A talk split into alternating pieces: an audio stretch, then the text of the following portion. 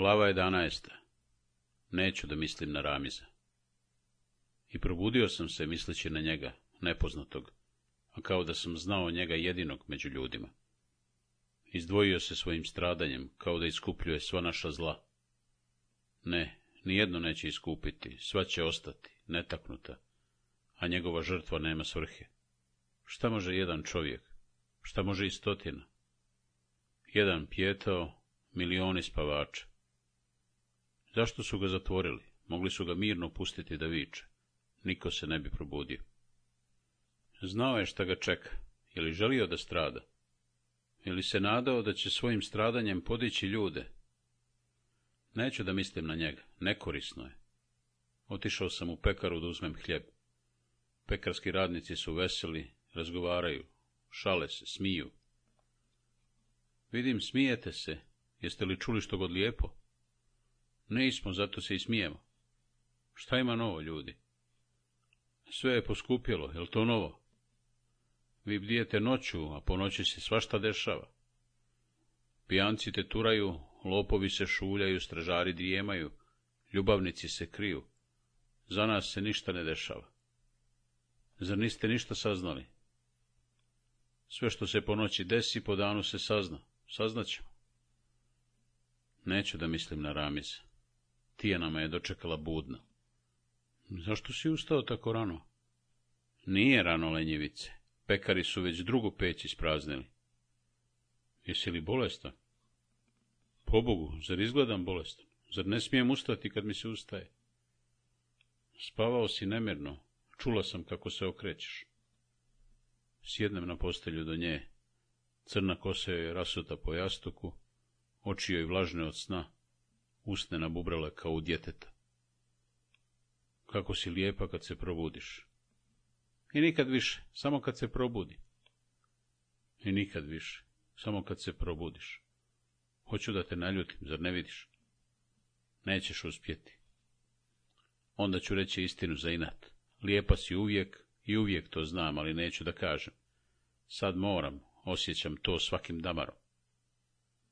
Neću da mislim na Ramiza šta još osjećaš?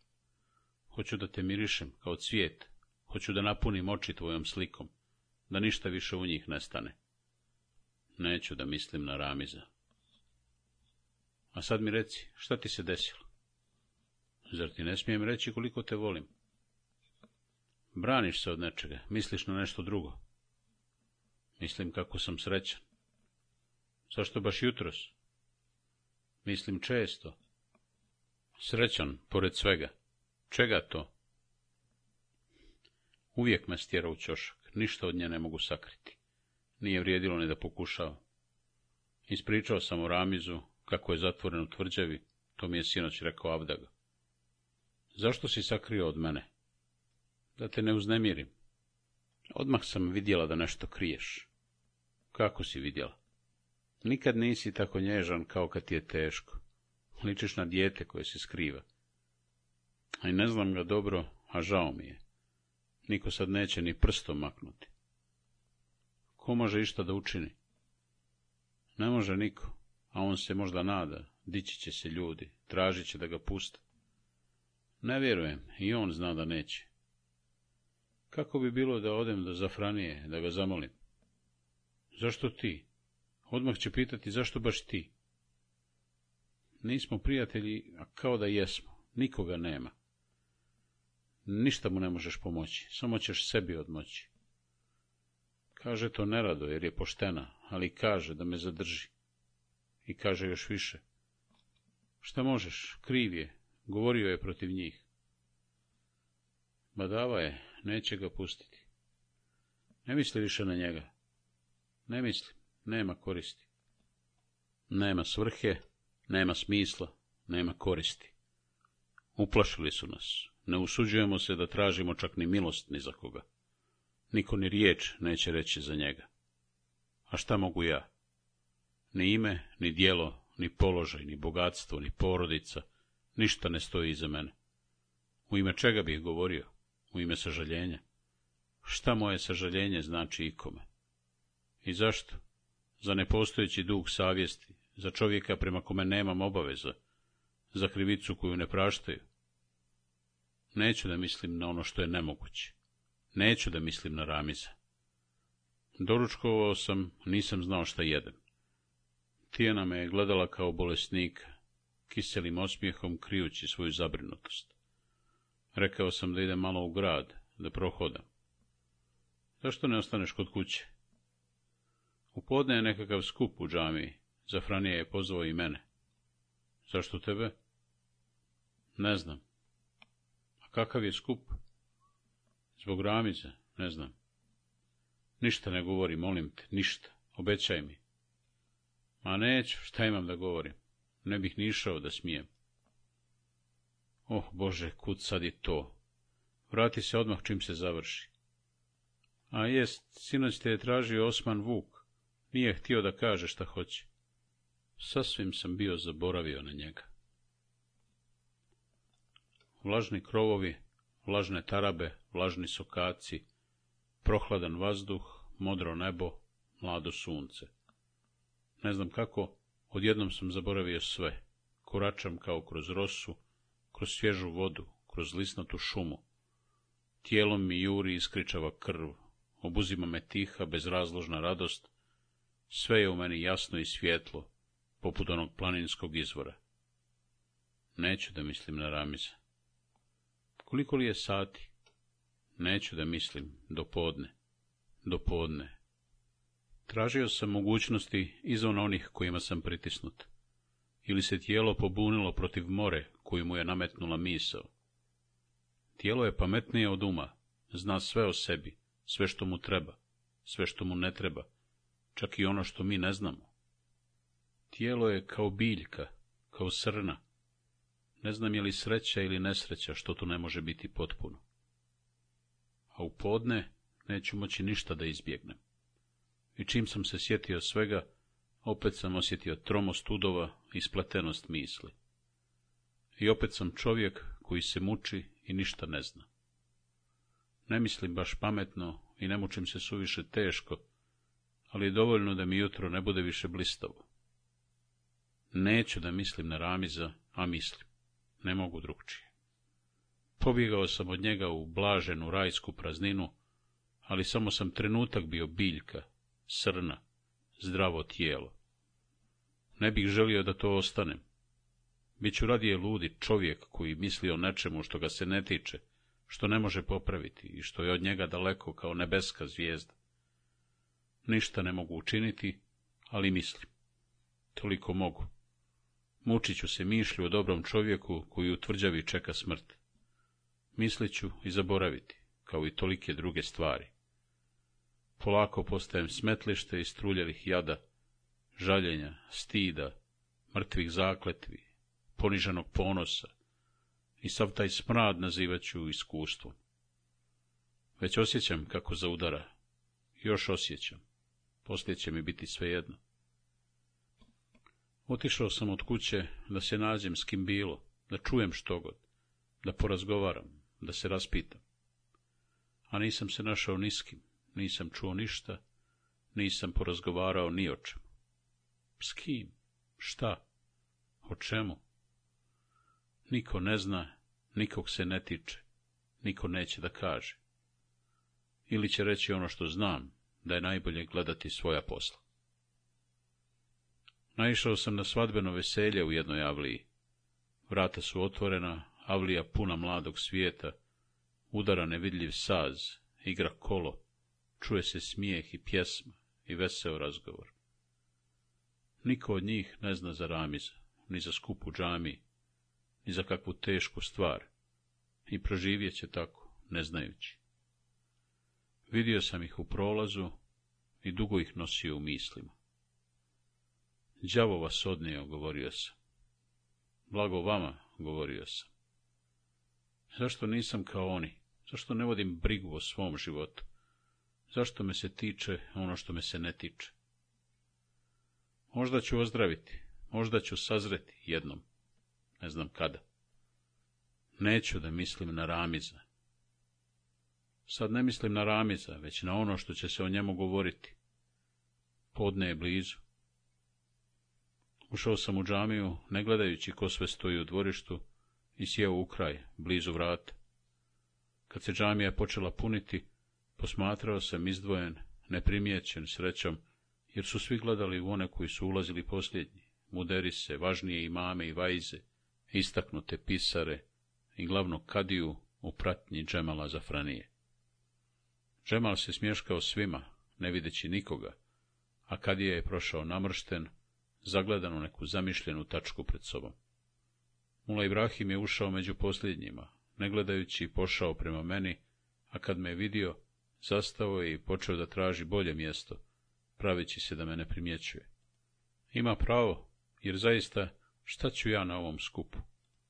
Svi će pomisliti da sam samovoljno upao ili me je neko pozvao greškom.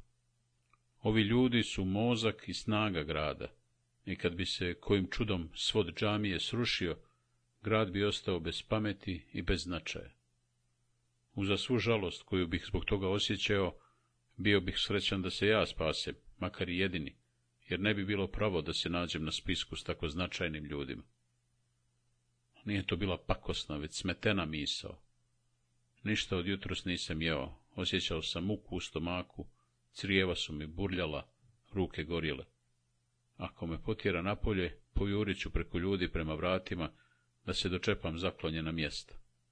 Mislit će da bježim sa skupa. Počele su da mi padaju na um najluđe misli.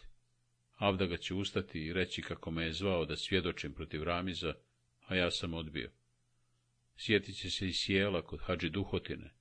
pomenući da mi je žena hrišćanka, a ako pomene šta mu je sinoć sve izgovorila, svi će se okrenuti da očima probodu to čudovište koje se zove Ahmet Šabo.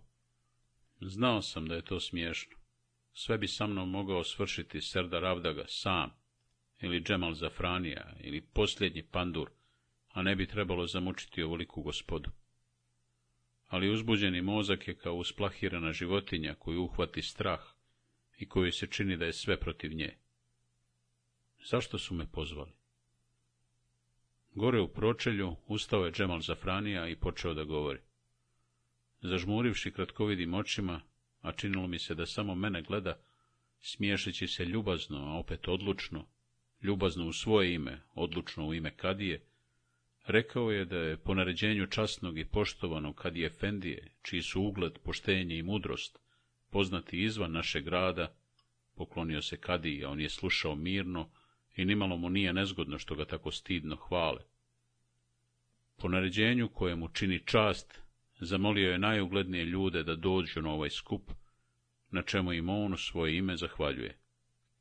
Povod za ovaj skup je sitan i nevažan, ali je pravi razlog vrlo važan i on će ga s dozvolom i po naređenju čestito kadije saopštiti najkraće što može, da bi pametniji od njega mogli da kažu šta misle.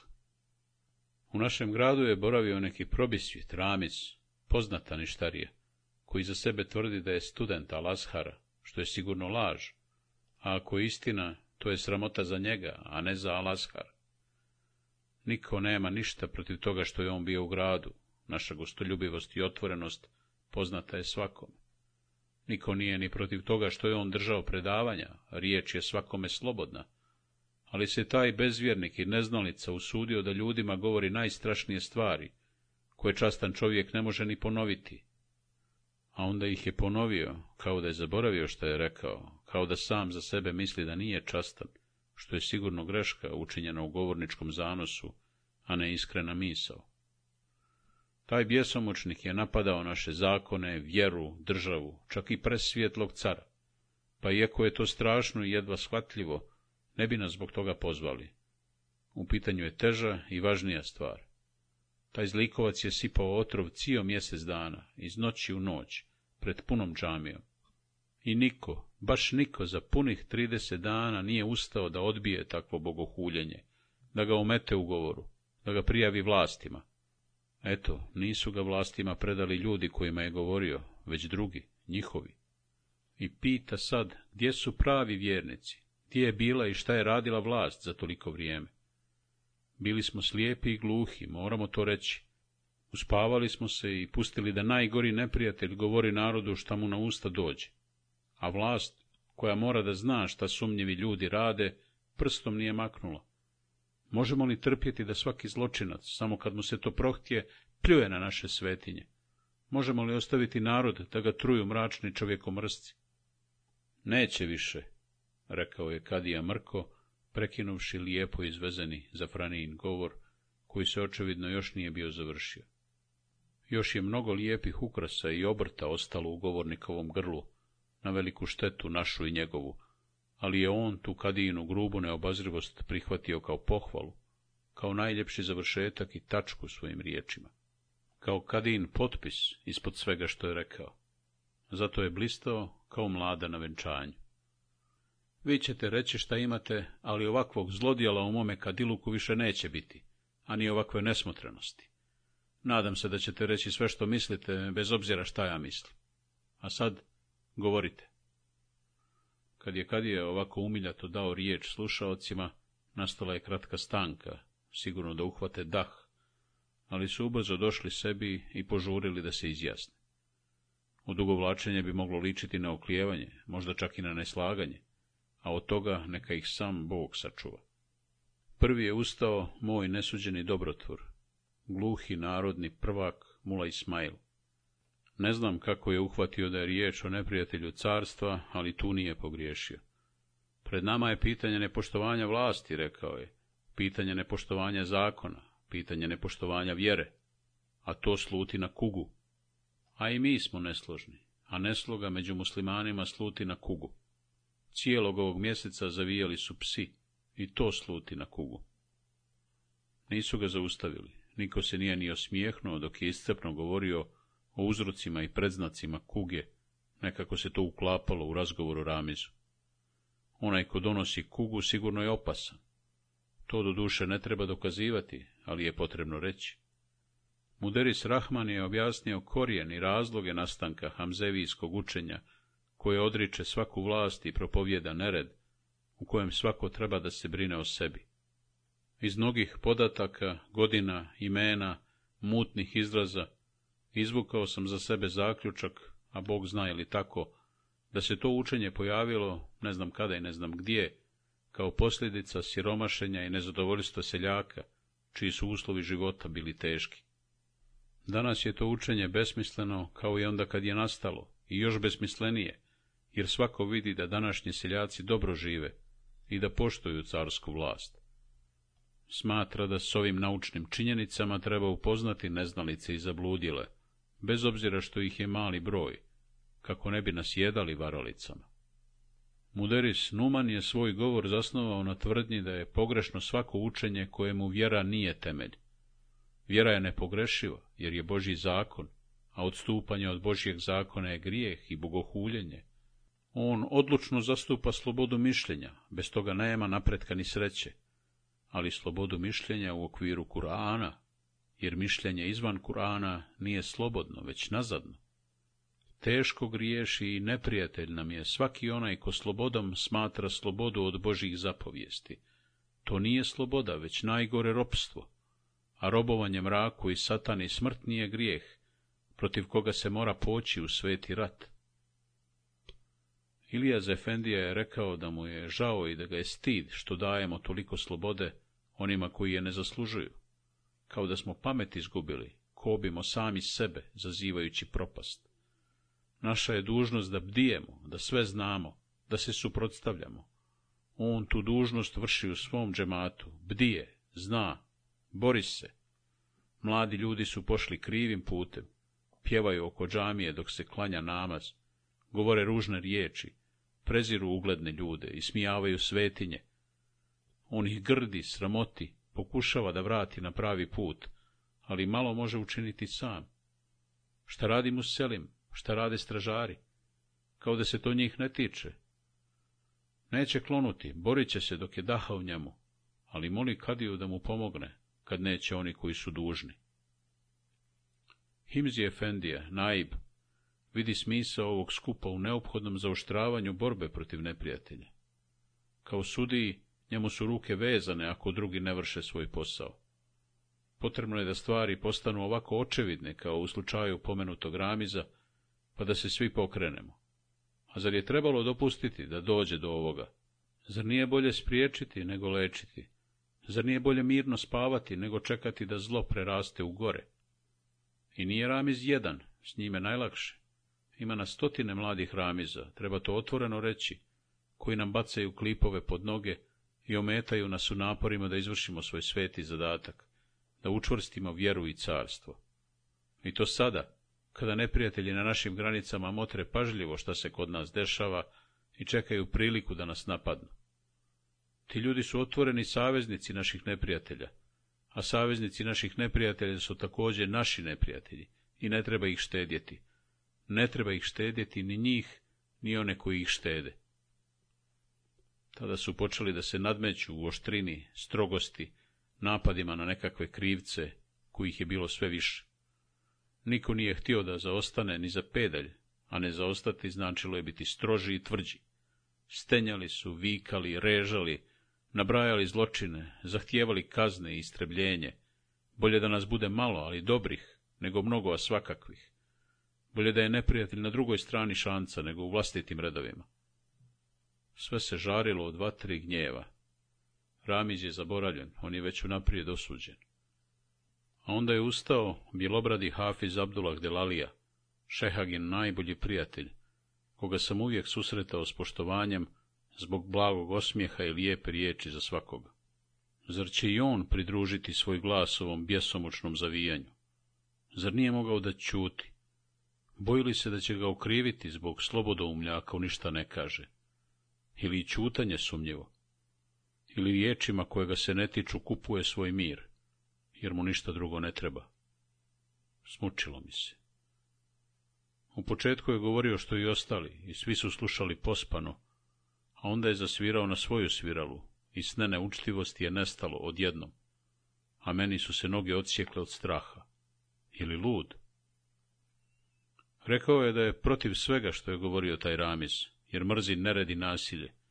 A što je mladić toliko vremena govorio svašta, krivi smo mi, svi. Kadija ima pravo, samo Kadija ne kaže zašto smo krivi. Zato što nam je svejedno, ništa nas se ne tiče osim nas samih. Suviše mislimo na svoju korist i na dobra ovoga svijeta. Čudimo se što nam niko ništa nije rekao, što su ga ljudi krili. A ja se, vidite, ne čudim. Zašto bi nam rekli? Kakve mi veze s narodom imamo? Malo i sve manje. Granica se uspostavlja između nas i naroda i preko granice šaljamo samo pandure. Ovo nije jedna država, mi stvaramo svoju, narod svoju. Između tih dviju država nema mnogo prijateljskih odnosa. I ne krivicom naroda. Krivica je u nama, u našoj oholosti, sebičnosti, bezobzirnosti, u hiljadu glupih navika bez kojih ne možemo zamisliti život. Jedino sebi zadržavamo pravo da mislimo, da ukazujemo na put kojim treba ići, da određujemo krivice i kazne. A Kuran kaže, sve rješavajte zajedno, u dogovoru. Mi smo iznevjerili Kuran. Iznevjerili smo i običnu pamet, jer se ne trudimo da dobro uradimo ono što smo proglasili svojim pravom.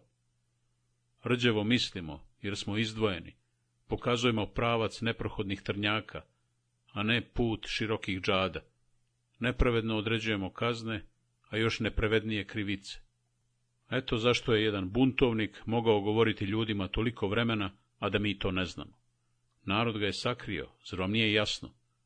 A mi sad tražimo još veću strogost, zahtijevamo bezobzirniju surovost, hoćemo strahom da uvedemo red. Je li to ikome do sad uspjelo? Jeste li kad god pomislili po čemu će nas narod zapamtiti? Po strahu koji sijemo, po bezobzirnosti kojom se branimo, po teškom životu o kojem se ne brinemo, po praznim riječima koje prosipamo. Takmičili ste se ovdje ko će težu prijetnju izreći, ko će crnje nasilje tražiti, ko će stroži zakon predložiti. A niko ne pomisli na naše greške, niko ne pomenu dublje razloge naših nevolja. Niko se ne začudi što ovakvih pojava nije bilo i ranije, što ih nije bilo više. A zašto? Ne mislim da svi mislite tako kao što govorite. Bilo bi strašno kad bi to bilo istina. Ne vjerujem ni da to činite iz koristoljublja. Bilo bi nedostojno zvanja koje vršite. Je li to onda iz straha da se ne zamjerite nekome koje je iznad vas? Ako je tako, duboko vas žalim. Ali za ime Boga ne širite strah i izvan ovog kruga. Ne naplaćujte se za svoje poniženje. Kaznite krivca po pravdi i po zakonima, i najstrože ako treba, ali ne izmišljajte krivce među onima koji to nisu. Natiraćete ćete ih da postanu krivci. I ne upotrebljavajte velike riječi i krupne razloge da biste namirili svoje sitne račune. Odgovorniji smo pred narodom i pred istorijom nego što i sami mislimo. Molim Kadiju i sve vas da mi ne zamjerite što govorim ovako otvoreno. Suviše poštujem i vas i sebe da bih čutao, a mislio drugčije ili govorio čije nego što mislim. Kad je sjeo, nastao je tajac. O, poštena ludo, pomislio sam uzbuđeno, ne usuđujući se da pogledam oko sebe. Dok je govorio, pojedinci su se ljutito dizali, uzvekivali riječi neslaganja i ogorčenja, ali ih je Kadija umirio odlučnim pokretom ruke i mirno saslušao Hafiz Abdullaha do kraja. Sigurno mu nije ni svejedno ni pravo, ali se na njegovom smrknutom licu ništa nije moglo pročitati. Zašto ga je pustio da govori? Je li zaista tako širok? Je li htio da pokaže kako svako može da kaže šta hoće? Ili je želio da se nesrećni čovjek iskaže potpuno? Jesu li i mene pozvali, misleći da ću izgovoriti ono što se ne smije? Sjetio sam se sjela kod Hadži Duhotine. Zar Hafiz Abdullah nije govorio isto što i ja? i još gore. Strah mi je ledio kosti dok sam ga slušao u ovom uznemirenom, uvrijeđenom mnoštvu Da nije bilo kadinog zapovjedničkog pokreta rukom, Hafiz bi prošao gore nego ja i njegove stare kosti bismo skupljali u vreću. Ne ustavši, Kadija je završio razgovor, rekavši da je, bez obzira na neka usamljena, pogrešna mišljenja, skup pokazao visoku svijest i opravdao njegova očekivanja. Razlike u mišljenjima nije bilo i ta jedinstvenost će nas podstaknuti na veće napore za očuvanje i učvršćenje svega što nam je sveto. Ako to ne učine oni kojima je to dužnost, učinit će ljudi koji opštu korist pretpostavljaju svojoj i koji su spremni da brane istinu od svih neprijatelja. Rekavši da će o ovom razgovoru obavijestiti Valiju i sve vlasti, zahvalio nam je i otpustio nas kući. Izlazeći, Mula Ibrahim je neprimjetno klimnuo glavom, trepnuvši očima i odmah se okrenuo. Zar mu nije opasnije da mi se sad javi, poslije ovolikih prijetnji? Ili misli da mi je u ovom trenutku pažnja potrebnija? Razmišljao sam da li da pođem za njim, da ga upitam šta misli o ovom skupu, ili da ga ostavim na miru, jer što god mislio ne smije reći, a možda se toliko uplašio da i ne misli ništa. Ali začudo ohrabrilo me je što mi se javio. Odlučio sam da sačekam dok svi izađu, da se ne guram u uskim vratima sa širokim ljudima. Pred džamijom se Džemal Zafranija oprostio s kadijom, duboko mu se poklonivši. Sačekao me je nasmiješen. Sigurno je zadovoljan ishodom skupa, mada ne vjerujem da je mogao išta drugo očekivati. Šta kažeš o ovom razgovoru? Ima pametnih ljudi. Ima, zaista. A znaš da sam se bojao da ti ne ustaneš. Zašto bih ja ustao? Sigurno ti je žao, Ramiza. Ti si zadušna baba. Žao mi je svakoga, iako se ne slažem s Ramizovim mišljenjem. Drago mi je da to čujem. Šta će biti s njim? Za ovo što je učinio, kazna je smrt. Zar se ne bi mogla tražiti milost? 24 su mu godine. Nikomu sad ne može pomoći, ni Muselim, ni Kadija, čak ni Vezir mogao bi ga spasti samo jedan jedini čovjek. Ko je to? Ti. Ja? Što to govoriš? Zato sam te izvao. Pomislio sam da tjera šegu sa mnom i sramizom. Vidio je to možda po mome stvrdnutom licu i začuđenim očima i požurio da mi objasni. Prijatelj sam s tim studentom. Dobro, nismo prijatelji, ali se nikome nije povjeravao kao meni. Ne treba da se plašim, zna da smo razgovarali o najobičnijim ljudskim stvarima. I baš je to imao u vidu kad se sjetio mene. Sve mu je ispričao Serdar Avdaga i to nije čudno. Čudno je da mi je povjerovao. Ramiz je drugima izlagao svoja uvjerenja, meni je otkrivao svoje osjećanja. Onda sam mu ja bliži nego drugi i mogao bih mu reći što drugi ne može. Zna i to da se ne slažem s Ramizovim mišljenjem. Zna u stvari da ja i nemam nikakva mišljenja, samo žalim što ljudi nisu anđeli, pa bi na zemlji vladao raj. Pa i to je dobro što se ne slažemo, jer bi Ramiz prema istomišljeniku bio tvrdi, nepopustljiv. Jesam li primijetio da ponekad lakše razgovaraju ljudi koji ne misle isto, ako nisu neprijatelji? Za nas dvojica, on, Džemal i ja, nismo dokaz za to? A evo šta bi trebalo da učinim ako želim da ga spasim. Ramiz je ostavio prilično traga u gradu, Govori dobro, kako izgleda, ili vješto, što je svejedno. Obećavao je mnogo, jer nije mogao da izvrše ništa. Bio je objedljiv, jer nije morao da bude obazriv. I ljudi su ga slušali kao mesiju. Tražili su da govori češće i na više mjesta. To nije čudno. Lakše je nagovoriti ljude na zlo i mržnju, nego na dobro i ljubav. Zlo je privlačno i bliže je ljudskoj prirodi. Za dobro i ljubav treba izrasti, treba se pomučiti Zlo nosimo u sebi kao izvornu strast, a može postati pogubno ako se predstavi kao jedino dobro. Ljudi su zapamtili njegove riječi i sad će ih prepričavati, ponavljaći ih kao molitvu, suprotstavljaće ih svakoj teškoći i svakoj nevolji. Njegova slava postaće veća zato što je u očima naroda žrtva, a ne krivac. A on ne smije ostati mučenik, ni njegove riječi posijano sjeme, svejedno što će vrijeme opametiti većinu zavedenih. Trebamo skinuti oreol mučenika, moramo zatrti sjeme njegovih riječi, da ne iznikne ni jedna rđeva posljedica. Kako? Jednostavno. Da se sam odrekne svega što je govorio. Ja treba da ga nagovorim, niko drugi ne bi mogao. Približio mi se toliko da me je gotovo doticao usnama, kao da je šaptao mome nosu. Dah sam osjećao kiselkast, i jak istočnjački miris. Okretalo mi se u glavi, jedva sam sabirao misli, držeći ih na okupu, da ne odlete baš sad, kut koja, kao uplašeni vrapci.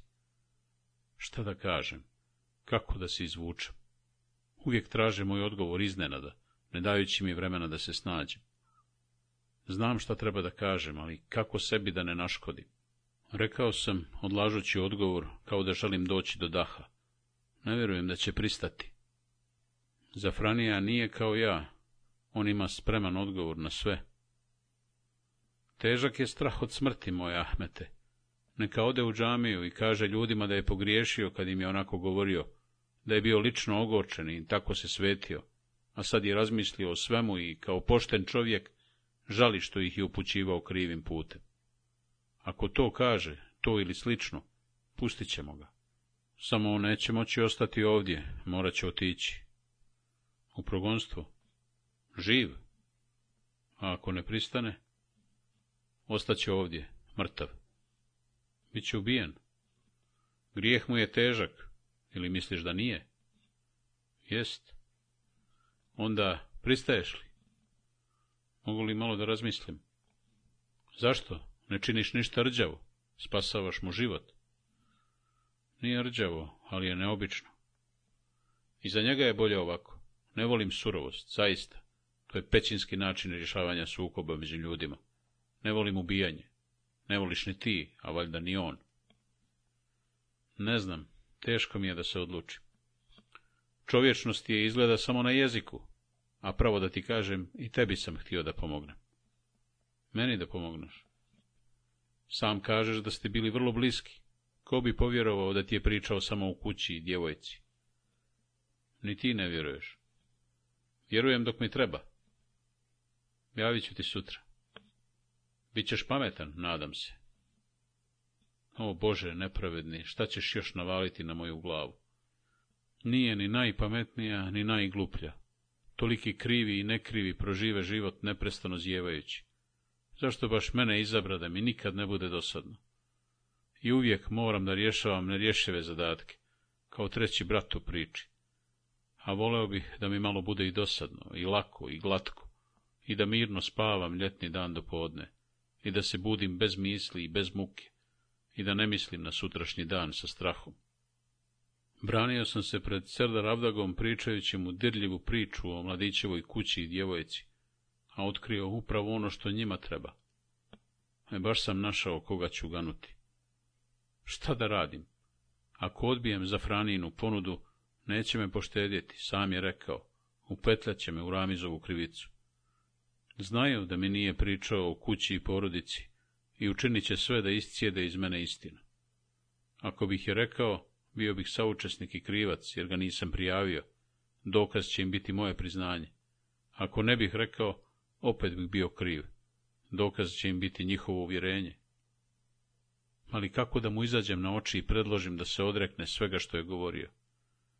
Nije važno što će odbiti, a odbit će sigurno. Nije najteže ni što ću opet biti prepušten za i milosti. Jest zlo, ali nije najgore. Ne mogu, nikako ne mogu da podnesem i u zamišljenju uvijek tu zastanem, produžetka nema, ni izlaza. Ne bih mogao da podnesem njegov užasnuti pogled kad bih mu to rekao. Šta bih mu rekao? Žao mi je, natjeran sam, primoran ali ako ne budemo sami, ako s nama bude stražar, ne bih to mogao reći, ne bih smio. Bilo bi za tebe najbolje, ali on nije želio da njemu bude najbolje, a njegov pogled bi bio strašniji od svega što bi odgovorio, postiđen, zaprepašten. Postiđen zbog mene, uvrijeđen zbog sebe. Zar i pjesniče koji pjevaš samo za sebe kao slavoj, rekao bi njegov prezrivi pogled. Mislio sam da si čovjek, mislio sam da imaš dušu. Nudiš mi život i sramotu. Mogao sam onda bolje unovčiti svoj život. Oni su bolji od tebe, nude mi smrt i čast. Nude mi da me narod zapamti po dobru. Ti mi nudiš da narod pljune kad čuje moje ime. I šta bi bilo od mene kad bih te poslušao? I ti bi se morao uplašiti. Sve bih mogao postati, samo ništa dobro. Vucibatina, lupež, ubica, krvnik. Kad bih sebe ubio, zašto ne bih i drugoga? Kad bih pristao da mi prebiju kičmu, zašto bih štedio tuđu? Šta bi me spriječilo? Kad ne bih imao časti ni savjesti, sve bi mi bilo dopušteno. Ne, prihvatit ću njihovu kaznu, poštenija je od tvoje ponude.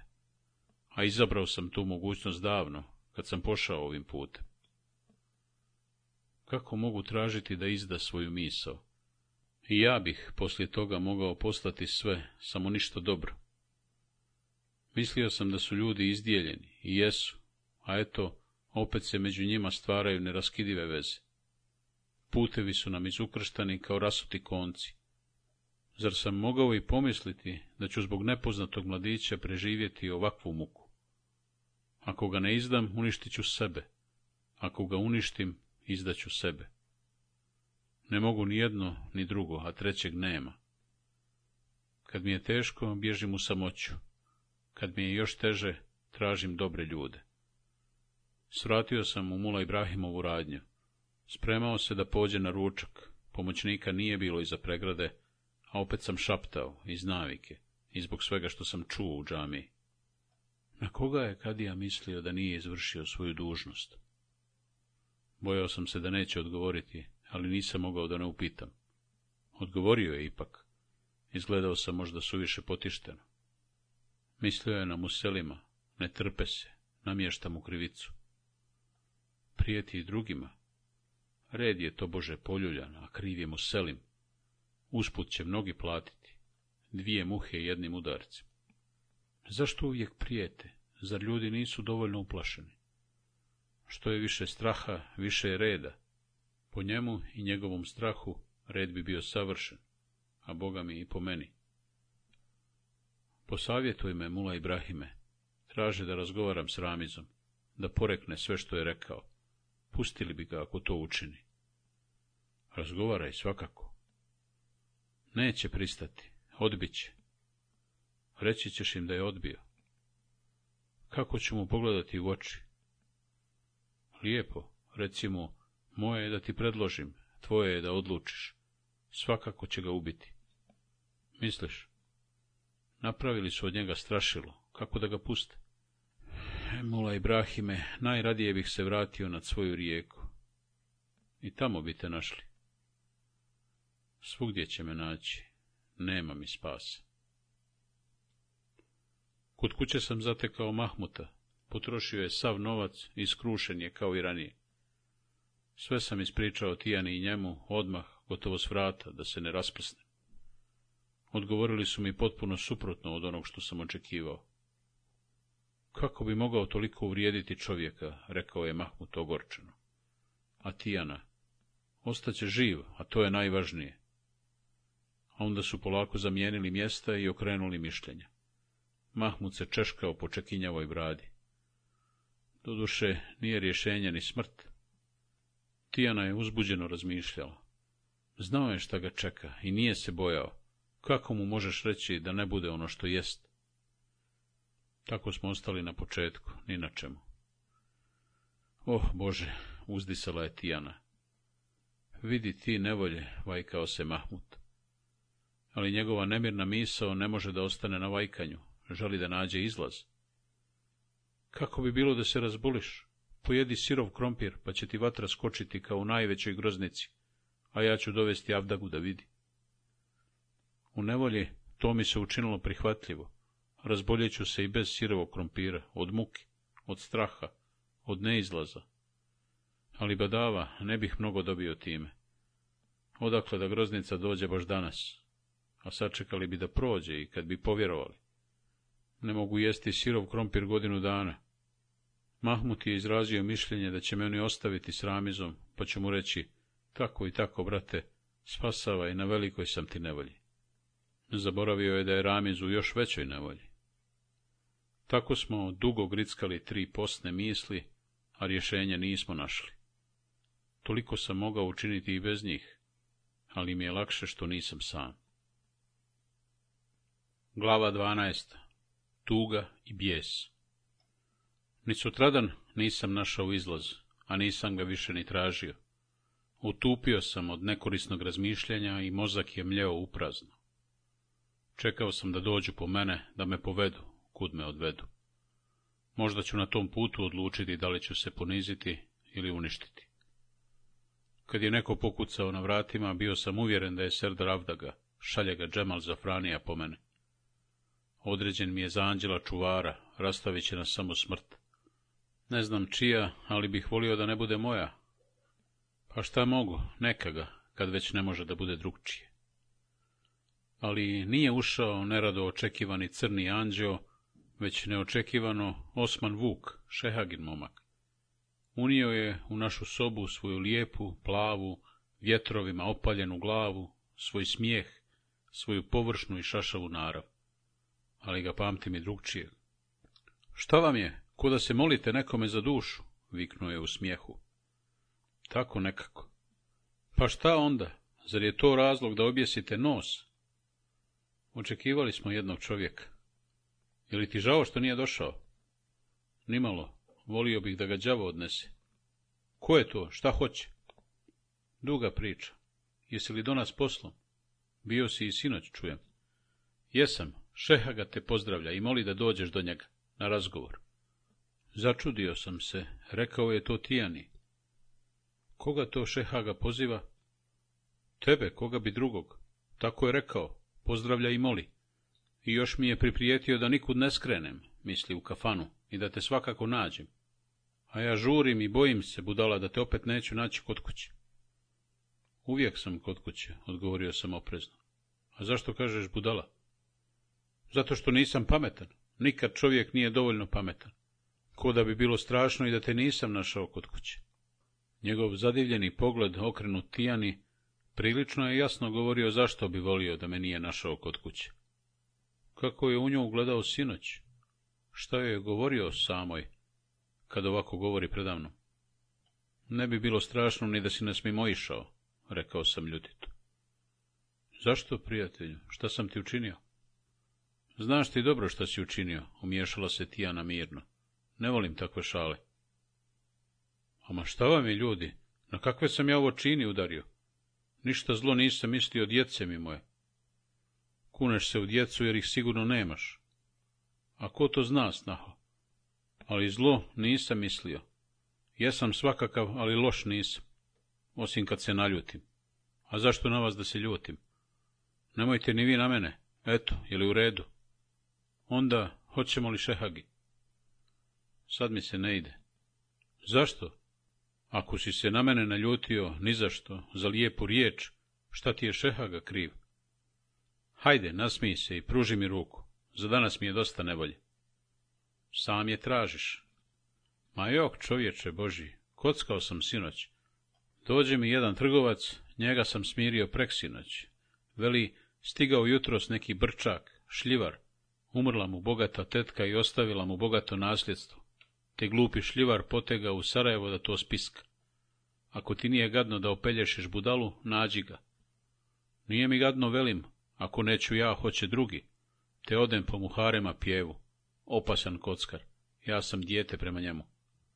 Tako i tako, velimo. mu, ponesi što god para, u početku ćemo malo gubiti da se šljivaru osladi, a onda neka mu Bog pomogne.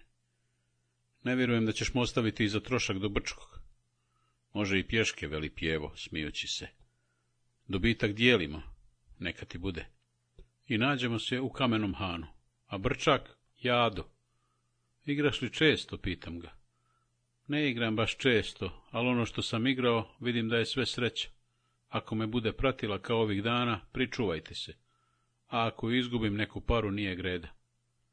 Bog me nećeš izgubiti neku paru, mislim ja, već sve što imaš, a on, kao da je znao šta mislim, veli, ja imam jedno sto dukata, nisam ponio više, koliko vi imate? Mi se zaprepasti smo, sto dukata, čitavo bogatstvo. Vidim, pijevo nestrpljiv, gleda u hrpu dukata, jedva govori. Hajde, veli, šta čekamo? Polako, kaže Brčak, da porazgovaramo ko ljudi, da vidim koliko vi imate. Mi jedva sakupismo pedesetak dukata.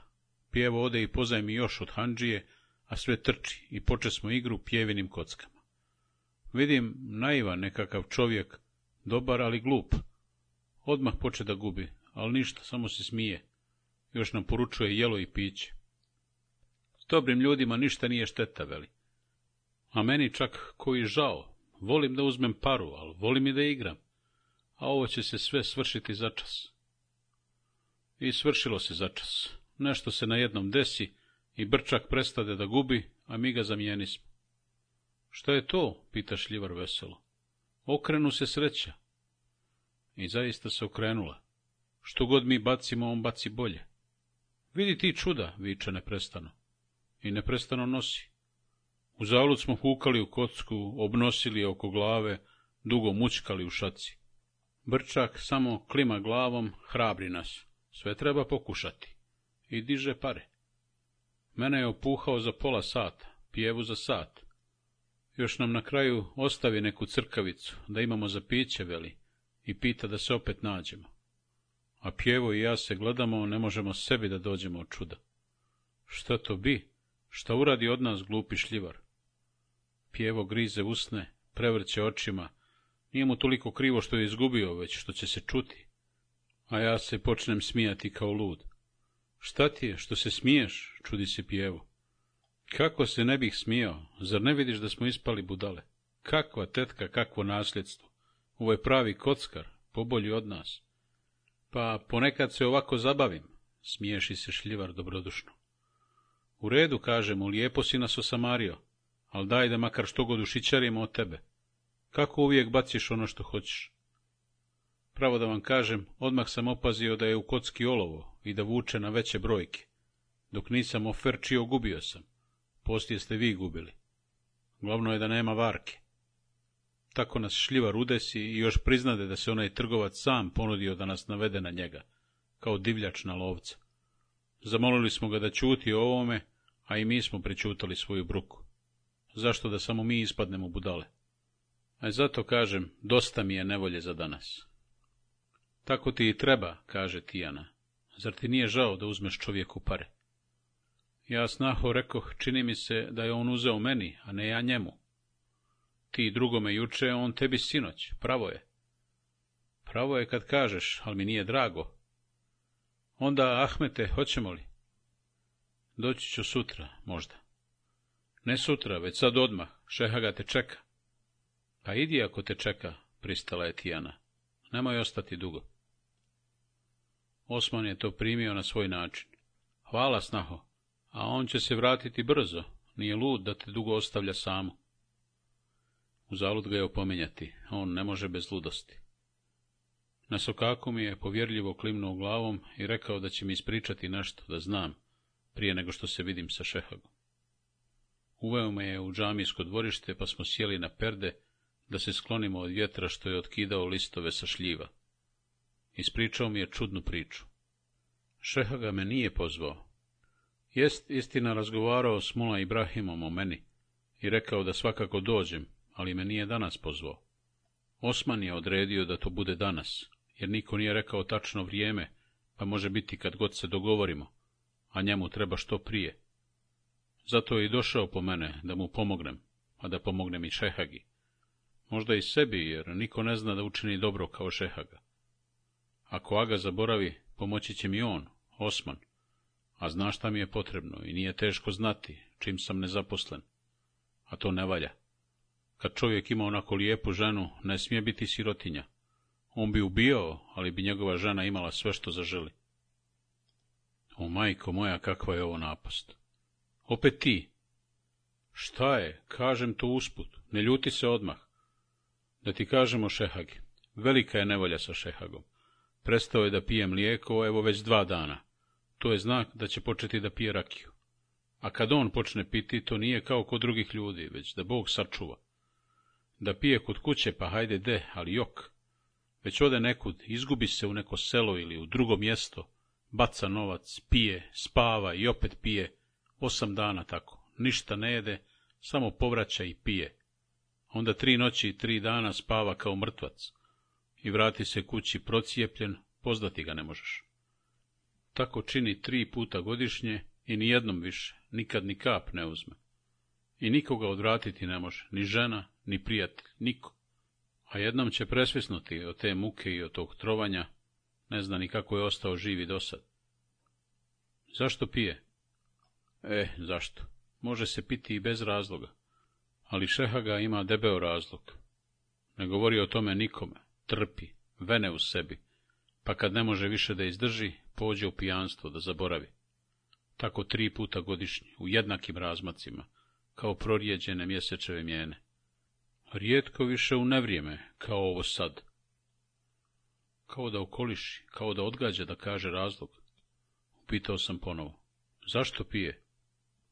Zbog sina, jedinca. Nisam znao da ima sina. Imao je, više nema. Kad je Šehagin sin navršio osamnaest godina, zamoli oca da ga pusti u vojsku, u rat. Idu neki njegovi drugovi, doduše stariji od njega, ali se družio samo sa starijima od sebe. Ali nisu drugovi jedini razlog, već svašta uz drugove. Mladost, talambasi, bajraci, govori, sveti razlozi i dječak samo što nije izludio od oduševljenja. Izgledalo je da će mu plamen suknuti iz očiju ga pokuša da ga urazumi. Nije rad bajramsko pucanje, već blato, prljavština, gladovanje, surovost, krv, smrt. Ali badava, ni da čuje. Pretrpjeću veli sve, pa i smrt, ako Bog htjedne. Kad mogu toliki drugi, mogu i ja. A ocu žao, sin mu je jedinac, zbog njega je osjećao radost što stiče, zbog njega je osjećao radost što živi. I nije ni krio tu ljubav, nije mogao Mladić živio kao riba u ribnjaku, razmažen, presit, ne znajući šta je ružno, ne znajući šta je teško, a nekomu napunio zelenu glavu velikim riječima, pa navalio da izgubi i ono što se samo jednom ima. Niko ne žali manje svoj život nego mlad čovjek, a poslije, što više stari i što manje ima razloga da živi, sve više se hvata za život. I poginuću ako treba, kaže ludi mladić. A šeha ga se raspametio, i ne ljutio. E, nećeš, veli, ludi stvore. Kad te ne mogu razumiti, mogu ti narediti. Danas si oduševljen, sutra ćeš plakati kad te napadnu vaške. Mladoj budali nije stalo do života, ali je meni stalo do moga sina, makar bio i budala. I zatvori ga u kuću. A mladic se iskrade, skoči s prozora i priključi se vojsci koja je odlazila. Ujutru nađoše praznu sobu. Šeha ga ko lud, htio je da bije momke, kako ga nisu vidjeli, kako nisu čuli kad je preskakao zid, jurili smo na sve strane i od Valije je tražio da mu se sin vrati, jer je otišao bez očeva pristanka. I vratili bi ga, Valija je dužan Šehagi hiljadu dukata, a cijeni ga i bez toga. Ali mladića nigdje, kao da je u tuđu vojsku prebjegao. Pregledani su svi vojni spiskovi, njegovog imena nije bilo. Poslije smo saznali da je bio na Babadagu, u Besarabiji, ali je ime promijenio, da ga otac ne bi našao i vratio. Uskoro se desilo ono što je Šeha ga predvidio. Mladiću je brzo dosadio rat, ogadila mu se grubost. Užasnuo se zbog ubijanja, te nagovori desetak vojnika ovdašnjih da pobjegnu iz vojske. Lutali su, skrivali se, putovali noću, izbjegavali vojne jedinice, zaobilazili gradove i tako se bježanje pretvorilo u dugo mučenje. Kod Smedereva trojica pobjegnu i prijave se vlastima, ne mogavši više podnijeti napore i strah. Vlast pohvata i ostale bjegunce i zatvori ih u tvrđavu. I oni, svi do jednoga, optuže Šehaginog sina da ih je nagovorio na bjegstvo iz vojske, rekavši da se kaju što su to učinili. Mladić priznade sve i primi krivicu na sebe, moleći da njih ne kažnjavaju. Još reče da se neka je zašto, jer je rat najveća prljavština ljudska i najstrašniji zločin. Osuđen je na smrt. On tada kaza svoje pravo ime i zamoli da obavijeste njegovog oca da je poginuo u borbi, kao da je ocu jedna smrt lakša od druge. Bjegunce su išibali i vratili u rat, mladića su strijeljali, a oca obavijestili da mu je sin pogubljen kao vojni bjegunac i izdajnik domovine. Šeha ga umalo nije svisno, i kao da je malo šenuo. Plesavi sine, grdio ga je mrtvog, zašto li pogibe, zašto li ludu glavu izgubi? Da si se tukao za svoje zadovoljstvo, pa te je neko ubio, halal vjera i njemu i tebi. Da je zbog zlatne jabuke iz priče, da je zbog djevojke iz pjesme, da je zbog druga iz života, žalio bih, ali bih razumio. Ali šta je ovo, nesrećni sine? Za džeriz, za razbojnike, za otimačinu tuđe zemlje. Pa kako je takav smrad mogao da zaludi tvoje čisto srce? I zašto nisi bježao sam kad si došao pameti? Kako si mogao da se pouzdaš u te ljude? Mogao si se povjeriti zmiji, šakalu, kopcu, nikako našem čovjeku. Izdaće te kad mu najviše učiniš, ubiće te kad mu svoj posljednji zalogaj daš. Pa dobro što sebe uništi, sebični sine, ali što mene ubi? U zalucu ga molili da se smiri, nikog nije htio da vidi. Onda smo otišli u Smederevo da nađemo grob, ali niko nije znao gdje je. U zaulud smo se raspitivali. Svejedno, rekao je Šehaga, možda je i bolje da ga ne vraćamo u onu prokletu zemlju. Da je Bog do ni ja nikad vidio nisam. Kad se vratio, počeo je da pije, po osam dana, do potpune besvijesti, da obamre. Kad dođe sebi, čuti, samuje, mrzi ljude. Ako progovori grdi sve odreda, ne misli šta će reći ni učiniti. Navrh glave se popeo svakome, naročito ljudima od vlasti. Mrze i oni njega, ali mu ništa ne mogu. Suviše je moćan i ovdje i u Carigradu. Suviše mu ljudi duguju, a on ne žuri da naplati, drži ih u ruci. Bojim se za njega kad počne da pije. Udesit će da ga snađe kakva nesreća, ne bi bilo teško, niti bi iko znao. I eto, opet će u piće, a još mu nije vrijeme. Svi ćemo izluditi od straha dok ne saznamo gdje je. A zašto sad, u nevrijeme? Sinoć se desila nesreća Šehaginom najboljem prijatelju, jedinom u gradu, Hafiz Abdullah u Delaliji. Sačekali su ga hrsuzi kad se vraćao iz džamije, sjacije i namrtvo prebili. Bio je živ kad su neki prolaznici naišli na njega, a umro je dok su ga nosili kući. Šehaga je jutros bio kod Kadije, bio i kod Valije. Oni žale i čude se, ali ništa ne znaju i obećali su da će tražiti krivce dok ih ne privedu sudu i zasluženoj kazni. Privešće ih, kad ja postanem veliki vezir. Od tog praznog obećanja Šehagi nije lakše. Ubili su mu prijatelja, dan nije mogao proći da se nesretnu. I sad više nema nikoga. Vikao je pred valijom, prijetio kadiji. Sad čuti, ne pije mlijeko i sprema se na bjekstvo, da zaboravi. Zaprepastio sam se zbog te čudne priče, a još više zbog strašne vijesti. Da li se to već ostvaruje najavljena strogost? Ili se produžava stara surovost? Juče, dok je starac govorio, slučajno sam se sjetio Hadži Duhotine, a eto, nije slučajno. Učinili su to isti ljudi koji su i mene kaznili za neželjene riječi, samo su kod Hafiz Abdullaha pretjerali, ili njegova starost nije mogla da izdrži koliko moja mladost. Juče je govorio u džamiji, rekao sam tiho. Nije se složio da se zavedu stroge mjere. E, više neće govoriti. Sad će se slagati sa svakim. Onda mi je objasnio zašto je došao po mene. Čuo je kako Šehaga razgovara s Mola Ibrahimom o meni. Ispalo je da sam vršnjak Šehagina sina, da smo u isto vrijeme bili u ratu i da sam ista budala kao i on. Želi da me poturi Šehagi, da bi se sjetio sina, da ga zaboli ono što je prošlo, kako ne bi mislio na svježu prijateljevu smrt, ni na strašno piće. A vrlo sam pogodan za ovu priliku. Naivan, bespomoćan, pravi puž golać, i najmenji trn bi me prokrvario. Bez posla, tuđa žrtva. On doduše zna kako sam blesavo ispao žrtva, ali šeha ga ne zna, a i svejedno mu je. Moglo bi se lako desiti da se zabavi oko mene, da mi postane zaštitnik. Dobro bi to bilo i za mene i za Šehagu. Ja bih iskoristio njegovu slabost, a Šehaga bi se oduševio svojom velikodušnošću. Smiješno je i pomisliti da i ja mogu biti lijek za nečiju ranu, ali neka bude. Osman Vuk nije glup i sigurno zna šta radi. Možda samo pokušava, ali vrijedi i pokušati. Pošao sam, nadajući da će Šehaga meni pomoći, a sad se evo Osman nada da ću ja pomoći Šehagi. Po meni rat, preporučio mi je Osman. I koliko si godina imao? Hafiz Abdullaha ne pominji. Kad sam pokucao na Šehaginim vratima, javio se i rekao da uđem, ali se nije obradovao. Čak mi se učinilo da mu je teško što sam došao u ovaj čas, kad za njega postoji samo njegova tuga. Sjedio je na sećiji, gledao me blijedo i bezvoljno, čak i ne pokušavajući da zaustavi misao na meni. Rekao sam da dolazim po njegovom naređenju, tako mi je saopštio Mula Ibrahim. Bio sam pisar kod njega. Zovem se Ahmed Šabo. Znam, prekinuo me. Ipak je oživio i ponudio mi mjesto pored sebe. Oprosti, zatekao si me u urđavu raspoloženju. Doći ću drugi put ako hoćeš.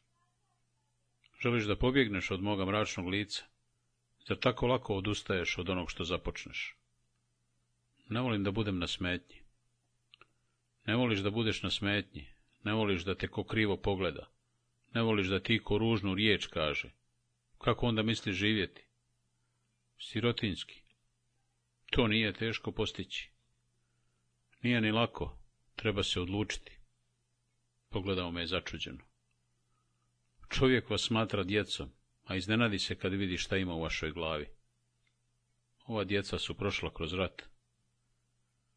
Pogledao je kroz prozor, u vitki jablan što se ljuljao na vjetru. A onda se okrenuo. Preko lica mu je prešla mutna sjenka. Ili to stisnuo zube da se odupre nekom sjećanju. Pričaj nešto, šta bilo? Zašto, Šehaga? Ni zašto. O ratu? Svejedno. Ne, nije svejedno. Nemoj o ratu. Hoćeš li da pričam kako sam tražio posao? Pričaj. Treba li da budem dadilja ovom pedesetogodišnjaku, da ga pričom oslobodim straha? Ili se on tako oslobađa mene, da bi ostao sam? Posmatrao sam njegove ruke, dugih prstiju, jakih članaka, istaknutih žila, a opet krhke i nesigurne. Svojim nemirom otkrile su mi njegovu uzbuđenost. Neprestano ih je pomicao na koljena, na prsa, na prostirku pored sebe, stalno su nekod bježale, stežući se i grčeći. Ili ih je sastavljao u nerazmrsiv čvor i snažno stezao kao da nekog davi, kao da sam sebi zadaje bol.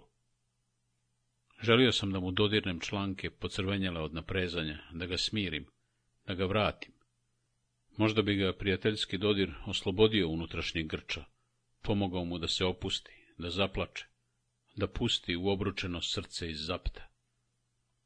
Uzdržao sam se, da ga ne bih još više povrijedio. Suviše je tvrd, njegov bol je pun bijes. Svoj bol on mrzi, ne priznaje, odbacuje, osjeća se njime ponižen. Istjeruje ga, on ostaje.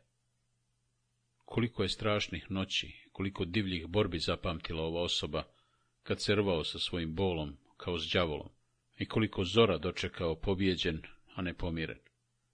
Možda se nekad javljao trenutak sreće, pobjedio sam ga, a bol se javljao ponovo, izranjao kao vodeni bik iz crne rijeke sjećanja. Možda su to trenuci kad se umrtljuje tri puta godišnje, kad utupljuje čula da bi ostao živ. Ako je vrijeme jednu smrt učinilo lakšom, nova smrt je udvostručila bol, oživjevši uspomenu na staru. Sad su ga pritisnule dvije. Izgubio je sve što je želio da sačuva i sad ga muči neizdržljiv bol i bijes zbog ljudske nemoći da se suprotstavi nesreći. Je li ječao sinoć, kad je saznao, ili plakao, kleo, vikao, ili udarao glavom o zid? Jednu smrt je plaćao tugom i mržnjom. Hoće li i drugu? A da se sučelio s bolom, da nije s gnjevom odbacivao susret, s prijetnjom dižući glavu prema nebu, s mržnjom gledajući ljude, tražeći predah u muci drugih. Da li bi mu bilo lakše ili teže? Da je gubitak prihvatio kao neminovnost, žaleći, jer nije ni bog ni drvo, i priklonio se pred tugom, možda bi mu taj grob i taj mrtvac pomogli da svoju tugu oplemeni dobrotom. Zbog uspomene na sina, kolikima je pomoć potrebna. Ovako je u njemu bijes i nepomirenost. i stalna misao o odmazdi. Ne o ratu, rekao je, suviše ga boli. Neću o ratu, poštedit ću ga.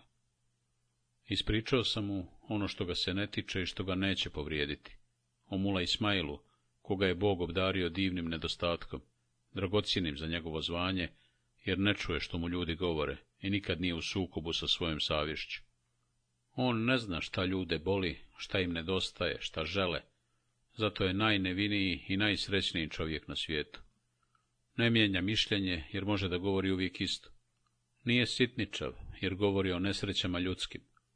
Ne izaziva sporenje ni zlu krv, jer se ne može ni potvrditi ni pobiti ono što govori. Ne zna svoj posao niti ikakav drugi, ali je dobro što je na tom mjestu, jer bi drugi radili gore. I ode Ferdaru, Beki Ragi Đugumu. Izdvajam ga između drugih, jer je pristao da razgovara sa mnom i pored svog visokog položaja.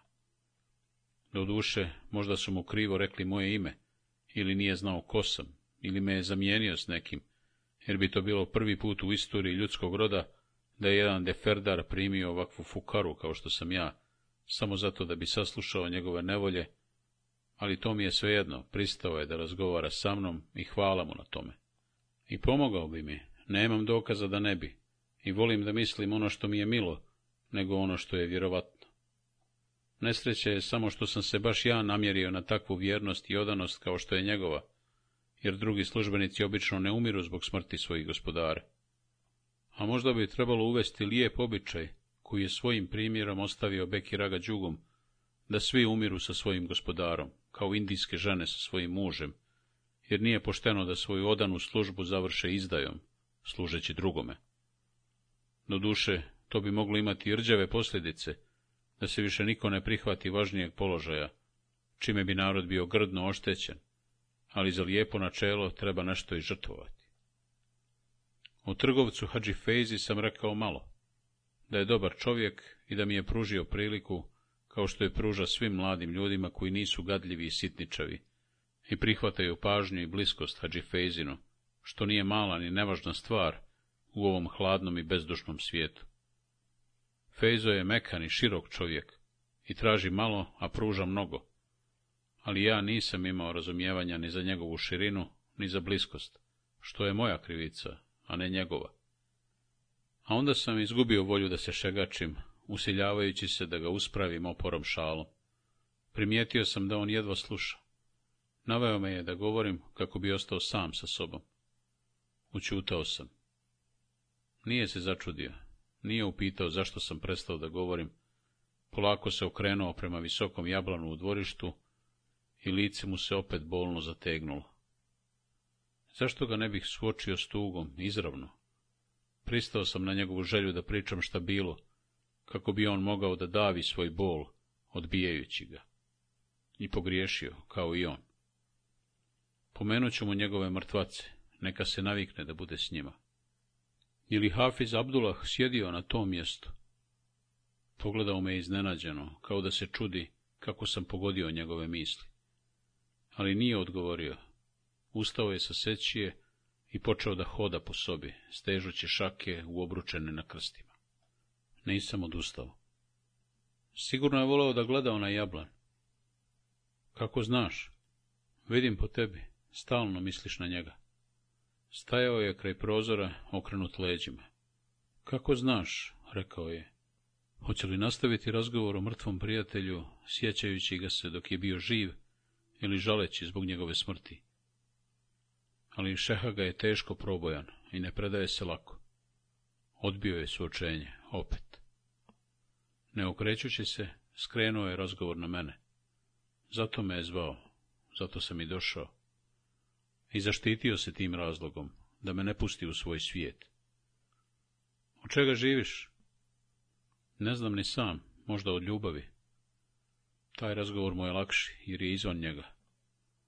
Lijep život, samo je obično kratak.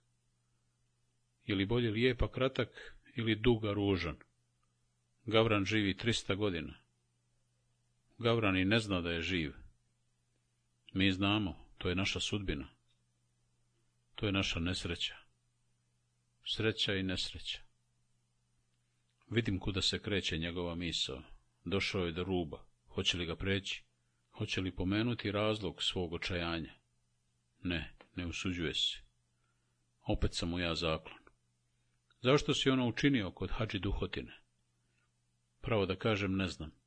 Tek sam se vratio iz rata, bio sam zbunjen, bio sam gorak, ne znam. Je li te Mula Ibrahim zato otpustio? Mula Ibrahim je nedužan, prisilili su ga. Mula Ibrahim je kukavica.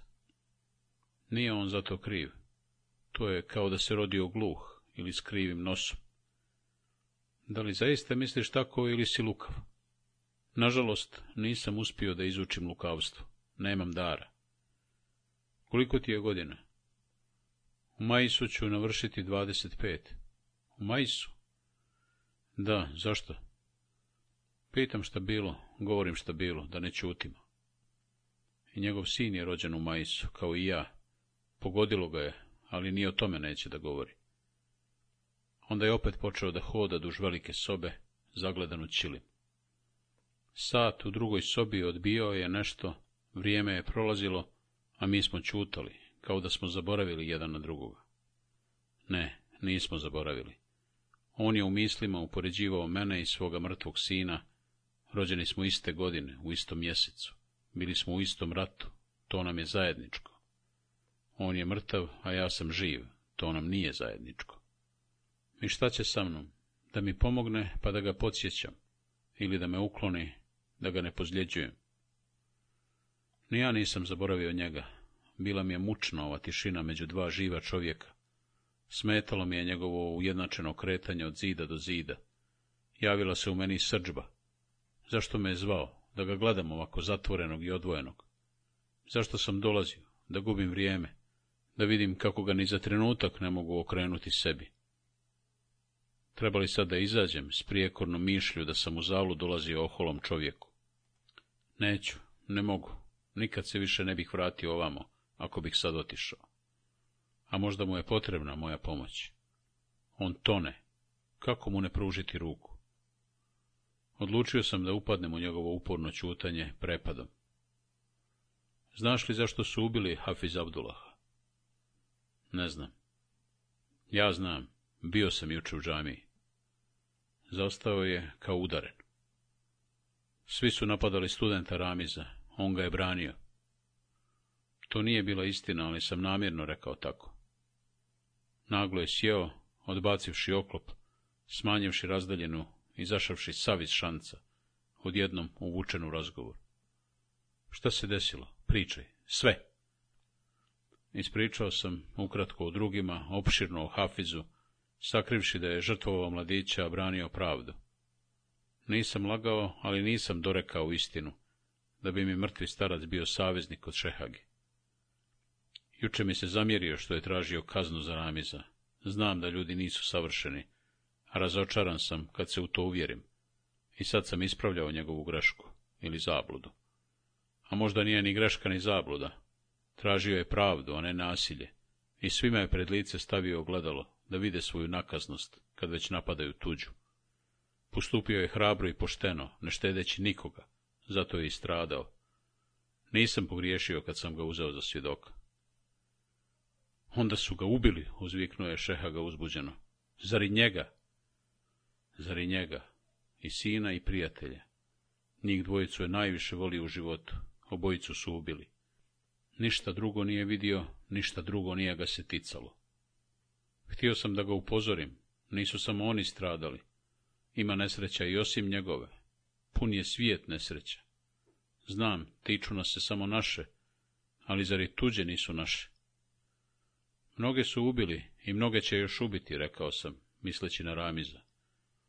Ali on, kao da nije čuo, držao je sastavljene pesnice na prsima, kao da pritiskuje bolno mjesto, blijed, zgrčana lica, sav ustremljen na jednu misao.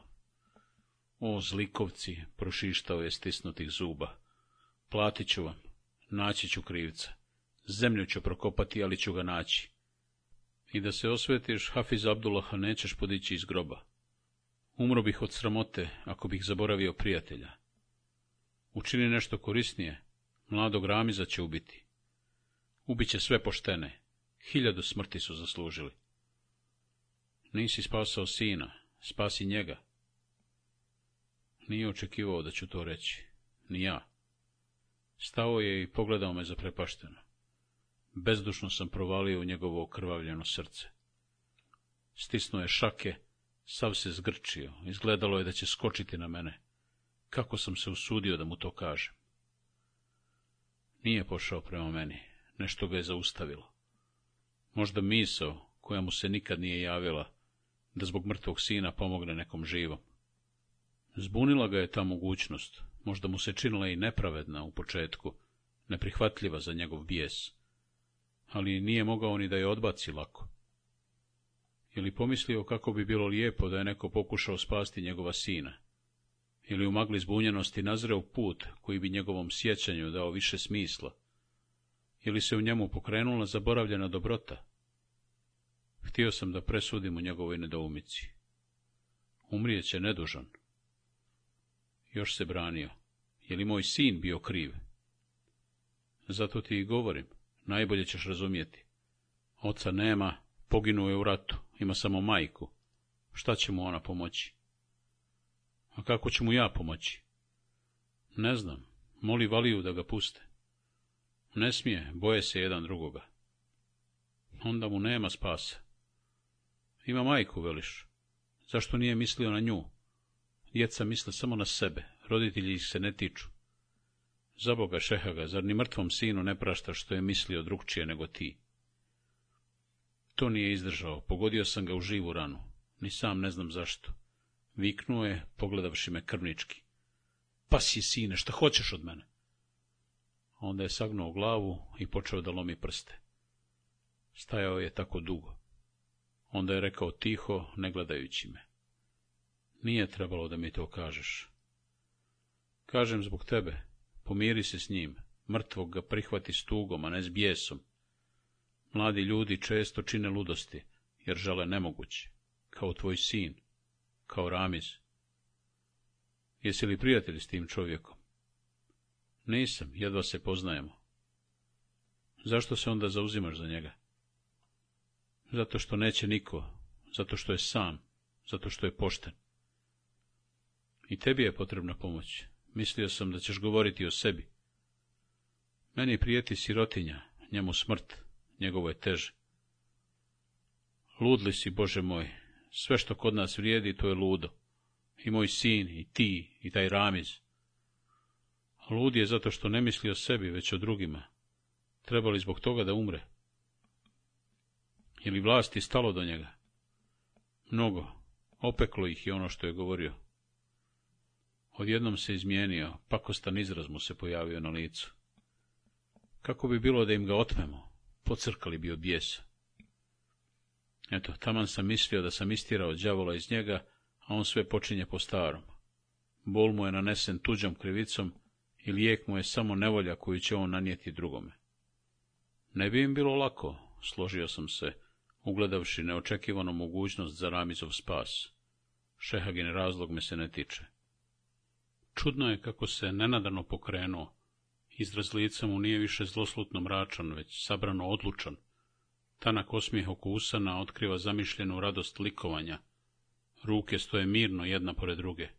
Tijelo se ispravilo. To je drugi Šehaga, čovjek koji smišlja osvetu. To su trenuci kad sigurno zaboravlja svoj bol, ali ova njegova pakost neće biti samo osveta. Pomoći će drugom čovjeku. Sad ga ništa ne bi moglo zaustaviti, a da sam slučajno podstaknuo u njemu dobrotu, ostala bi blijeda i mlitava. Koliko je zlo življe i marljivije, neka nam je Bog u pomoći. Udario je dlanom od lan, ruke su vršile svoj posao spremno, ne mučeći se, ne grčeći se više. Ušla je mlada djevojka. Zovni mi Osmana. Osman je odmah ušao, kao da je čekao pred vratima a možda i čekao, stojeći s mladom djevojkom. I njemu i njoj oči su sijale kao kandilji. Šeha ga je protrljao oživjela ruke. Sjedi, treba da spasimo jednog čovjeka iz tvrđave. Ima nekoliko načina, odgovorio je Osman, ne Ja sam za najskuplji. U redu, pristao je Šehaga. To je bilo sve. Osman Vukma je pogledao veselo i upitao Šehagu hoćeš li da ti donesu mlijeko? Poslije. Vrijeme je da odem, da bi oni mogli da se dogovore na samo. Ostao sam duže nego što sam mislio i mnogo duže nego što se Tijana nadala. Pitaće me zašto me je pozvao. Nije me pozvao. Pitaće o čemu smo razgovarali. Nismo o meni razgovarali. Pitaće hoće li mi pomoći. Ni on ni ja nismo se toga sjetili. Pitaće, zašto sam onda toliko zadovoljan? Neću znati da objasnim zašto sam toliko zadovoljan. Glava 13. Otmica Ta noć u oči Bajrama bila je burna. Kraj posljednjeg dana posta Osman Vuk je dočekao u Zajknoj mehani. Trijezan, miran, gotovo svečan. Mehana nije zatvorena za druge goste, kako je Osman obično zahtijevao, ali su svi znali da je to njegovo slavlje, zbog sutrašnjeg bajrama, zbog dugog Ramazana, ni zbog čega. Niko nije tražio razlog Osmanovu ludovanju, jer bi taj razlog često tražili. Znao je da se veseli kao nijedan čovjek u gradu, okrećući ga na glavu i remeteći njegovu kiselu tišinu. Očevi odraslih sinova i muževi mladih žena bili su tada brižni, jer su sinovi postajali nemirni, a mlade žene gubile san i tužeći se na glavobolju, dugo u noć sjedile kraj prozora i uzdisale, što je mnogima donilo pravu glavobolju od muželjevih nježnih šaka, koje su za svaki slučaj istirivale ludosti iz ženskih glava, uvijek punih opasnih snova. Semeni su se tada okupljali oko njega i pratili ga po ulicama, strepeći šta će Osman izmisliti. Ali uvijek su ostajali na pristojnom odstojanju, bojeći se njegova neljudskog bijesa. Te večeri, već u sumrak, čekala ga je pripremljena gozba s jelom i ohlađenim pićem.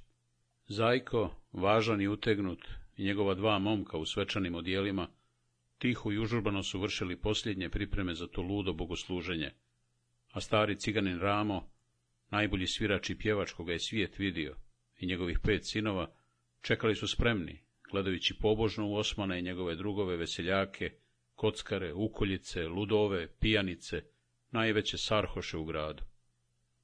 Kad je pukao top na tabiji, oglasivši kraj posta, Osman se digao, omrsio se tobože zalogajem hljeba i čašom rakije, zaželio svima srećan Bajram, jer sutra Bog zna hoće li i znati da je Bajram, i tada je počelo veselje.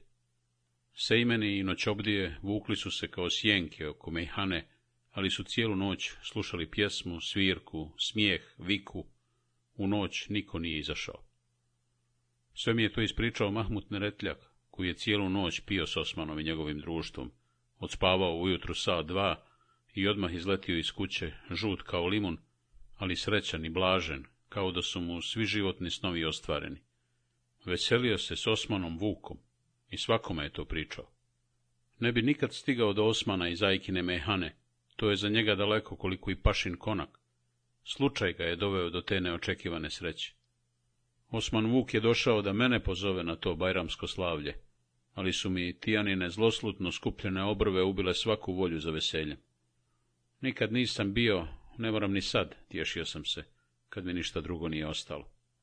Mahmut je slušao, kao u zanusu, i sigurno mislio da sam jado koji ne zna šta je pravo muško veselje, niti ću ikad saznati, kad odbijam poziv koji bi svako prihvatio, ako je pravi čovjek. Ja eto, nisam pravi čovjek i predložio sam Osmanu da povede sa sobom moga prijatelja Mahmuta. On to voli, a i za društvo je bolje od mene. Mahmut me je pogledao zahvalno, Osmana s nadom, uzbuđen kao djevojka kad se nada da će isprositi, a kad je Osman pristao, nešto mu je zaklokotalo u grlu, gotovo se zagušio zbog te počasti, ali se brzo pribrao i dostojanstveno zahvalio na pozivu. Začudio sam se, pošteno da kažem, što ga je Osman pozvao, ali mi to nije bila najveća briga. Izašao sam s njim da ga upitam, zar neće pokušati da spase Ramiza, večeras bi bilo baš zgodno. Svi se vesele, a on se samo nasmijao. I ja se veselim. Ostao sam zbunjen, a Osman je otišao smijući se. Mahmut mi je sutradan pričao da je pijanka bila neviđena. Džaba, za piće treba da se nađu pravi ljudi. Sile su, nema šta naročito Osman, ali je dobro što su i njega, Mahmuta, pozvali. Pokazao im je kako se pije, polako, dugim gutljajima, s jezika, ne iz grla, ne na iskap, to je prosto i ne može se dugo izdržati. Doduše, poslije i on pio na iskap i srkao iz tanjira kao čorbu, ali to je bilo pred zoru, kad su pamet izgubili svi, osim Osmana. Mahmut ih je naučio i kako svirači treba da sviraju, tiho, gospodski, da se čuje samo do kućnih vrata, da ulazi u srce, da te davi u grlu, a da ne znaš zašto. Osman Vuk mu je priznao znanje, rekao da mu je veselje ljepše zbog Mahmuta i svega grlio, grlio kao brata, kao pravog prijatelja. A i taj Osman Vuk nije Vuk, već Arslan. On sve može što iko može, a ne može svako što on može. Sve mu je novo, sve muževno, sve veselo, i ono što zna i ono što kaže. Vilice je razvalio smijući se i čudeći i da je juče umro ne bi znao da i takvih ljudi ima na svijetu. On je najvedriji, najzanimljiviji, najbolji, najpametniji, najhrabriji čovjek koga ikad vidio. A šta sve u njemu leži, teško je i vjerovati. Svirao je na šarkiju, a Ramo pjevao. Onda je on pjevao, a Ramo svirao. Onda je igrao neku čerkesku igru, Mahmut nikad ništa ljepše nije vidio, pa neku rumunsku igru sa zajkom. Oko ponoći došli nekakvi grmalji, pa hoće da pokvare veselje. Traže da Ramo njima svira. Naređuje da se prekine igra. A Osman njima tako i tako, sjedite i pijte, ne kvarite nam veselje. Ne smetajte nam, ni mi vama ne smetamo. Oni bezobrazni ni opepeliti, davno su vele tutora sahranili, a ako mu se ne sviđa enom u vrata, slobodna mu džada i sve tako, da se pobljuješ. A boga mi i prijete, vidim, svašta se može desiti ali se s Osmanom ništa ružno ne može desiti. On ti ustade, pa polako, ama korak neće da pruži, ni rukom brže da mahne, jok, već kao da ima vremena za sve. Priđe jednom grmalju, a grmalj golem, jedva je na vrata ušao. Udari ga po desnom, udari ga po lijevom obrazu, onako izamaške, grmalj samo kleče. Osman priđe drugom i šaketa i njega, a kako ga koji put udari, a njemu glava poleti.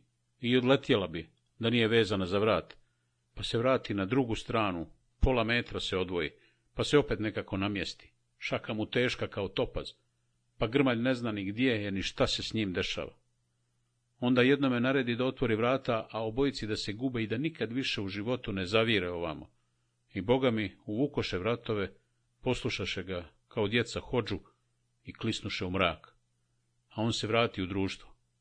Gdje smo stali, veli, kao da ništa nije bilo. Tada mu Harem pjevo, oduševljen, poruči pjesmu i htjede da plati. Osman samo izdrelji oči, strah te u njih pogledati kad planu. Srce ti se skupi ko skoruša, a samo tren poslije sunce iz njih zasija.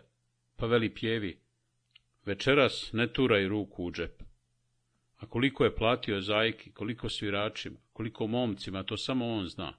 Svršio je to nasamo, gospodski, ali je para pogolema, vidjelo se po tome kako ga gledaju, kako se ponizno smiješe, kako se klanjaju, svi bi ostali na nogama tri dana i tri noći da je on htio.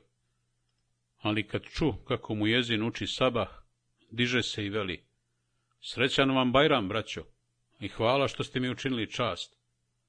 I trijezan, kao da nije proveo noć u piću, oprostio se sa zajkom, a svirače zamoli da ga ne prate dugo ulicom. Bajram je, praznik, ljudi već idu na molitvu, ne treba da im smetaju. Pratili su ih svirkom do mosta. Na mostu su odsvirali još jednu pjesmu, ljudi su zastajali idući u džamiju, a on se klanjao s rukom na prsima i čestitao im Bajram. Onda se poljubio sa svima iz društva i s Mahmutom u oba obraza i otišao kući. Mahmud je bio suviše uzbuđen da bi dugo spavao. Dva velika džuguma prosuo na glavu da dođe sebi od rakije i od velike sreće, i dugo poslije toga pričao o Osmanu i o toj nezaboravnoj noći. Nije mi to mnogo ličilo na Osmana Vuka. Nikad nisam vidio kako se veseli, ali ova uzdržanost i odmjerenost sasvim je neobična, ni malo njegova. Ili je Mahmut nešto pogriješio, ili ja ništa ne znam o Osmanu Vuku. Poslije mi se ponešto objasnilo kad sam čuo šta se te noći dogodilo u tvrđavi. Te iste noći, u oči Bajrama, Neko je oteo ramize iz tvrđave i nekud ga sklonio. Iza jacije nepoznati ljudi na konjima došli su pred tvrđavsku kapiju, snažno udarili zvekirom i naredili stražaru da pozove Dizdara, no se važno naređenje od valije Kad je Dizdar došao na kapiju, pokazali su mu pismo i on je dvojicu pustio u tvrđavu, drugi su ostali pred zaključanim vratima.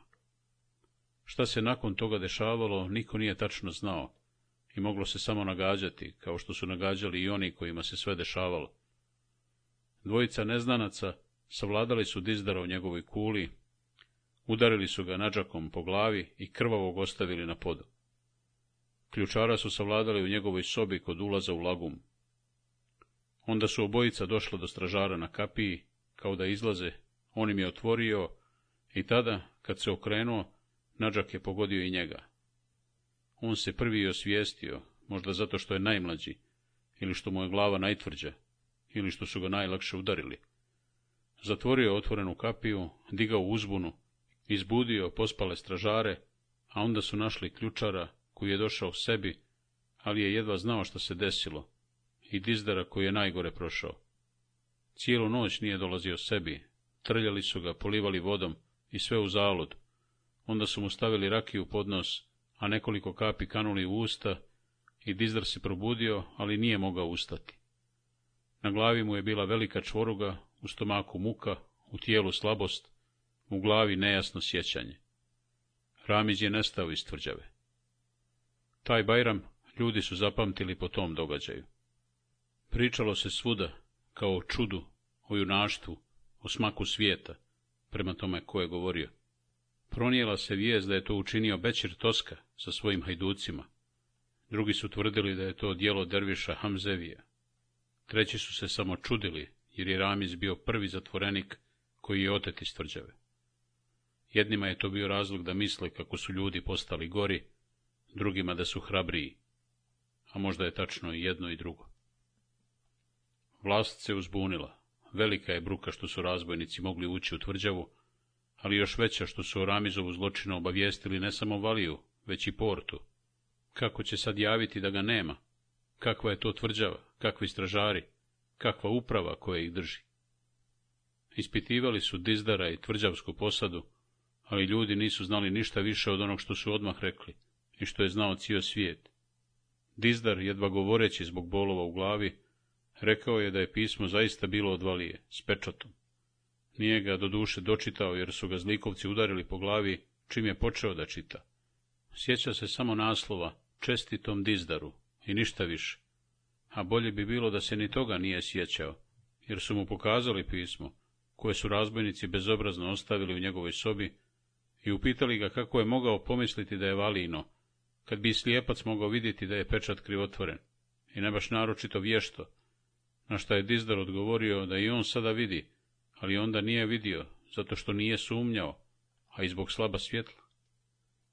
Svijet je znao i to da je vlast pitala Dizdara zašto je nepoznate ljude pustio tvrđavu, zašto ih nije ostavio pred kapijom, a pismo u kojem se zahtjeva da im preda Ramiza pročitao u sobi. Odgovorio je da su bili obučeni kao sejmeni, što su potvrdili i ostali, i da su mu rekli kako imaju da mu daju usmena uputstva, a najviše ga je prevarilo što su naredili da se kapija zaključa dok oni budu u tvrđavi. I kako da pomisli na kakvo zlo, kad su njih samo dvojica, a u tvrđavi deset naoružanih stražara osim njega.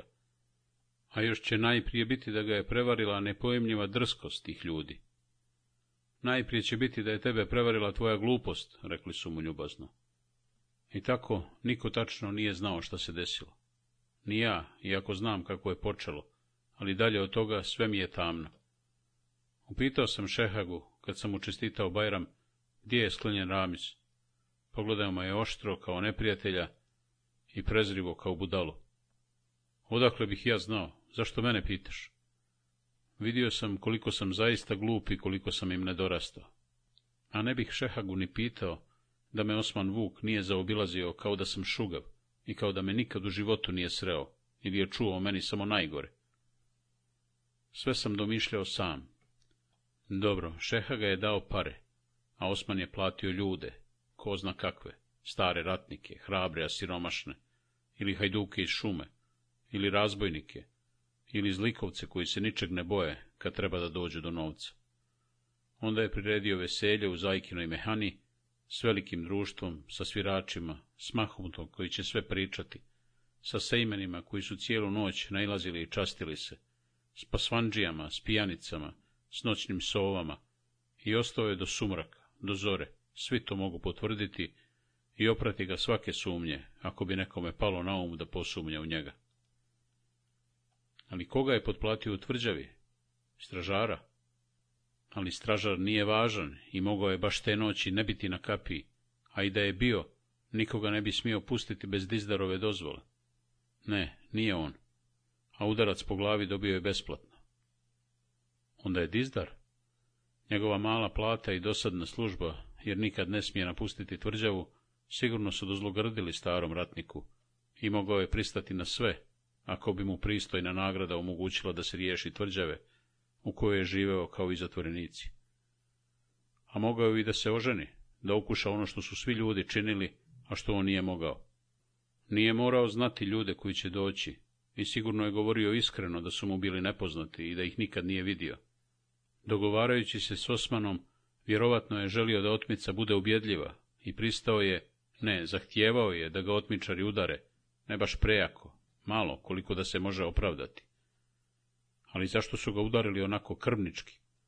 Da li im ruka ne zna za malo? Ili su željeli da dokaz bude što ubjedljiviji? Ili su naplatili ko zna kakav dug?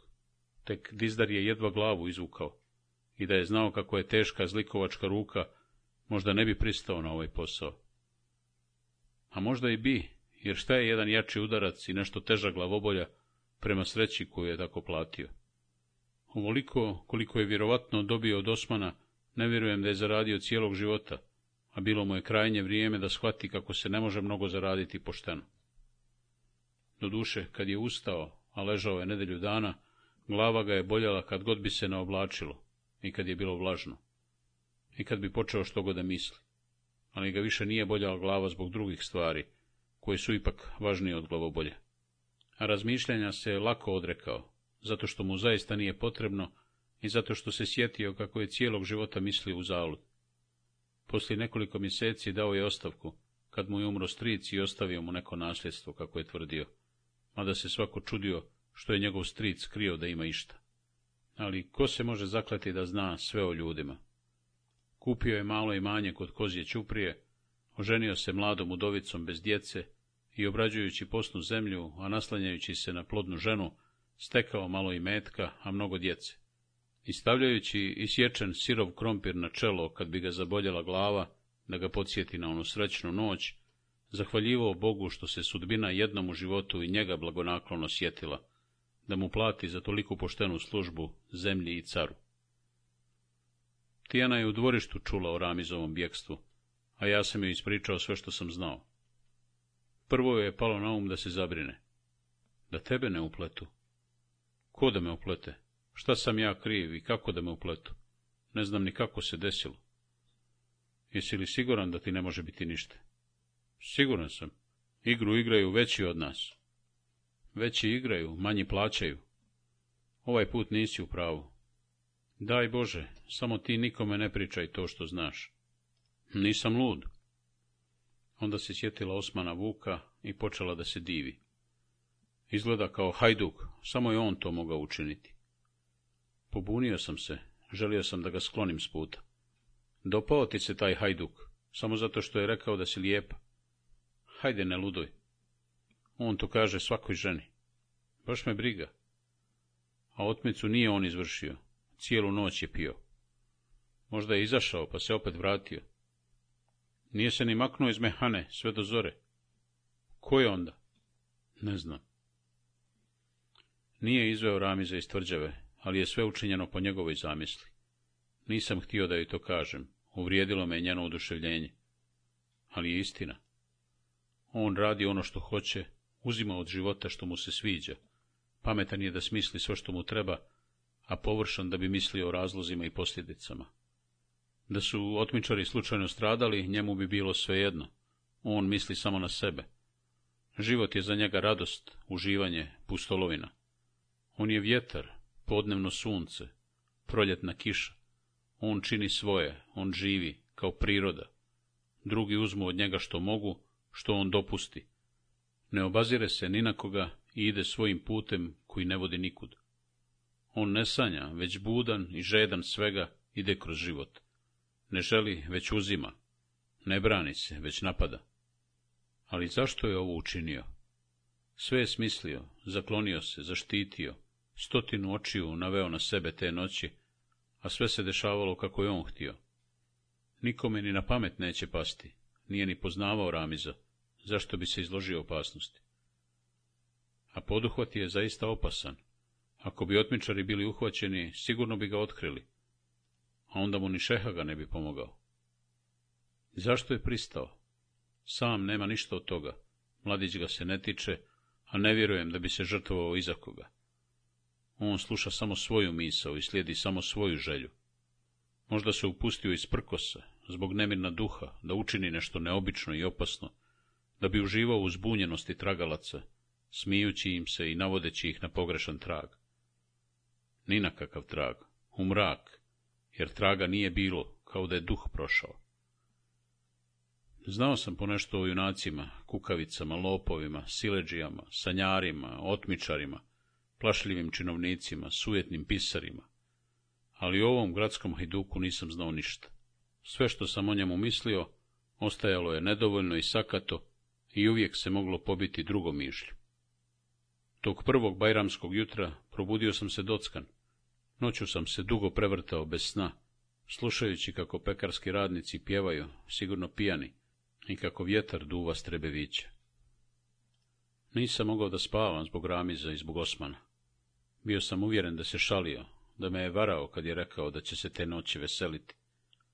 Počet će da pije i ostavit će društvo, da svrši posao koji mu je dao Šehaga. I opet će se vratiti, i svi će potvrditi da nikud nije izlazio, tako je mislila i Tijana poslije. Određivao sam vrijeme kad će Osman doći pred tvrđavsku kapiju i zamišljajući stotinu prepreka pomicao ga dublje u noć. Sad će. Ali su se tada na ulici javili nečiji glasovi, nečija pjesma, prisilivši me da odgodim početak. U ponoć sam čuo ezan z begove džamije. Učio je Salih Tabaković. U nevrijeme. Nizakoga. Čudno. Kao da jauče viče u tamnu noć svoj strah i izgubljenost. Zavijao je kao pas zbog nekog užasa koji je samo on znao, a činio je to desetak puta godišnje, kao što je Šeha ga pio. Podsjećao je ljude na nesreće, na prazninu življenja, na smrt. Taj prestravljeni krik i vjetar što je ječao u naletima, izdvajali su ovu noć između drugih i ovaj čas između ostalih. Sad je vrijeme, ponoć, vjetar, tama, puste ulice, strah nad gradom. Da li će Osman udariti halkom na teškoj kapi? Pretrnuo sam od tog zamišljenog zvuka, jedinog od čovjeka u tom trenutku noći. Je li stražaru javljeno za njegov dolazak ili ga mora savladati? Od toga časa u mom polubudnom mozgu počinjalo je da se spliće zamršeno klupko opasnosti, strke, krikova, uzbuna, junaštva, ali su iz te gužve koju se nisam usudio da rasplićem, Osman i Ramiz nekako izlazili, odlazeći u noć, jureći na konju, lebdeći na oblaku, gubeći se u tami. Pa sam se opet vraćao na početak. Stražar je viknuo na uzbunu, prije nego što je Osman uspio da išto učini. U tvrđavi su se upalila svjetla. U gradu je usamljeni čovjek vikao svoj strah u mračno nebo, a ja sam tonuo u san, odnoseći sa sobom s ovog svijeta srećan samo sjenku dvojice hrabrih konjanika. Kad sam se probudio, sjetio sam se da Osman sinoć nije ništa učinio za Ramiza, preče je bilo veselje. A onda sam saznao da je otmica izvršena. Samo što sam doručkovao, došao je Mahmud. Ništa nije znao Ramizu ni objekstvu iz tvrđave, niti ga se mnogo ticalo kad smo mu rekli. Bilo je važnijih stvari o kojima vrijedi misliti o veselju u Zejkne Mehani prije svega. Ili Osman izlazio? Ne, nikud nije izlazio. Kud bi izlazio? Zbunio me je sasvim. Strahovao sam za Osmana cijelu noć, a on je cijelu noć presjedio Mehani. Šteta što Tijana nije to čula, ali baš je tada izašla da primi dvije korpe džakonija, koje su donijeli šehagini momci. Korpe vratila, zdjele ostavila. Poslao šehaga, rekla je zbunjeno možda zbog neočekivane pažnje. Mahmut je klimao glavom s priznanjem, ali ga se i to malo ticalo. Sigurno se Osman sjetio, rekao je, i nastavio da priča i opet o Osmanu Vuku. Kakav je čovjek, kakav prijatelj. Nekoliko puta je ponovio kako mu je drago što se upoznao s Mahmutom, kako su se poljubili u oba obraza, u oba. Učinilo mi se da je, pričajući i ponavljajući ono što je već rekao, postao sve čudniji sve tužniji. Pogled mu je zamišljen, glas tih. — Jesi li umoran? — pitao sam ga. — Ili si nešto tužan? — Tužan? Šta govoriš? Zašto bih bio tužan? Čovjek može da bude tužan poslije velikog veselja. — Može, znam, ali nisam.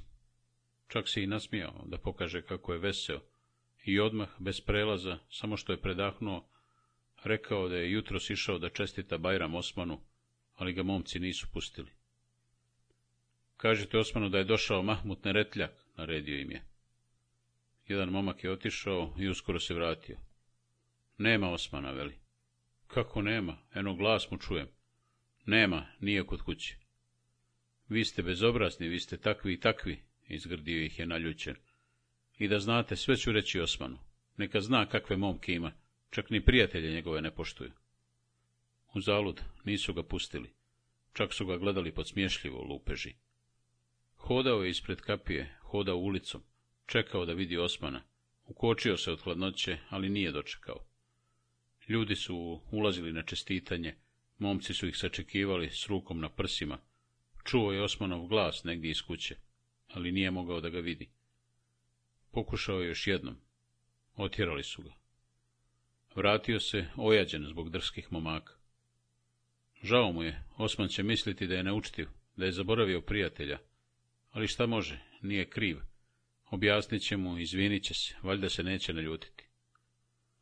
Eto, nisam se prevario, zaista je tužan. Ne vidi da ga je Osman otjerao, nije htio da vidi.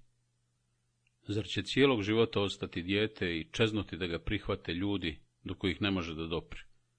Mi mu nismo dovoljni, svojom sirotinjom neprestano ga podsjećamo na njegovu.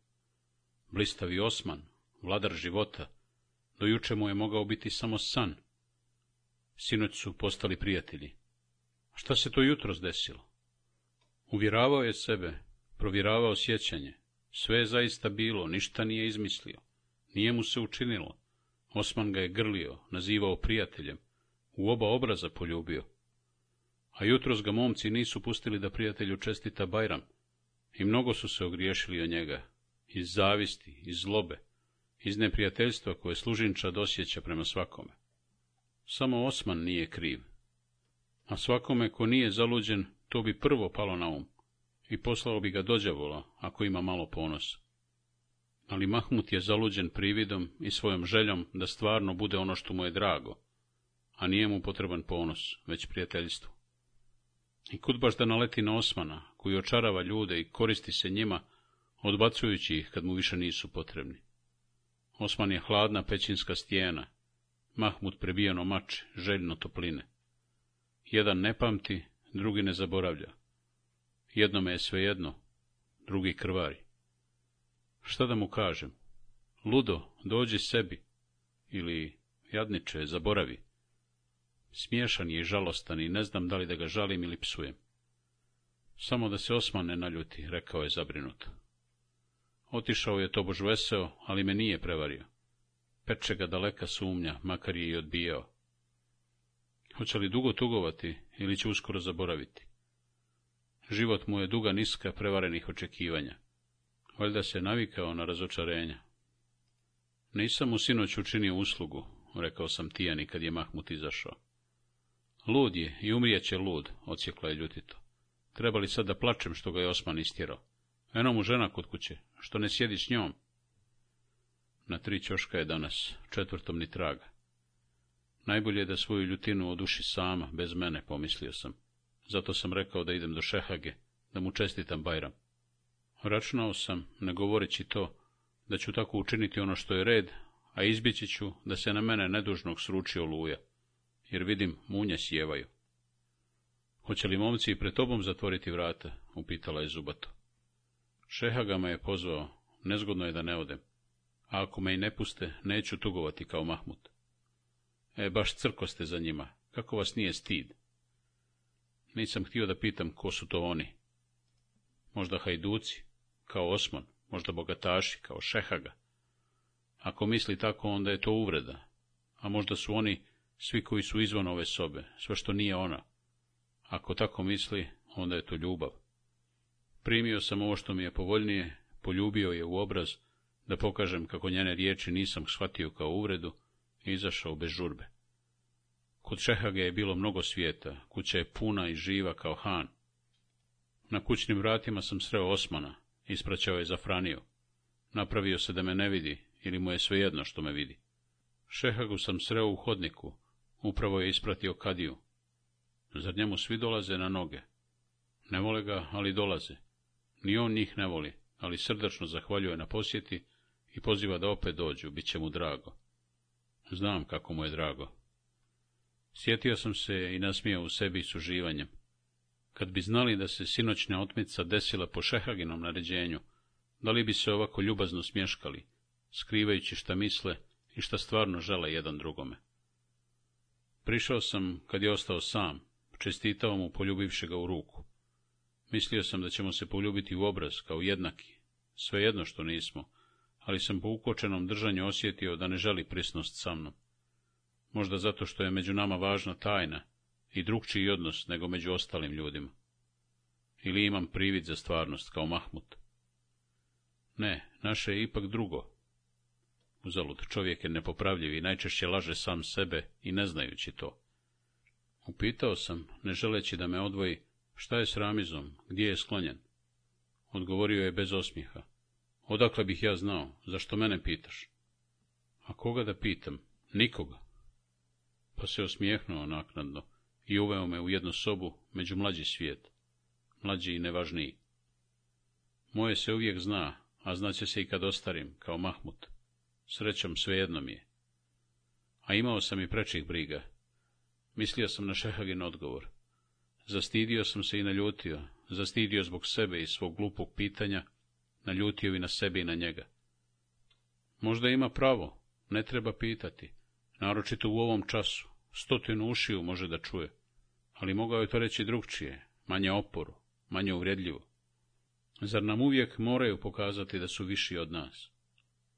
Sjedio sam namračen i srdit i slušao razgovor koji sam jedva razumijevao. Šta ću ja ovdje? zašto nisam čestitao praznik i odmah se vratio. Nagovorio sam Šehagu da spase Ramiza, zar mi to nije dovoljno? Učinio sam više nego što sam mogao i u snu zamisliti. Šta hoću još? Da pričamo o dobrom čovjeku, da se divimo sami sebi kako smo učinili dobro djelo, da likujemo nad bezobzirnim ljudima. Zaista smiješno. Ovo je drugi svijet, dalek i nerazumljiv. Učinili su i gotovo. Učinili su i šta treba o tome pričati. Mi, prosti ljudi, volimo da sladimo i preživamo ono što doživimo. Oni djeluju i zaboravljaju. Priznajem, njihovo je mudro, moje glupo. Ja sam ponosan i oduševljen zbog hrabrog dijela. Oni su izvršili hrabro djelo i čute. Mi ne učinimo mnogo ni malih, a kamoli velikih dijela, zato ih i ne puštamo lako iz usta i iz srca. A Bog zna koliko oni imaju svakakvih dijela i svakakvih tajni. Sve je kod njih tajna kod nas tajni nema. Možda se po tome veliki svijet i razlikuje od nas. Ništa značajno se ne može učiniti javno. Javno se laže, javno se govore velike riječi, javno se pokazuje spoljni izgled, javno se vrši nasilje. Važne stvari, dobre ili rđave, čine se tajno.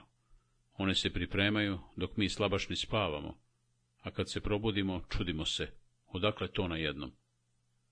Kad sam se umorio tim naivnim mudrovanjem, sveteći se i njima i sebi, počeo sam da slušam razgovor mlađih činovnika. Govorili su o sinoćnoj otmici šegačeći se. Ni tvrđava više nije tvrđava, rekao je jedan. Nekad je bila sigurnija nego grob, sad je han na raskršću. Svratiš, kao taj ramiz, malo posjediš, odspavaš ako hoćeš, odmoriš se, pa izađeš kad ti dosadi. Razlika je samo u tome što se u hanu sve plaća, u tvrđavi je sve besplatno.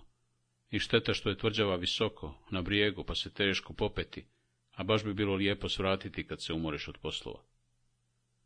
Drugi je rekao da je tvrđava postala nepotrebna. Važniji krivci mogu izaći kad god hoće, a nevažnije ne treba ni zatvarati. Zar ne bi bilo korisnije da se pretvori u magazu za krompir i za žito? Prostora ima mnogo, a sve je suho, ništa ne bi istrunulo.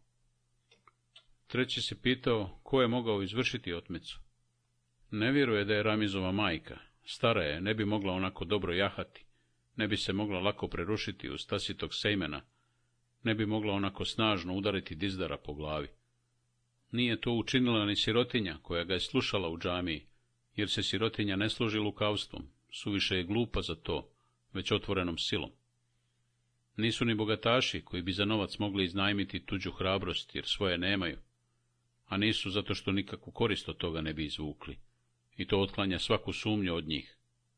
Ako bi neko pomislio da je umješan neko ko zna kako se krivotvori pečat, kako se piše pismo dizdarima, kako se naređuje, u ime koga se naređuje, opet bi pogriješio, jer je Ramiz najgore govorio protiv ljudi koji to sve znaju. Zašto bi onda učinili nešto protiv sebe?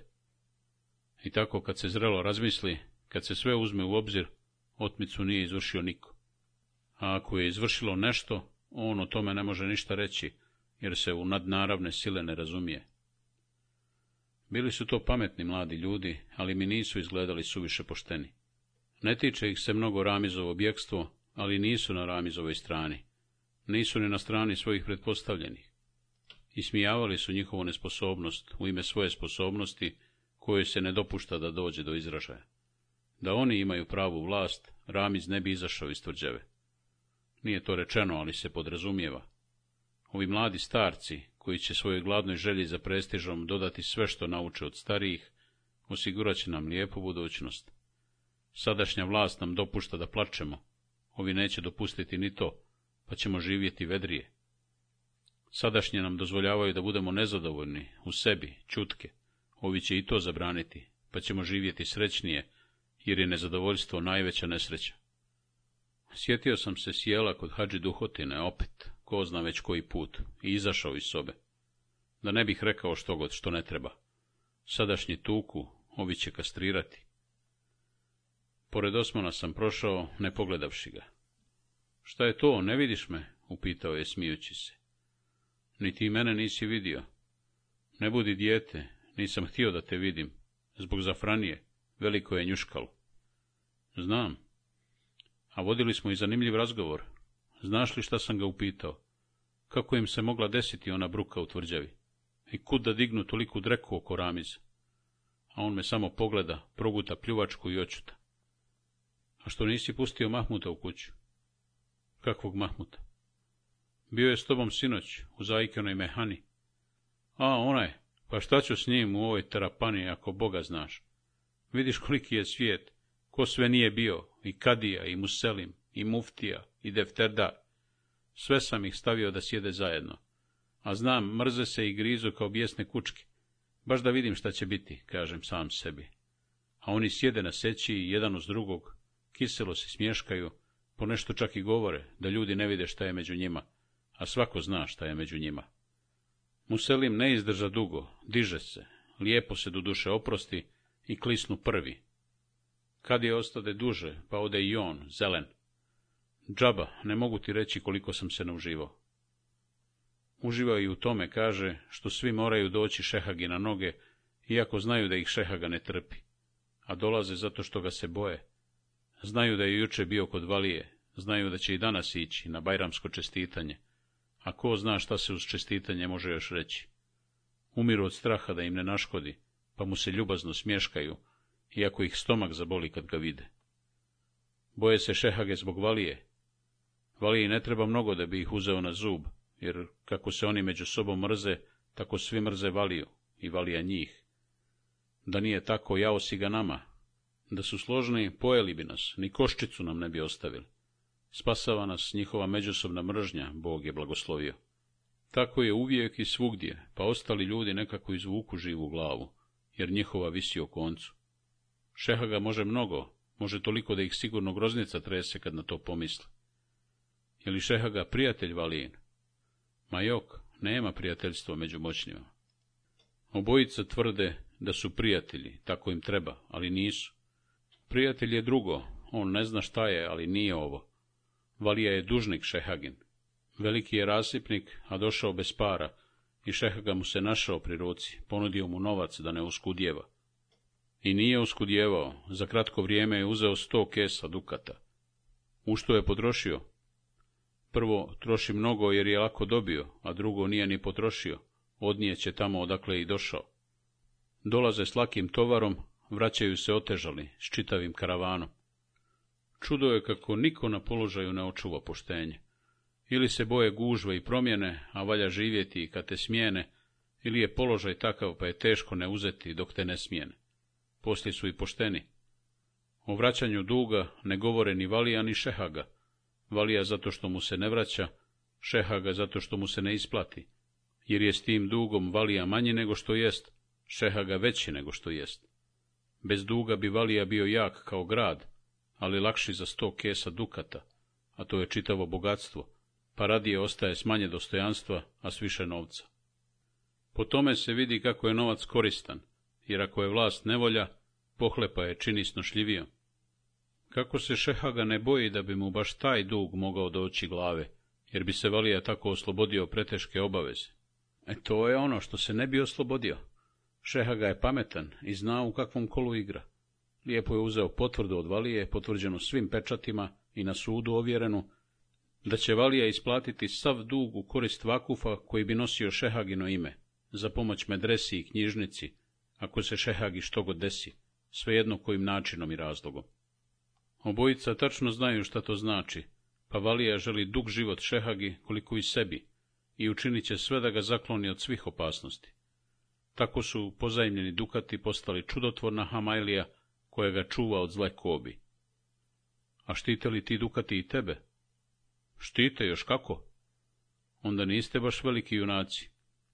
Pa ko je rekao da smo junaci? I kome je danas do junaštva? Upitao sam i njega, što i Šehagu. Gdje je Ramić? Nasmijao se. Nije više u tvrđavi. E, mnogo si mi rekao. Više ti i ne treba. Izašao sam s mučnim okusom Osmanove priče o mržnji. Kakav je život tih ljudi, kakvo prezanje bez predaha, izračunavanje svakog koraka i svake riječi, naporno razmišljanje o mogućim potezima protivnika. Kakva muka, kakva danguba kako malo vremena i mogućnosti za običnu ljudsku misao i osjećanje, za brigu i o čemu izvan sebe i svoje ugroženosti. Vidimo ih u snazi, u sili, u moći, a ne znamo za njihovu tjeskobu, za strah od svega, od sebe, od drugog, od većeg, od manjeg, od pametnijeg, od pakosnijeg, od vještijeg, od tajne, od sjene, od mraka, od svjetla, od krivog koraka, od iskrene riječi, od svega, svega, svega. Zar je onda čudo što su zli? Da li bih se i ja upleo u te đavolje kućine, da sam kojim čudom pošao njihovim putem? Sigurno, a ne bih ni znao kakva me je nevolja snašla, jer ni oni ne znaju da se može živjeti drugčije. A može, bez hljeba ponekad, ali bez mržnje, bez stalne strepnje, bez straha. Ja sebi mogu da dopustim luksuz lude misli, bezrazložne radosti, jakog osjećanja, neodgovorne riječi. Uvijek imam vremena za sebe običnog. I pripremam se, dugo istina, za ljudski život u miru. Njima je stalno u mislima onaj drugi, koga ne vole i koji njih mrzi, i onaj mogući, poznati ili nepoznati, koji im sprema zamku. I stalno su u ratu, spašće ih muka samo smrt. A meni je u mislima žena koju volim. Zašto je bila ljuta? i u srcu djetinja radost zbog prvog snijega. Gledam oduševljeno, kao da nikad nisam vidio kako pada u gustim pahuljama, bjelinom pokrivajući grad. Beznačajne misli, beznačajne osjećanja, a koliko sam od njih bogatiji. I javile su se zato izgleda, da me svojom bezazlenošću odvoje od njihova mraka. Ulicu mi je išao Mahmut, polako, šljapkajući razgažanim cipelama po mokrim krpicama snijega. Kud si pošao? Nikud, hodam. Vidiš, snijeg. Govorio sam s Osmanom o tebi. Kaže da mu je žao. Toliko je svijeta u kući da ne zna gdje mu je glava. Obradovao se žalosnik, opet. Kako bi bilo da sada odem? Nemoj, velika je gužva. I ja sam ga vidio samo u prolazu. Uspio sam da ga upitam samo to što ti kažem. Onda sutra. Najbolje sutra. Moj Mahmute, i sutra ćeš biti onaj, ni sutra te momci neće pustiti u kuću, ali ćeš makar živjeti u nadi do sutra. Iako ti to ništa ne treba, nismo mi za njih, i što se mene tiče, hvala Bogu. I ponovo sam potražio svoju radosnu misao koju je Mahmut prekinuo. Prvi snijeg, tiha priča, ludo djetinstvo, paučinasta sreća, sano lijepom. Izvešću Tijanu, dugo ćemo hodati ulicama, koje će snijeg zatrpavati. Pričat ću joj o djetinstvu, ne, govorit ću joj koliko je volim i koliko se radojem životu. Hodat ćemo bez razloga, radovat ćemo se bez razloga, smijat ćemo se bez razloga, s jednim jedinim razlogom, što smo živi i što se volimo. A kućeš veći razlog. Upravo se vratila od nekud sa šehaginim posudama u rukama. Gdje si bila? Podijelila sam komšijskoj djeci sve što ti je Šehaga poslao. Dobro si učinila. Sigurno da sam dobro učinila. Milostinja mi ne treba. Danas je njen dan gnjeva izgleda. Zri nije prošlo od jutros. To nije milostinja, rekao sam mirno.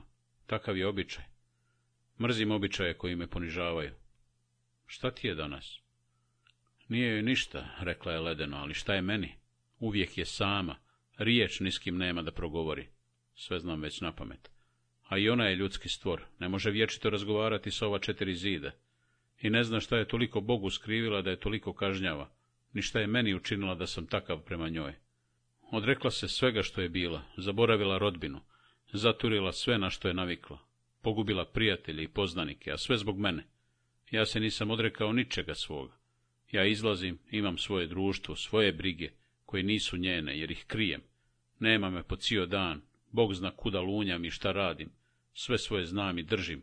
Bajram nisam zaboravio, ona će svoje pozaboravljati i ostaće pusta, kao strnjika. U srijedu joj je bila slava, Nikoljdan. Dvadeset godina je s porodicom bila zajedno toga dana, a u srijedu je presjedila sama, isplakala se sama, i ne zbog kućne slave, već zbog svoje sudbine. Zašto ni rekla? Zar sve mora da kaže? Zar ne mogu sam da vidim? Ja se brinem o Mahmutu, o Ramizu, o Šehagi, a o njoj ne vodim računa. Ona vidi na meni svaku promjenu, svaku sjenku kad pređe preko mog lica. Ja na njoj i u njoj ne vidim ništa. Navikao sam se na njenu pažnju, više je i ne primećujem. Ali i ona je kriva, razmazila me je, skriva od mene nevolje, nestašicu, čak i svoje neraspoloženje, samo da ne osjetim nikakvu težinu. Pa bar da to vidim, ne bi žalila. Drugi muževi igraju oko svojih žena, ugađaju i maze ih. Ona to ne traži, kaže samo kako je kod drugih. A šta ja njoj činim? Jesam li je gdje god izveo? Nisam, nigdje. Jesam li je iznenadio ičim lijepim za ove dvije godine? Nisam, ničim. Kao da je sluškinja, a ne žena. Muškarci su grubi i sebični, pažljivi samo u početku, dok se ne naviknu. A kad žena poružni, kao što je ona poružnjala, onda bježe od kuće. Ona to zna, niko ne treba da joj kaže. Vidi po svemu, ne volim je više. I ne bi se čudila kad bi čula da imam ljubavnicu. Ali to ona neće trpjeti kao druge žene. Otići će, ništa nema i nikoga nema, a otići će. Kud bilo, bit će služavka, ali poniženje neće trpjeti. Tako me je izgrdila i za ono što sam kriv i što je zamislila da sam kriv. Optužila me za grijehe svih muškaraca i živih i mrtvih. Okrivila me zbog poroka djedova i pradjedova, i zbog opšte muške pokvarenosti koju ne treba dokazivati. U početku mi je bilo smiješno, pa krivo, pa sam se naljutio i na kraju nisam znao šta govorim, kao i ona. Čekaj, vidi kako pada snijeg, govorio sam. Pa šta ti je za Boga? A onda, zar sam zaslužio da me toliko vrijeđaš? Ljutito sam je podsjetio da sam joj sve pošteno rekao kad smo se prvi put sreli i ko sam i kakav sam, ništa sakrio nisam. Znala je da je čeka sirotinja i sad mogu samo da je žalim što se nije udala za trgovca ili zanatliju. Bila bi ugledna i poštovana žena. Iz mene je govorila srđba, a ne razlog ni pamet, pa sam lupao kao ludi mujo u bubanj. Ja joj ne mogu pružiti ni bogatstvo, ni ugled, pružam joj samo ljubav. Ali to njoj nije dovoljno, briga nju za moju ljubav, mogu se tom ljubavlju zakititi kao peruškom. I šta hoće od mene, kuda je izvodim? Da je vodam po baščarši, da je mladići gledaju. A za krsnu slavu, kako mogu znati kad ni svoje ne znam? Ni za Bajram ne bih znao da me šaha ga nije pozvao. Kaže da me je razmazila. Vidim kako me je razmazila. Grdi me kao da sam ne znam šta učinio. Ja sam nju razmazio. Pustio sam joj na volju toliko da uskoro neću smjeti ni iz kuće iskoračiti. Treba još samo da mi stavi lanac na nogu. Poslije me je bilo stid što sam svašta govorio, a još više što sam vikao, ali šta mogu? ludost je jačao čovjek. I dok su iz mene varnice iskakale zbog nepravde, zbog moje dobrote koju mi ne priznaje, zbog ljubavi koju ne cijeni, dok sam pjenio, žaleći sebe, grdeći nju, u sobu je ušao Mahmut Neretljak. Zastao je za trenutak, trepnuo zakrvavljenim, neispavanim očima, a onda klimnuo glavom kao da se izvinjava, samo vi nastavite, i brzo izašao iz sobe ta njegova smiješna zbunjenost i nespretan pokret rukom, da ne prekidamo zbog njega, presjekli su moju ljutinu, oduzeli joj zamah i oštrinu. Nestala je odjednom, istopila se, uvenula, a ostala je nelagodnost. Mahmut se spleo, iznenađen što se i mi svađamo, a onda je htio da popravi, hrabreći nas da nastavimo što smo započeli, a što svi čine. Zaprepastio se i pomirio u jednom času, možda razočaran što smo i mi takvi, možda zadovoljan što ni mi nismo drugčiji. A možda je požalio Tijano, jer je naišao upravo kad sam ja praskao, a ona plakala. I tako sam ja u njegovim očima ispao nasilnik, a ona žrtva. Šta me se tiče uostalom? Znam, kriv sam. Prenagljeno sam buknuo. Zar nisam mogao da prećutim, da se nasmijem, da je šalom prekinem, da je pozovem na snijeg? Ali nisam mogao da se uzdržim, pogođen nepravednim prigovorima. Naljutila se na nekog drugog i naplatila se na meni. To nije pošteno. A možda je stvarno nezadovoljna ovim životom. Onda me ne voli. Izgleda da me više ne voliš, rekao sam prijekorno. Ali moj prijekor nije žestok, zbog nje. Sjedila je na sanduku, sklupčana, s bradom na koljenima, potpuno odsutna. Više bih volio da je bijesne. Kamo sreće da te ne volim, šapnula je u pod. Pa šta ti je onda? Tužna sam. Ne mogu ti reći koliko sam tužna. Zbog čega? Slegnula je ramenima, jedva se pokrenuši. Zaista tužna, zaista nesrećna. — Ništa joj se nije desilo, rekla bi mi sigurno. Kako onda može biti tužna ni zašto? Zbog sjećanja možda, zbog prošlosti, zbog nesigurnog trena, zbog neke misli bez krila. Razumijem tugu zbog onog što jest i što može biti. Ali eto, nismo svi isti i morat ću se izgleda navikavati na tugu bez razloga, s razlogom koji se ne vidi, zbog misli koja luta svojim unutrašnjim prostorima, zamorena svejedno čime, tužna svejedno zbog čega. Žao mi je, ne mogu da je gledam tako izgubljenu. Sjeo sam do nje i zagrlio je, nježno, da je ne uznemirim još više. Osjećao sam je utišanu, duboko nesrećnu. Šta se to s njom desilo? Zašto sam bio tako grub? Jesi li vidjela? Sneg pada. Nije odgovorila. Nije se okrenula da pogleda. Nešto je u njoj jače i važnije. Mislio sam da prošetamo ulicama, sve je bijelo. I na to je očutala. Pričekat ću da nam tijela postanu bliža. Udaljili smo se dok smo vikali. Onda je nešto rekla. Nisam razumio, glasio je suviše tih. Šta tu šapćeš? Izgleda da sam trudna. Trudna? Stvarno? Klimnula je glavom. Hvala Bogu, daću ti muštuluk za tu vijest. Bojim se. Glasio je nesiguran, jedva čujan, ali sad sve čujem, pogađam. Čega se bojiš? Ne znam, svega. Zašto bi se bojala, rekao sam. To je zbog trudnoće, sve žene se boje. Nisam znao da li se žene boje, govorio sam šta bilo, da je umirim. Kad je prvi put nosila, život nam je bio težak, pun uzbuđenja. Njena osjetljivost to nije mogla podnijeti. Sad je drugčije, živimo mirnije. Nije najbolje, ali nije ni loše. Može biti samo bolje, nikako lošije. I ja sam kriv za ono prije, ali me je prošlo. Neću više ponoviti ludost, kunem se. Nekad mi se činilo da je nepošteno čutati. Sad čutim i ne mislim da sam nepošten. Zbog nje. Ona mi je važnija od svega. Važnija mi je čak i od poštenja. Sva mi je briga i sva sreća. Ponio sam se ružno i grubo, ali zašto mi nije rekla ranije? Zašto je krila kad zna koliko ću se obradovati? Htio sam da je umirim i nisam joj rekao svu istinu. I ja sam se bojao njene trudnoće i njenog straha. Šta će joj donijeti taj drugi crvić, rastući? Hoće li je darovati bolom i mukama? Hoće li je hraniti sumnjama i crnim slutnjama? Zato je uznemirena, zbog tajne začinjanja tog novog bića u njoj, zbog brige za njega i za sebe, zbog straha da se ne ponovi ono što je jednom već bilo, samo sad možda teže nego prvi put. Ko zna koliko se mučila misleći o onome što se ne može domisliti, jer je skriveno i nepoznato, sama i osjećajući se zaista usamljena.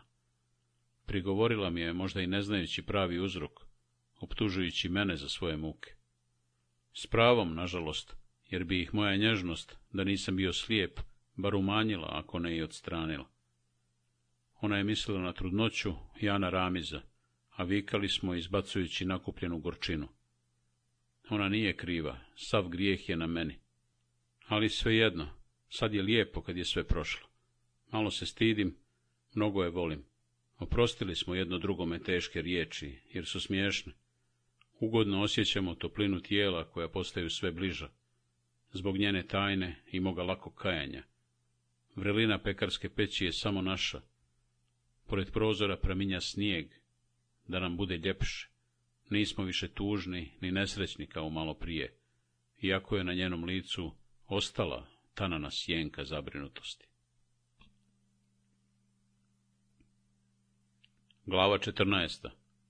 Moć ljubavi Pun dobre volje, poslije tog objašnjenja, koje sam počeo šalom, nastavio srđbom, a završio stidom, trudio sam se da Tijanu ne ostavljam samu. Potrebna joj je moja pomoć.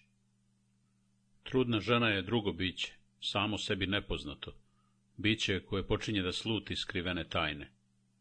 Sve što je bilo potisnuto, budi se, izlazi iz zatvorenih skrovišta duše, nameće se, zahtjeva da bude uzeto u obzir. I djeluje, nesaznato, a jako. Ona ne vlada mnoštvom novih, nepoznatih osjećanja. Ne potiskuje ih više ni stid, ni volja. Njena ljubomora je strah od ružnoće. Njena naglost je potreba da se oslobodi unutrašnjeg pritiska. Njena uznemirenost je znak uzburkanosti u njoj. Krv joj sad drukčije kola, žlijezde drugčije luče, organi se drukčije ponašaju, mozak se drukčije grči. A sve biva bez njenog utjecaja. Prepuštena je djelovanju jačem od svoga htjenja i ne može ga ni zaustaviti ni skrenuti. Zbog tajne u njoj i svijet joj je tajna, a nesigurnost rađa misao smrti. Ako umrem, govorila je kao da kaže, ako na zebe. Ako umrem, kako ćeš ostati sam? Ako umrem, hoćeš li misliti na mene? Ako umrem, hoćeš li se oženiti? Oženio bi se sigurno. Bol za ženom je kao udarac u lakat. Bol je žestok, ali kratak. Svi se žene. Ostavi se takvih razgovora, molim te, pokušavao sam da je umirim. Hoćeš li se oženiti ako umrem? Neću se oženiti, odgovarao sam primoran, iako mi je smiješno. Zar si toliko nesrećen sa mnom da se više ne bi ženio? Umro bih od tuge, toliko te volim. Ne, opekao si se jednom, ne bi i drugi put. A možda i bi, ne bi ni mnogo prošlo od moje smrti. A da li bi se ti udala ako ja umrem? Okretao sam na šalu. Molim te, ne šali se time. Lice joj je samrtno ozbiljno. Zašto? Ista je mogućnost i za tebe i za mene. Ali pusti to. Zašto da mislimo o onome što će biti kroz 50 godina? Biće prije, mnogo prije, predosjećam to. I bojim se. U zaludno je bilo govoriti razumno. Njeni oživjeli strahovi su jači od razuma. Smirivao sam je nježnošću, jedinim lajkom koju je mogao pomoći. Govorio sam najsmješnije riječi, tetošio je, čuvao od napora, radio i što sam umio i što nisam umio, pretvarajući se u dadilju najboljih namjera i najnespretnijih pokreta. Ganuto je plakala zbog moje pažnje, smijala se zbog moje nespretnosti, ali se polako smirivala, jer više nije mislila da je napuštena. Izvodio sam je uveče u šetnju, po danu nije htjela da izađe. Bila je uvjerena kako se već vidi da je unakažena trudnoćom. Učinilo mi se da je po mraku radije izlazila zato što se mogla slobodno naslanjati na moju ruku. Po danu bi se stidjela. Tako se osjeća sigurnije u mraku i u prostoru koji nije njen. Ti si najbolji čovjek na svijetu, govorila je nježno, pokrenuta Bog zna kakvim osjećanjem. Neki dan sam bio najgori, sad si najbolji. Mahmut mi je obazrivo rekao da griješim, Tijana je divna žena, ali opet ne treba pretjerivati ni u čemu. Ako je sad naviknem na toliku pažnju, šta ću poslije? Sve bi se u životu moglo izdržati za kratko i da budeš dobar i hrabar i pažljiv. Ali život ne traje kratko, a ništa ti ne može postati teško kao obaveza koju sam sebi nametneš u jednom času slabosti ili oduševljenja. Stite je da odustaneš, muka da istraješ, a nemaš koga da psuješ jer si sam sebe natovario a onda davno je rečeno što bolest ne umori, to pokvari. Trudnoća nije bolest, ali ja svoju ženu mazim kao da je na samrti, Bože oprosti. Osvetit će mi se to, daj Bože da on nema pravo. Zajehat će me žensko, pa će mi duša na nos izaći. A žene vole da vladaju, iz ljubavi ili bez ljubavi, svejedno. Ne kažem, muž treba da bude dobar prema ženi. Ako nećeš ti, hoće drugi, a ako i neće, bolje je ljudski nego paski ali malo strogosti nikad ne škodi. Kome to uspije, naravno, jer nekom ne uspije i on govori onako, uopšte, kako bi bilo bolje, a nekako jest. A koliko on vidi i zna, kod mene će ovako ostati zaovijek, a to, boga mi, nije lako izdržati. Kad sam rekao radi opravdanja da se Tijana ne osjeća dobro, predložio je da dovede svoju ženu, pregledat će Tijanu i znaćemo je li dobro ili nije. Dok je bila zdravija, pomagala je ženama pri porođaju, pa i sad dođu po nju, mole kume, lakše im s njom, a sve zna o tim stvarima, kao ljekar. Pristali smo, ako ne bude koristi, neće biti ni štete. I Mahmut je doveo svoju ženu, koju do sad nismo uspjeli da vidimo. Da li se stidio nas, nje ili sebe između žene, Tijane i mene, kad se sretnemo, ne znam. Možda je ženi lagao da smo ugledniji i bogatiji nego što jesmo ili je njegova žena toliko ružna i nemoguća kao što je govorio, pa se ustručava da je pokaže, jer lakše podnose uši nego oči.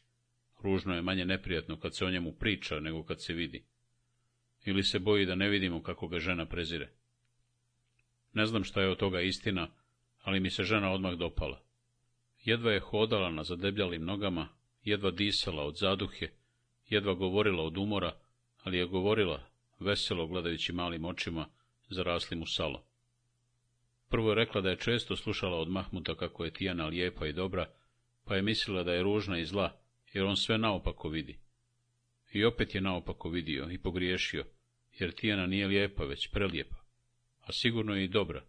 Ništa na njoj nije šiljato, ništa pakosno, ništa skriveno, a smijeh joj je zdrav i veseo, kako odavno nije čula. I voljela bi da je sretne svako jutro, da je i dan počne lijepo, Rekla bi po njoj da ni ja nisam rđav, jer se žena prozli pored rđava muža. A možda bi Tijana ostala ovakva i da sam ja rđav, jer joj Tijanine oči kažu da je ona dobra radi sebe, a ne radi drugih. Iako od muža mnogo zavisi, muž je sud, žena voda. A opet, muž koji želi sebi dobro, poslušat će ono što mu žena kaže. Muškarci su djeca, čak i kad ostare. Žene su razboritije, znaju tačno šta je dobro za porodicu, nikad ne prenagle, triput razmisle, naročito ako imaju djecu. Jer samo žena zna s kakvom ih je mukom nosila i uzdizala. Muškarci misle da je to ženama zabava i rijetko kad pomognu, često i odmognu, ali ne zato što su zli, već što nisu pametni. Ali šta možemo, rekla je smijući se veselo. Ludi su, naši su, neka su nam živi kakvi su da su. Mahmut je žmirkao kratkovidim očima i polako otrljao cjevanice, ne gledajući ženu ni njena dva zuba što su bjelasala iz šupljene usta. Govori li to ona o njemu? Ako i govori, ničim ga nije uvrijedila i ničeg ružnog nema u njenim vedrim riječima, čak ni skrivene žalbe. Onda nam je rekla da izađemo malo na vazduh. Izašli smo i cupkali na uskoj verandi, braneći se od vlažne hladnoće. Jesi li čuo? Priča, priča, rekao je Mahmut rastreseno. Priča, ali pametno. E, vidio bih ja tebe kad bi tu pamet slušao od jutra do mraka. Nisi kod kuće baš od jutra do mraka. Dosta mi je i ovoliko koliko jesam. Pa smo začutali, on misleći o svojim nepoznatim brigama, ja misleći o Tijani. Šta će reći Mahmutova žena? Šta može reći? Šta ona zna? Pomagala je mahalskim porodiljima, bajući, prepuštajući sve Božje volje pa su umirale ili ostajale, kako ih je sreća poslužila. Šta me se tiče, šta će reći? Dugo se zabavila, mahnuo sam glavom prema sobi, udarajući nogom u nogu. Nije dugo, već si ti zabrinut. Pa zabrinut sam. Nemaš zašto, žene su ko mačke. Kad nas je Mahmutova žena pozvala da uđemo, prvo sam pogledao u njeno lice, kakav je izraz, vedar ili lažno utješan. Vidio sam blista od zadovoljstva. Onda je sve dobro, pomislio sam srećan. Ona je divna žena i zaista zna svoj posao. Tijana se smiješila zbunjeno. Ne može biti bolje, rekla je Mahmutova žena, ponosno, kao da je to njena zasluga, i kucnula prstom o drvo. Tijana se brine. Htio sam da čujem još koju riječ o hrabrenje. Svaka žena se brine, ali ona nema zašto. Ti nemaš zašto da se brineš, srce moje, rodećeš ako Bog da, ko od šale, vidim to odmah. A kako i da ne vidim? Koliko sam trudnica čuvala i pobabila, ni sama ne znam. A i ja sam četvoro rodila, pa znam i po sebi. Četvoro, upitao sam začuđen. Dvoje je živo, dvoje je umrlo. Pogledao sam u Mahmuta. Zar nije govorio samo o kćerki? Nije odgovorio on, već njegova žena. Sin nam je u Mostaru, uči zlatarski zanat. Sad smo nas dvoje sami, pa se sjetila i pogledala po našoj siromašnoj sobi. Tjesno vam je ovdje, djeca. Šta kažeš, Mahmute, da pređu kod nas? Šteta im je da ovo ostavljaju zimi, vidiš kako grije pekar. Ponekad i ja dođem da se ogrijem. I za svađanje nam je zgodnije, kad smo sami. Našalio sam se, kasno se sjetivši da pogledam Tijanu. Srećom i ona se smijala. Nasmijala se i Mahmutova žena. Što se tiče svađe, nećemo vam smetati, a ni vi nama. Svađajte se slobodno, poslije je slađa ljubav. Dobro, vidjet ćemo na proljeće, ovdje bi vam s djetetom bilo nezgodno. Kako ste s parama? Dobro. Nije dobro, sigurno. Ako vam usvali, ti, čerko, dođi do mene. Naći će se što god. Nešto se leti Mahmut, nešto ja. Nikad nema mnogo, ali mnogo ne treba ni vama ni nama. A dođi mi i bez toga, da se ispričamo. Nemoj da čamiš sama. Nisam sama, Ahmet je sa mnom. Onda ga istiraj, muškarci ne treba da se vuku po kući, a ti dođi. Ostala mi je u vedrom sjećanju ta odlučna žena koja se nekako lako nosi sa životom. Sve je kod nje veselo i jednostavno. Stan vam ne valja, pređite nama. Podijelit ćemo što imamo. Hoćete da se svađate? Zašto se ne biste svađali? Hoćete da se volite? Zašto se ne biste voljeli? Poznavao sam ovakve žene, dolazile su moje majici, uvijek vedre zanimljive, sigurne, najuravnoteženija stvorenja na svijetu.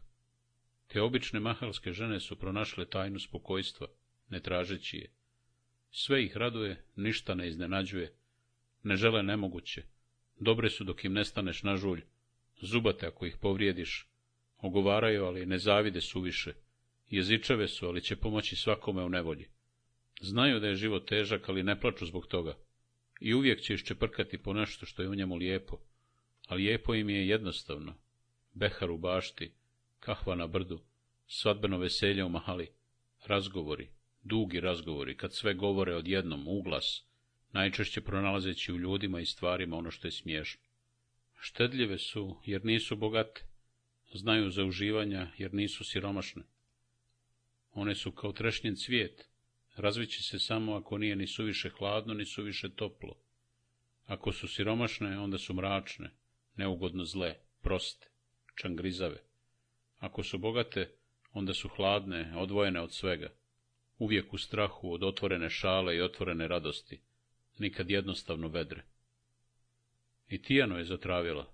Bože, kako je dobra, govorila je oduševljeno. Kako je vesela, kako je zadovoljna. Sreća da je Mahmut naišao na nju. Tijana je drugčija. Suviše je rano osjetila bol, samoću, nesigurnost.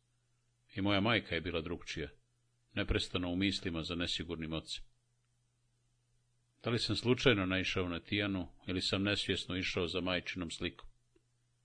Nisam znao, namirisao sam, unutrašnjim čulom osjetio ono što se ne može izvana vidjeti. Vraćao sam željeno djetinjstvo izgleda. Mahmutova žena je blagoslov Božji, ali ne znam da li bih bio zadovoljan da je Tijana kao ona. Možda bi mi smetalo kad bi bila tako jednostavna.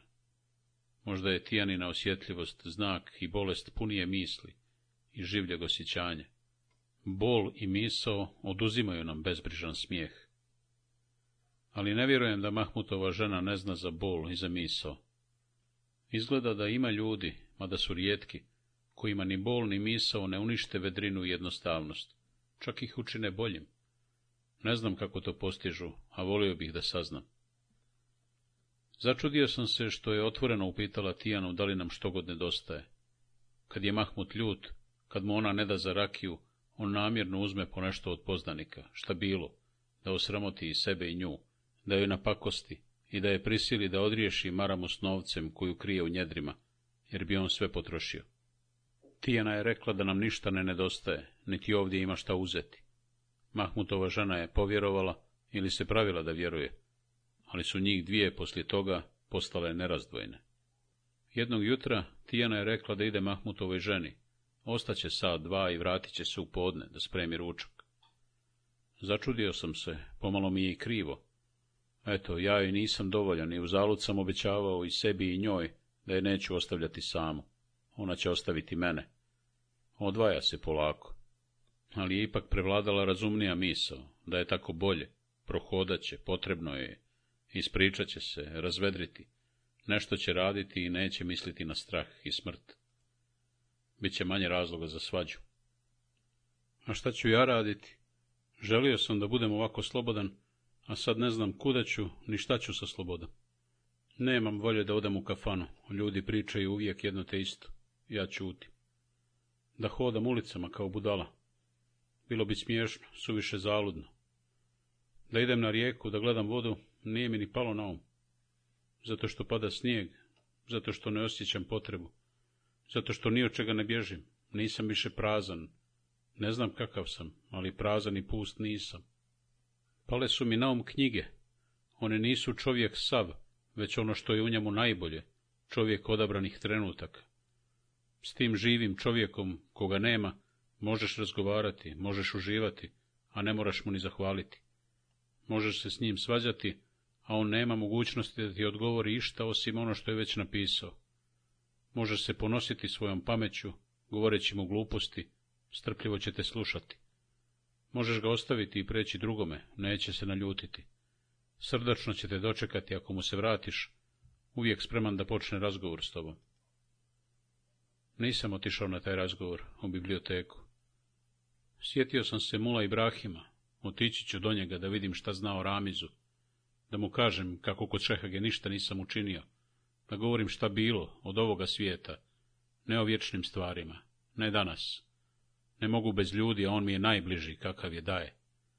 Pomagao mi je dok je smio, htio je da pomogne kad nije smio, i nije kriv što nije onakav kakvog bi ja želeo. I više žalim što nije drugčiji nego što se ljutim.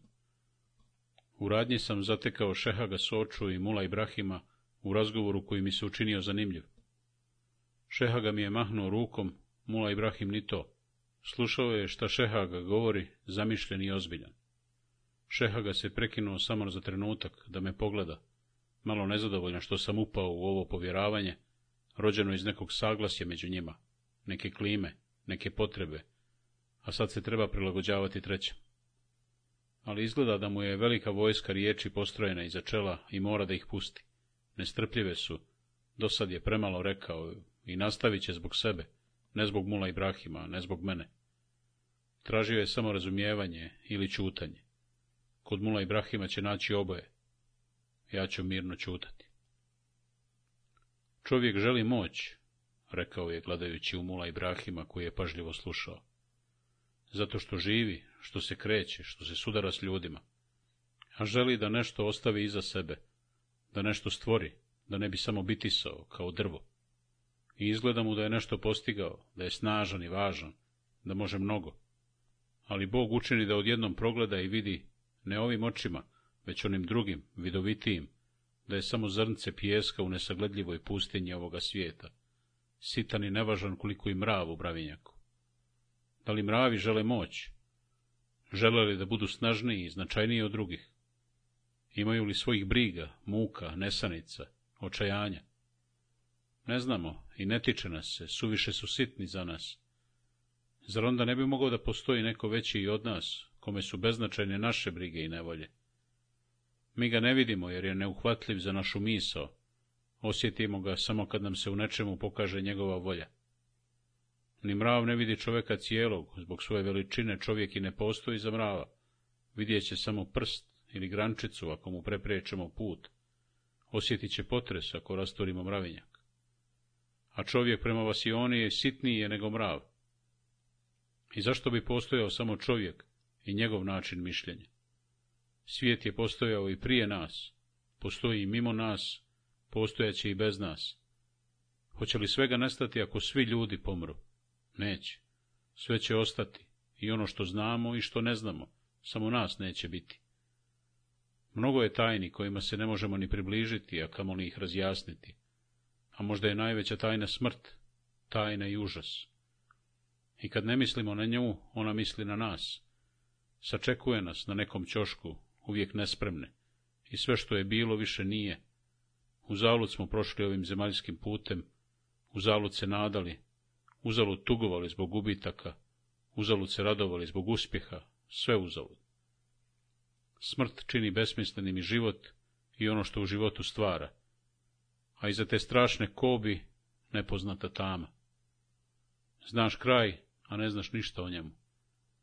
Pomiriti se s njim ne možeš, a ništa ne možeš izmijeniti.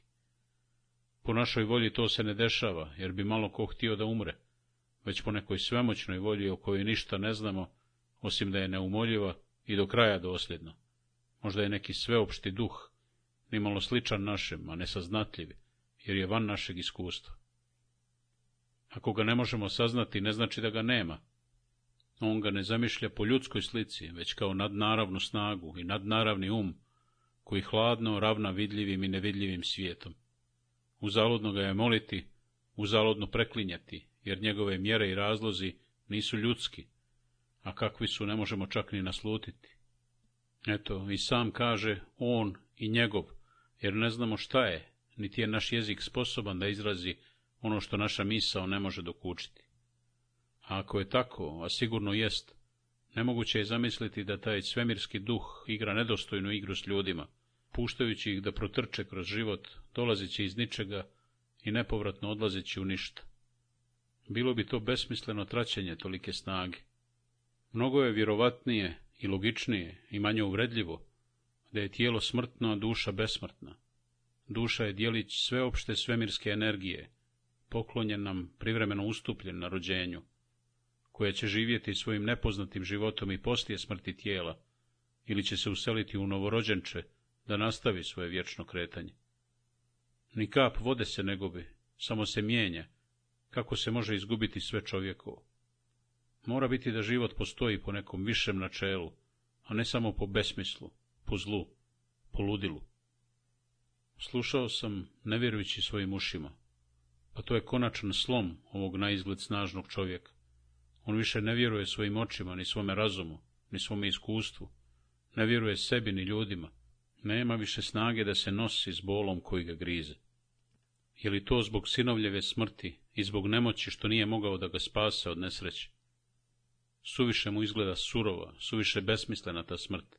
I tražio je razlog u volji izvan i iznad naše, a sebi utjehu u neizbježnosti onoga što se desilo. Suviše je ponosan da bi se priznao poraženim od ljudi. Neka to bude od bogova, od svemirskog duha, od mačega neshvatljivog.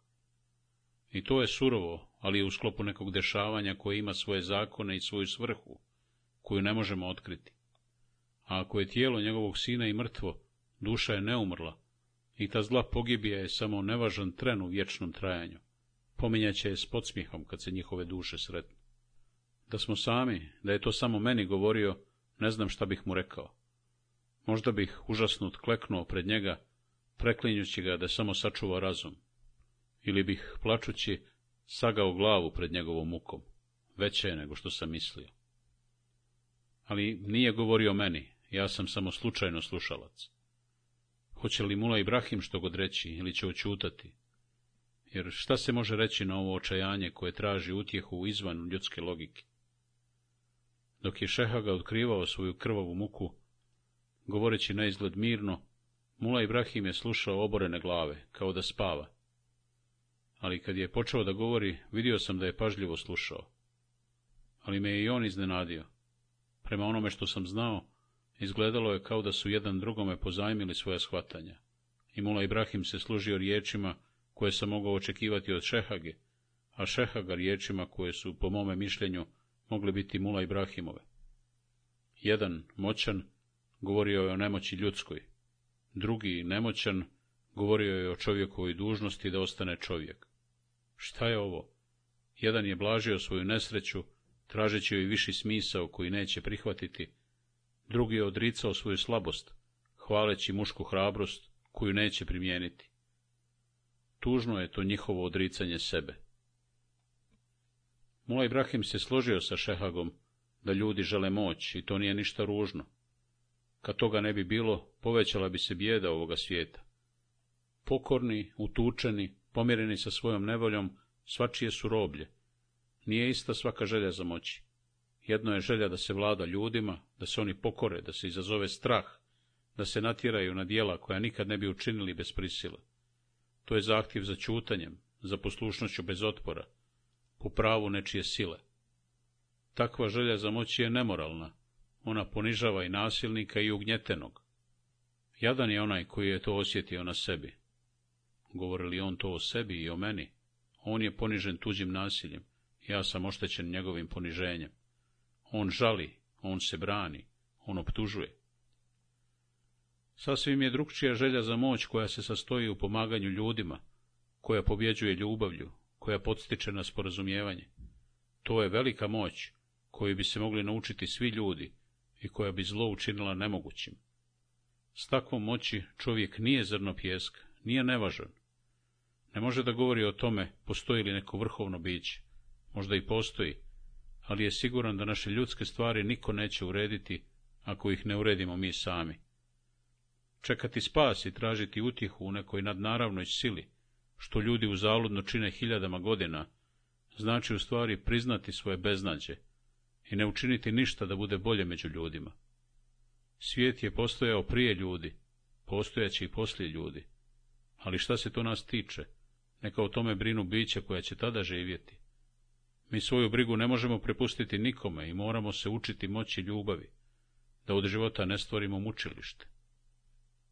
Što se tiče duše, i on je mislio o tome, jer je teško oteti se strahu i nespokojstvu zbog kratkog života i zbog nestanka u nepoznatoj tami vječnosti.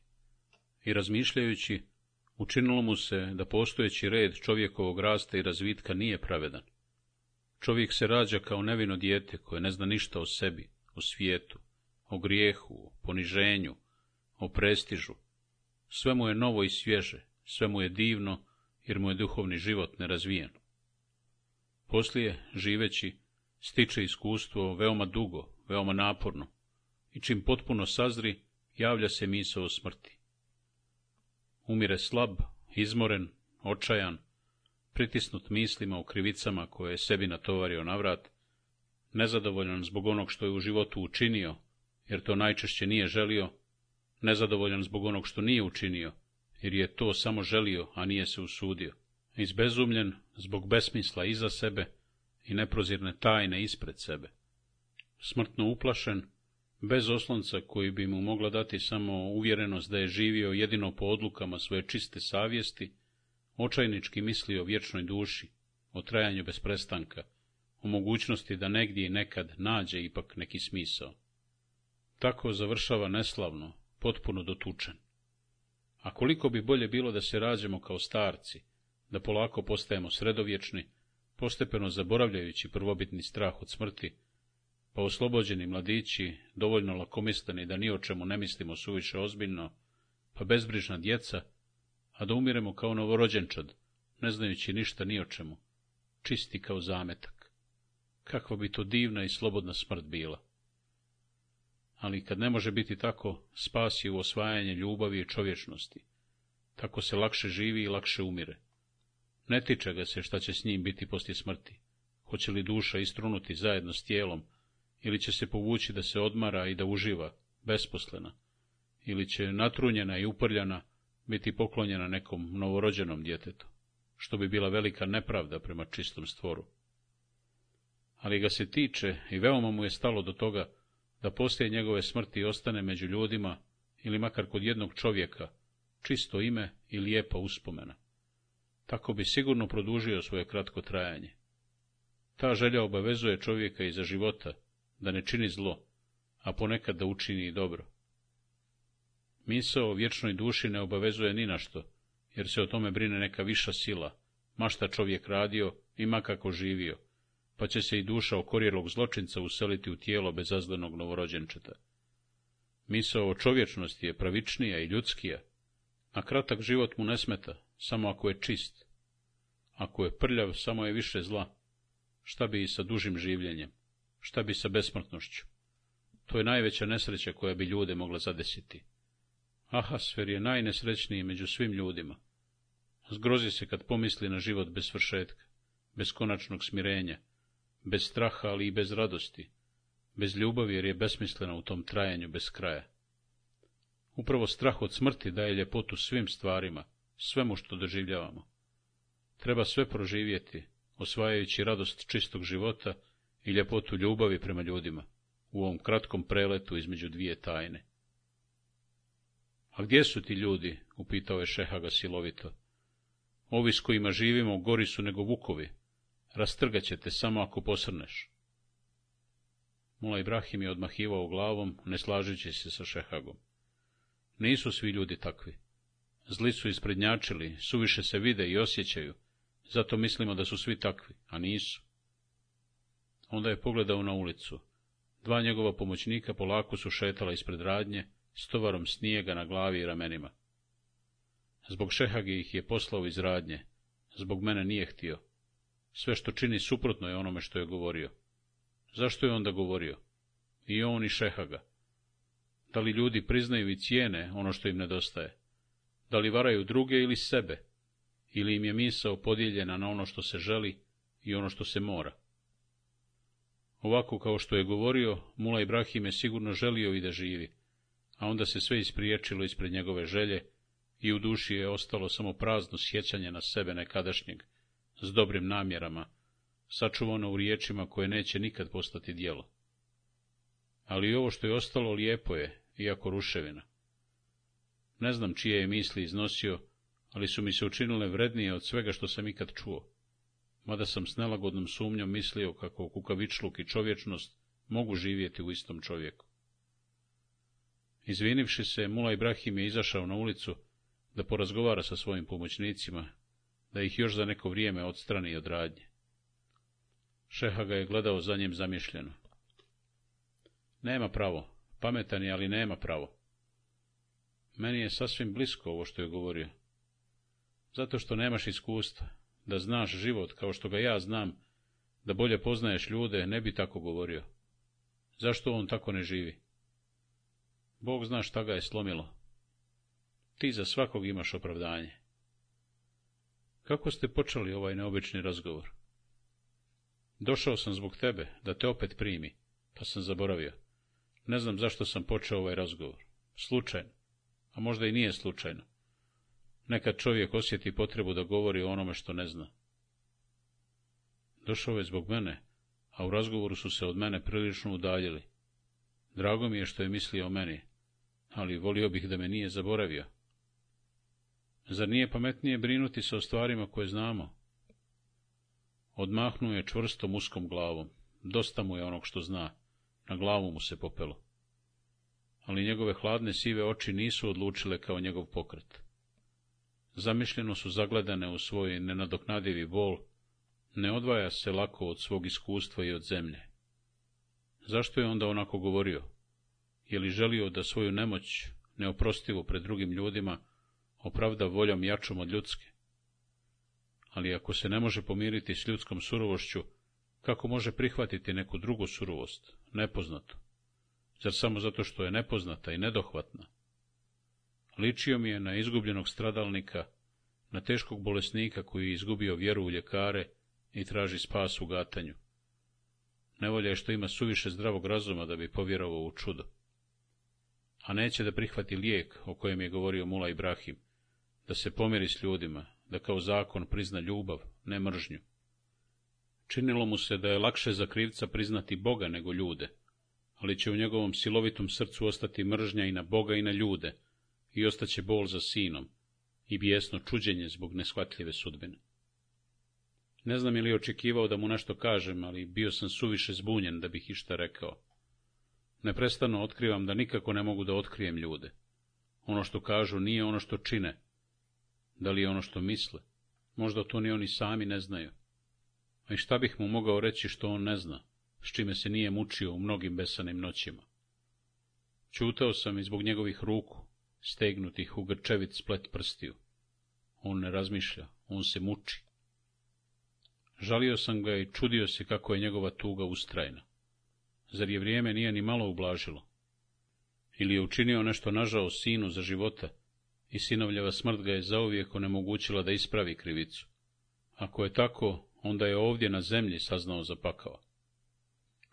I dok sam čutao, razmišljajući da li je konačna nesreća ili neostvarena plemenitost, što ljudi neprestano pitaju kako treba živjeti, u radnju je ušao čovjek koji je živio ne misleći o tome. Osman Vuk. Ušao je s Mula Ibrahimom nasmijan, stresajući kapom snijeg s ramena. Pada, rekao je veselo, kao da to niko ne vidi, i kao da je to najljepša i najvažnija stvar na svijetu. I kao da je srećan što može nekome saopštiti radosnu vijest koju je donio, osmijehnuo se Šehagi. Jedva sam se sjetio da te ovdje potražim. Imam nešto da ti kažem. Kaži. Volio bih nasamo. Šehaga je prenio pogled s njega na nas, namjeravao je da bude velikodušan i da pokaže kako pred nama nema tajni, ali je ta plemenita misao bila kratkotrajna. Opet je sav od ovoga svijeta. Oprostite, rekao je osmijeknuši se i izašao s Osmanom pred radnju.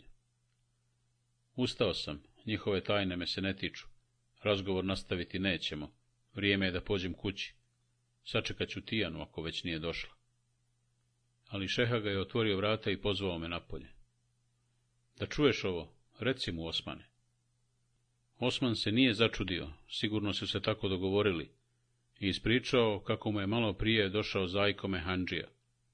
Ušao mu veli u mehanu Avdija, sin Omera Skakavca, malo pijan, pa i tu popio, i počeo se hvaliti da zna ko je oteo Ramiza iz tvrđave. Srećom, u Mehani je bio samo mujo dušica, Hamal, ulivao je u sebe rakiju od jutros, pa nije znao ni sam šta govori, a kamoli šta govore drugi. Zajko je dao Avdiji još piće i sad spava u mehani. Moju dušicu je nekako izgurao, on je mislio da ga to žena izgoni iz kuće, pa se nije bunio. Momko je naredio da čuva Avdiju i da nikog u mehanu ne pušta, a on je požurio da kaže Osmanu. I eto, rekao je Šehaga mirno, ako mladić zaista što god zna, moglo bi biti gužve. Trebalo bi javiti starom Omeru skakavcu, a ne znamo koga da pošaljamo.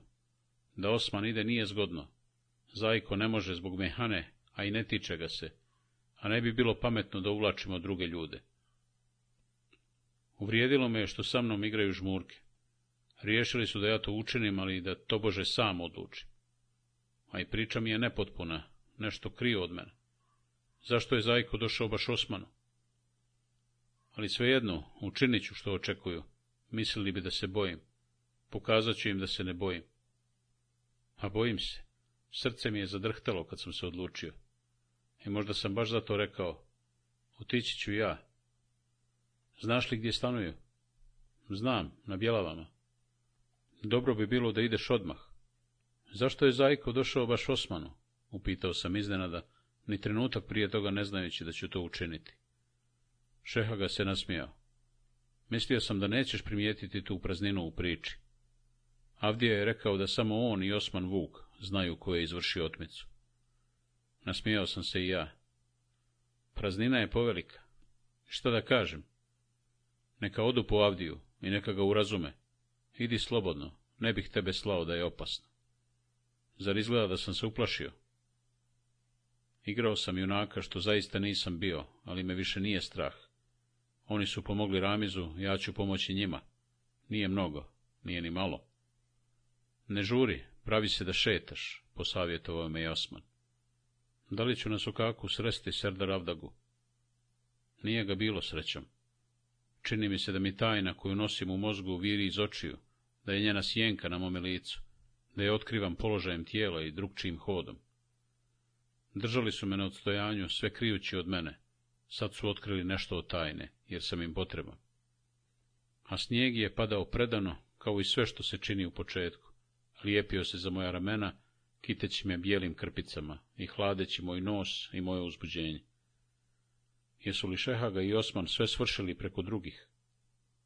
Neko je sigurno otišao do starog Omera Skakavca, predložio mu da sa sinovima izvrši otmicu, pogodio se za nagradu, poslije mu isplatio novac. Sad ja uklanjam moguće nezgodne posljedice. Ali ko je razgovarao s Dizdarom? Sa skakavcima je lako, to je za njih posao kao i svaki drugi, možda čak i jednostavniji od krađe konja u posavini i mačvi, što im izgleda glavno zanimanje. Mogli su pristati ili ne pristati i sve bi se svršilo na tome. Oni ne vole ni duge ni kratke razgovore s vlašću.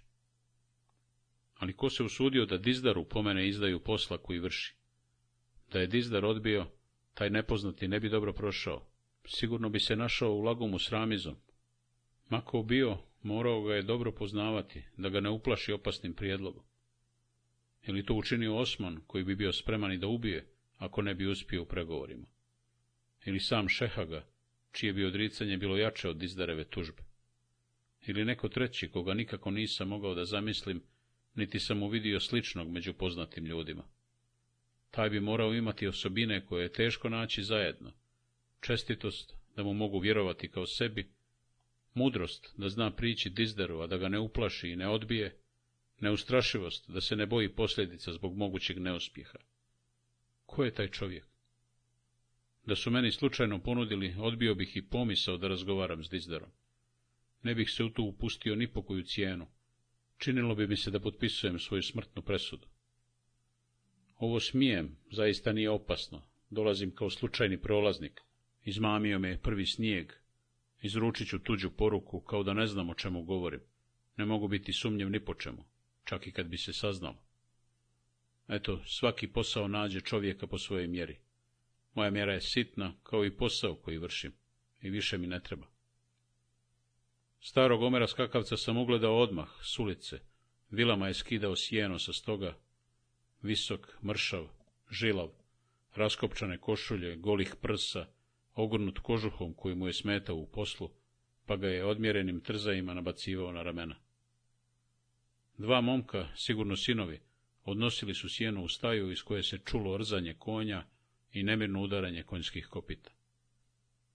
Starac me je hladno pogledao oštrim crnim očima kad sam mu prišao, očima opasnim i nepovjerljivim, prijetećim kao vrh noža, ne bih volio da stanem pred njih kad planu.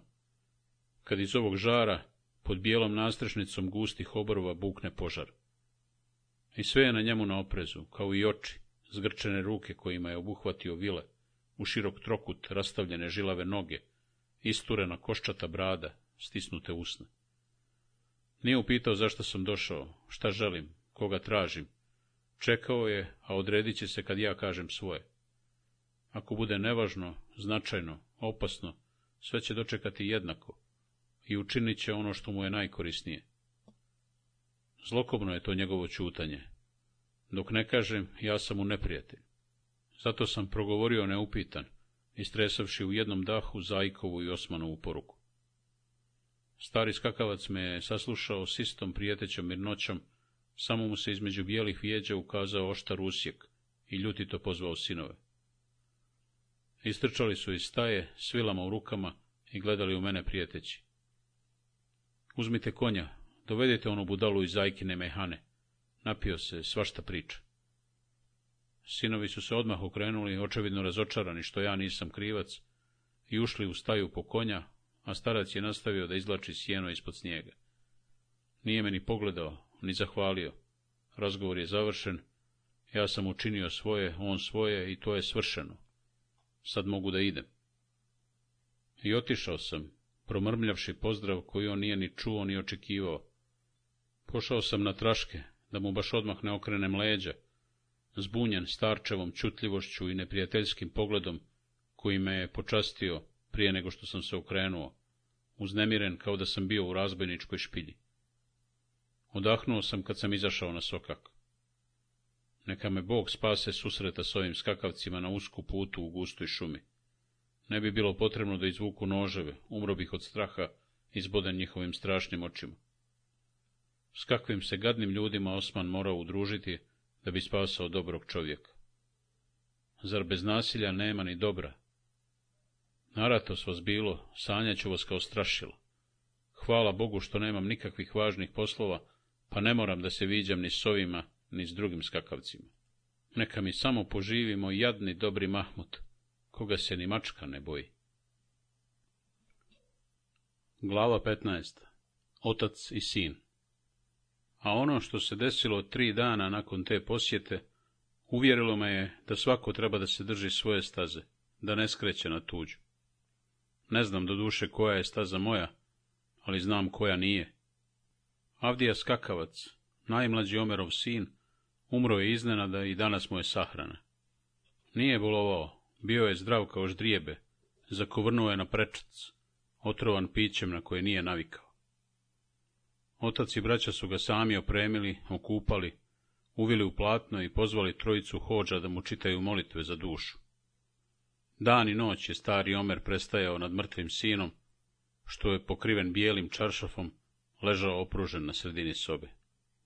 Osman me je pozvao da zajedno odemo na dženazu, pred Begovu džamiju, on mi je ispričao sve o Avdiji. Pa oni su ga ubili, rekao sam užasnut, sjetivši se ubilačkog pogleda Omera Skakavca. Ne vjerujem, možda je zaista umro od prekomjernog pića. Ali način kako odbija moju sumnju nije uvjerljiv. Čini to reda radi, ne zalažući se mnogo. Ne, ubili su ga sigurno. To i Osman zna, čak me je svojim pričanjem sam naveo na tu misao sad govori ono što treba da se kaže. Tukli su ga da mu utjeraju pamet u glavu, a istjerali su mu dušu iz tijela, ne želeći to. Njihova divljina, strašna i bez Avdije, postala je još strašnija zbog Avdijine gluposti. A mladić je teško pogriješio, prekršivši njihov zakon čutanja, koji ih štiti kao zid, koji je njihova tvrđava. Nisu voljeli da se hvale svojim dijelima. Nisu tražili priznanje za njih. Nisu puštali glas o sebi.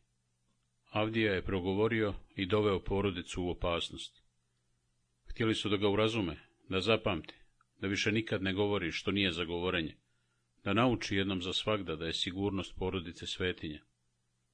A kad su zaključili da su ga udarcima dovoljno urazumili, jer tu riječi ne pomažu, kad su se složili da mu je za sad dosta te tvrde pouke a teško je znati šta je za njih dosta. Kad su ga pustili da se ispava, Avdija je zaspao zauvijek, izliječen od nerazumnosti, poučen da više nikad ne progovori ništa, urazumljen da porodicu ne dovodi u opasnost. Ubili su ga, a ja sam im odnio vijest o njegovoj krivici. Onda sam ja kriv za njegovu smrt. Zaprepastila me je ta miso, zabola mi se u srce kao nož, toliko obespokojavajuća da sam odmah počeo strastno da se brani. Nisam kriv.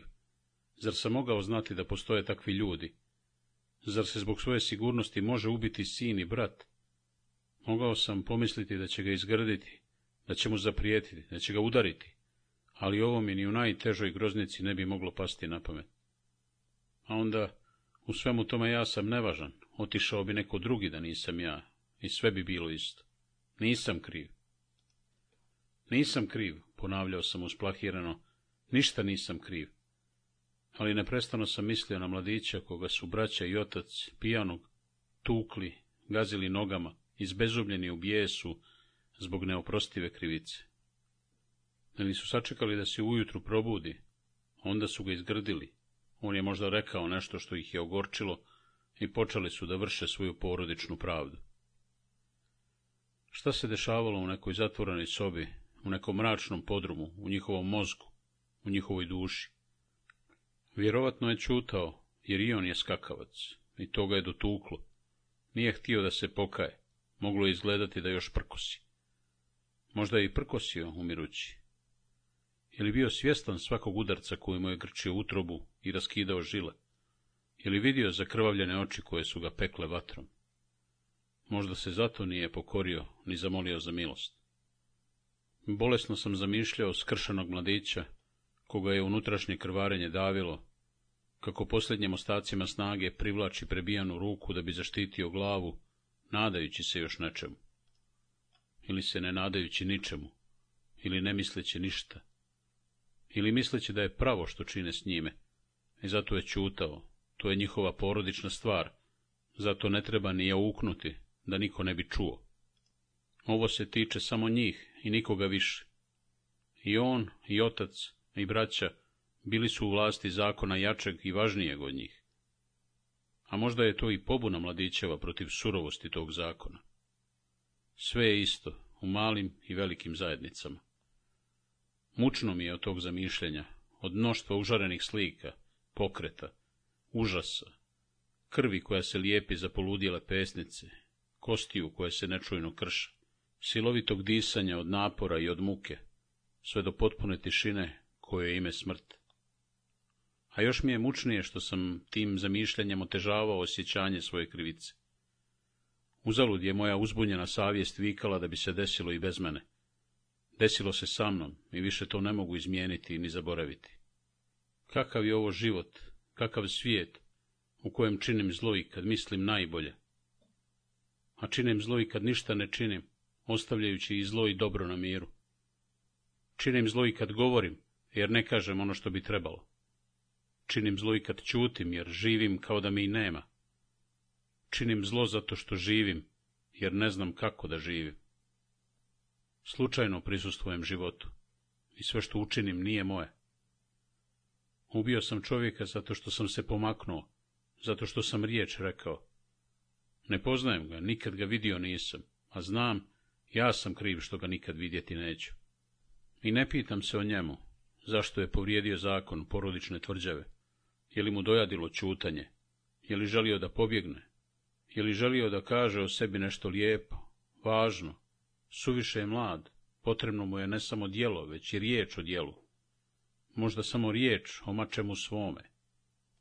Pitam se o sebi, zašto sam pristao da se umiješam u tuđi život, ne misleći ništa u želji da pokažem hrabrost koju nemam i da budem donekle jednak s ljudima s kojima jednak nikada ne mogu biti. I pitam se, šta sam to rekao što je toliko razgnjevilo starog Omera? Je li mi izmakla neka oštra riječ? Je li izgledalo da sam ogorčen zbog postupka mladićeva? Je bilo što god uvredljivo u nekom mome pokretu? Ne, ništa od svega toga nije bilo. Bio sam smušan, pomalo uplašen, pomalo uvrijeđen, što me starac gleda kao neprijatelja, što me jedva sluša. Mislio sam na sebe, ne na ono što govori, ne na mladića u kome govori. I to mu je bila presuda. Zato što sam rekao, svejedno kako. Zato što sam došao, svejedno zašto. Zato što sam stao na tuđu stazu. Osman je nešto pričao, ne znam šta, smijući se kao i uvijek, dok smo išli prema džamiji. Ja sam gledao u snježnu prtinu i mislio o svojoj krivici. Snijeg više nije čist i lijep. Pretvorio se u ružnu lapavicu, primjećujem to usput, nesvjesno. I aščenica se osjeća težak miris masla, od kojeg jedva dišem. Osmanov smijeh mi liči na ruganje moje muci. Molim te, prestani da se smiješ. Osman se iskreno začudio. Šta ti je? Šta ti smeta moj smijeh? Nisam odgovorio ljut na sebe. Zar mi već smete i kad se ljudi smiju? Začudo nije se naljutio. Upitao me je veselo. Rđavo si raspoložen izgleda. Ličiš na kiseli krastavac. Mani me, zmija bi se otrovala kad bi me ujela. Vidim, samo ne znam zašto, da se nisi posvađao sa ženom. A kakvo svađanje?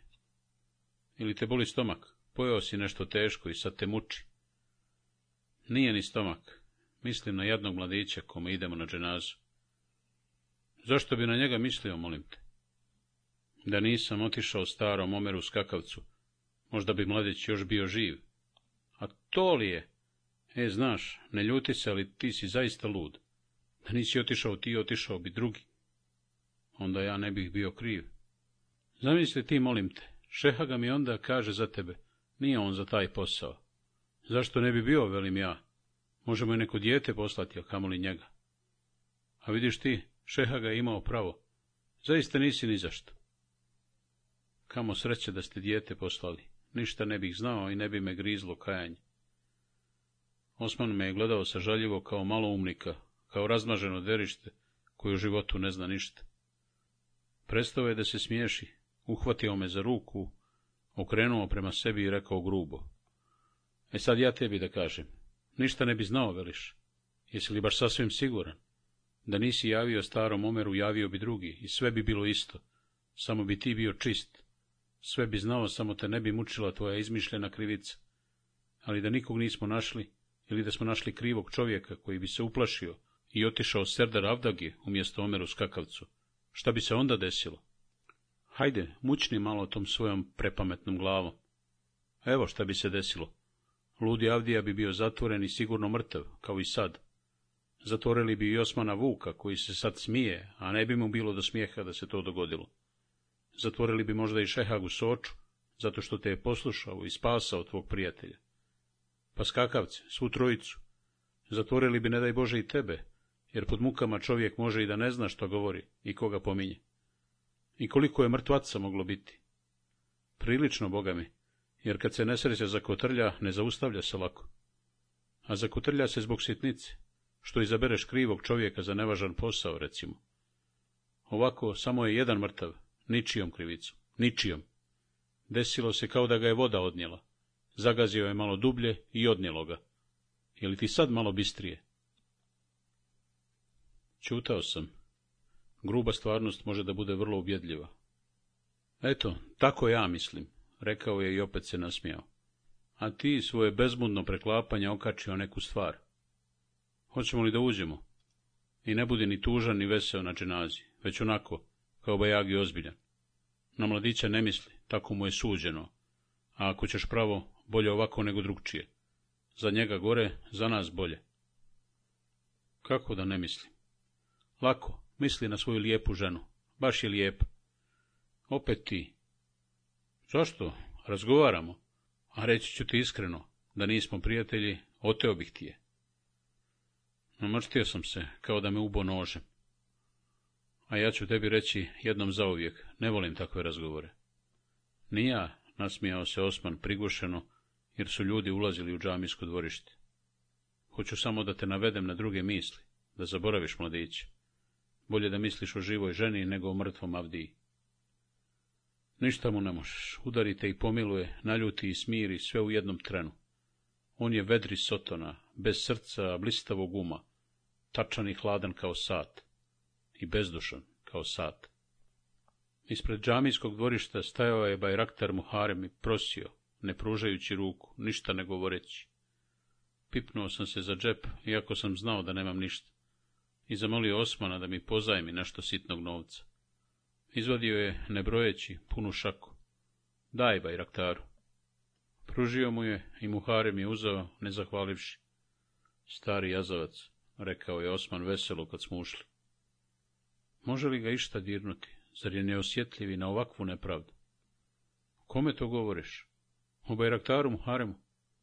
Zar ti nije žao čovjeka, nikad je u nevolji? Nije on kriv. Pa jest, ostavili su starog junaka na ulici. Zar je to smiješno? I prisilili ga da pod starost prosi, da ne umre od gladi. A zar nije tako? Pa nije, vrat, nije. Šta se čudiš? Nije. Šeha ga mu svakog mjeseca daje više nego što mu treba. Iznenadio sam se. Čuo sam da prosi iz inata, jer nije dobio što je tražio, a za ovo nisam znao. Tačno, iz inata. A da je dobio, bio bi kao i drugi, možda i gori. Sad čuti, počelo je. Stali smo na kraj reda što se stvori iza hođe i mrtvaca na kamenom postolju ispred džamije. Dok je hođa izgovarao molitve, mislio sam o Osman. Ili svijet kako ga on vidi jednostavniji ili složeniji nego svijet kako ga ja vidim? Izgleda da je složeniji, jer on zna da svaka stvar ima lice i naliči, prividi suštinu, koru i srčik. Za mene je Bajraktareva prošnja njegova nesreća i naša sramota. Za Osmana je to starčev hir i sitničava osveta. Ja sve vidim kao kobi nesporazum među ljudima, čemu nema lijek. On sve smjesti u ljudske okvire ljudske mjere, ne dajući prednost ni nevolji ni nasilju. Nevolja je ono što se mora, nasilje ono što se može. Kod njega se da i ne toliko miješaju da ih jedva razlikuješ. Zlo i dobro su rod rođeni i često idu pod ruku. Kazna i krivica su moć i nemoć. Život je zanimljivo rvalište u kojem jedni padaju, drugi pobjeđuju, ne zato što su gluplji ili pametniji, već što su jedni nespretni, drugi lukavi. Nespretne ne treba žaliti, bili bi surovi kao i oni drugi, samo kad bi ih slučaj ili sreća bacili nekome na leđa. Ne treba se uzbuđivati ni zbog čega i najbolje je svemu se smijati, i paziti da ne dođeš pod žrvanj. Ako nećeš da budeš odozgo, pričuvaj se da ne budeš odozdo i živi kako ti je volja. On ne mrzi ljude, samo ih ne uzima ozbiljno, pomalo ih prezire, život provedu u svađama i brigama, kao ludaci. Ova površna filozofija koja me je odbijala i privlačila, čudno je spajala neobaveznost i veliko poznavanje ljudi. Kod mene su se opet nekako spojili osjetljivost za svaki čin i veliko nepoznavanje ljudi. I mislio sam jednostavnije nego Osman, pored sve njegove površnosti. Kod mene su ne i da, ljeto i zima. Dobro i zlo su dvije razne strane svijeta. Kazni ima više nego krivica i nisu ni u kakvoj uzročnoj vezi. Život je žalosno razbojište u kojem su krvnici malobrojni, žrtve mnogobrojne. Dižu se bezobzirni, padaju slabi, i sve je toliko žalosno da je najlakše plakati i ne misliti. Moje mišljenje je malodušno i slabačko, neprihvatljivo za čovjeka koji djeluje. Njegovo je surovo i sebično, neprihvatljivo za čovjeka koji misli. Šta je onda prihvatljivo? Ramizovo? Njegov stav mi je najbliži i najdalji, jer je najnesebičniji i najopasniji, ali o njemu sada neću da mislim. U tom mučaljivom, smušenom preturanju po sebi, prečuo sam stare molitve koje znam, koje svako zna, a dobre su za svakog novog mrtvaca, jer je svačiji kraj isti, i ista je milost koja se traži od Boga. To uvijek ista ljudska sudbina i uvijek isto kukanje za opraštanje grijeha i čini sprovode toliko zamorni. A kad se hođa okrenuo prema nama i počeo da pita kakav je bio ovaj mrtvac, je li za života bio dobar i pošten, je li zaslužio carstvo nebesko, ja sam se trgao. Pogledao sam starog omera skakavca, vidio sam ga sa strane. Izbrazdano lice mu je oštro i zategnuto, bijele vjeđe nadnesene nad upale oči, kao krila neke bijele ptice. Šta sad misli, dok mi odgovaramo da je mrtvac bio dobar i pošten čovjek? Ili mu se steglo srce, ili ni sad ne da tuzi da mu priđe? Digao je glavu, bori se sa sobom, ili prkosi bolu, a onda mu je glava padala sve niže, bradom do prsa. Suza mu je kanula niz rijetke donje trepavice i polako klizeći niz hrapavo lice nestala u teškim brazdama. Gurnuo sam Osmana laktom i glavom pokazao na Omera. Osman je samo trepnuo, vidio je i on. A onda je i starac snažnim pokretom digao glavu i ostao zagledan u džamijski prozor iznad zemlje, iznad kamena, iznad mrtvaca, sam sa sobom. Zastidio se svojih suza, pred sobom ili pred drugim ljudima. Hoće li ga savladati tuga i kajanje kad padne noć koja nas izdvaja i usamljuje, i mrak koji nas suočava s nama samima? Ili će se odbraniti mladićevom krivicom i svetinjom ugrožene porodice? Sad je stajao pred nama kao žrtva nemilosrdne sudbine i ljudi su ga žalili, žalili su ubicu, a prava žrtva je ležala na kamenom postolju, pokrivena maslinastom čohom, nepomična i čutljiva, riječit prijekor samo ocu i braći. I eto, sve sam znao, i o ocu i o sinu, a žalio sam i jednog i drugog. Žrtve su obojice. Kad sam prišao Omeru da mu izjavim saučešće kao i ostali, njegovo kameno lice se zgrčilo, a ruka u mojoj ostala nepomična i hladna kao led. Prepoznao me je i sjetio se onog dana dok moj sin još bio živ. Bio sam crni glasnik i za njega i za mladiće. Povukao sam ruku i pridržao je klonulu i vrelu, uznemiren starčevom besmislenom mržnjom. Mrzit će i tebe, i mene, i sinove, i cijel svijet, samo da ne bi mislio na svoju krivicu, šapnuo mi je Osman, kao da je osjetio o čemu mislim. O svojoj krivici nisam dospio da mislim. Bojao sam se da će me mučiti dok budem gledao mladićev pokriveni leš. Zaturio sam je zbog mladićevog oca, dok sam otkrivao tajne njegovog ledenog lica.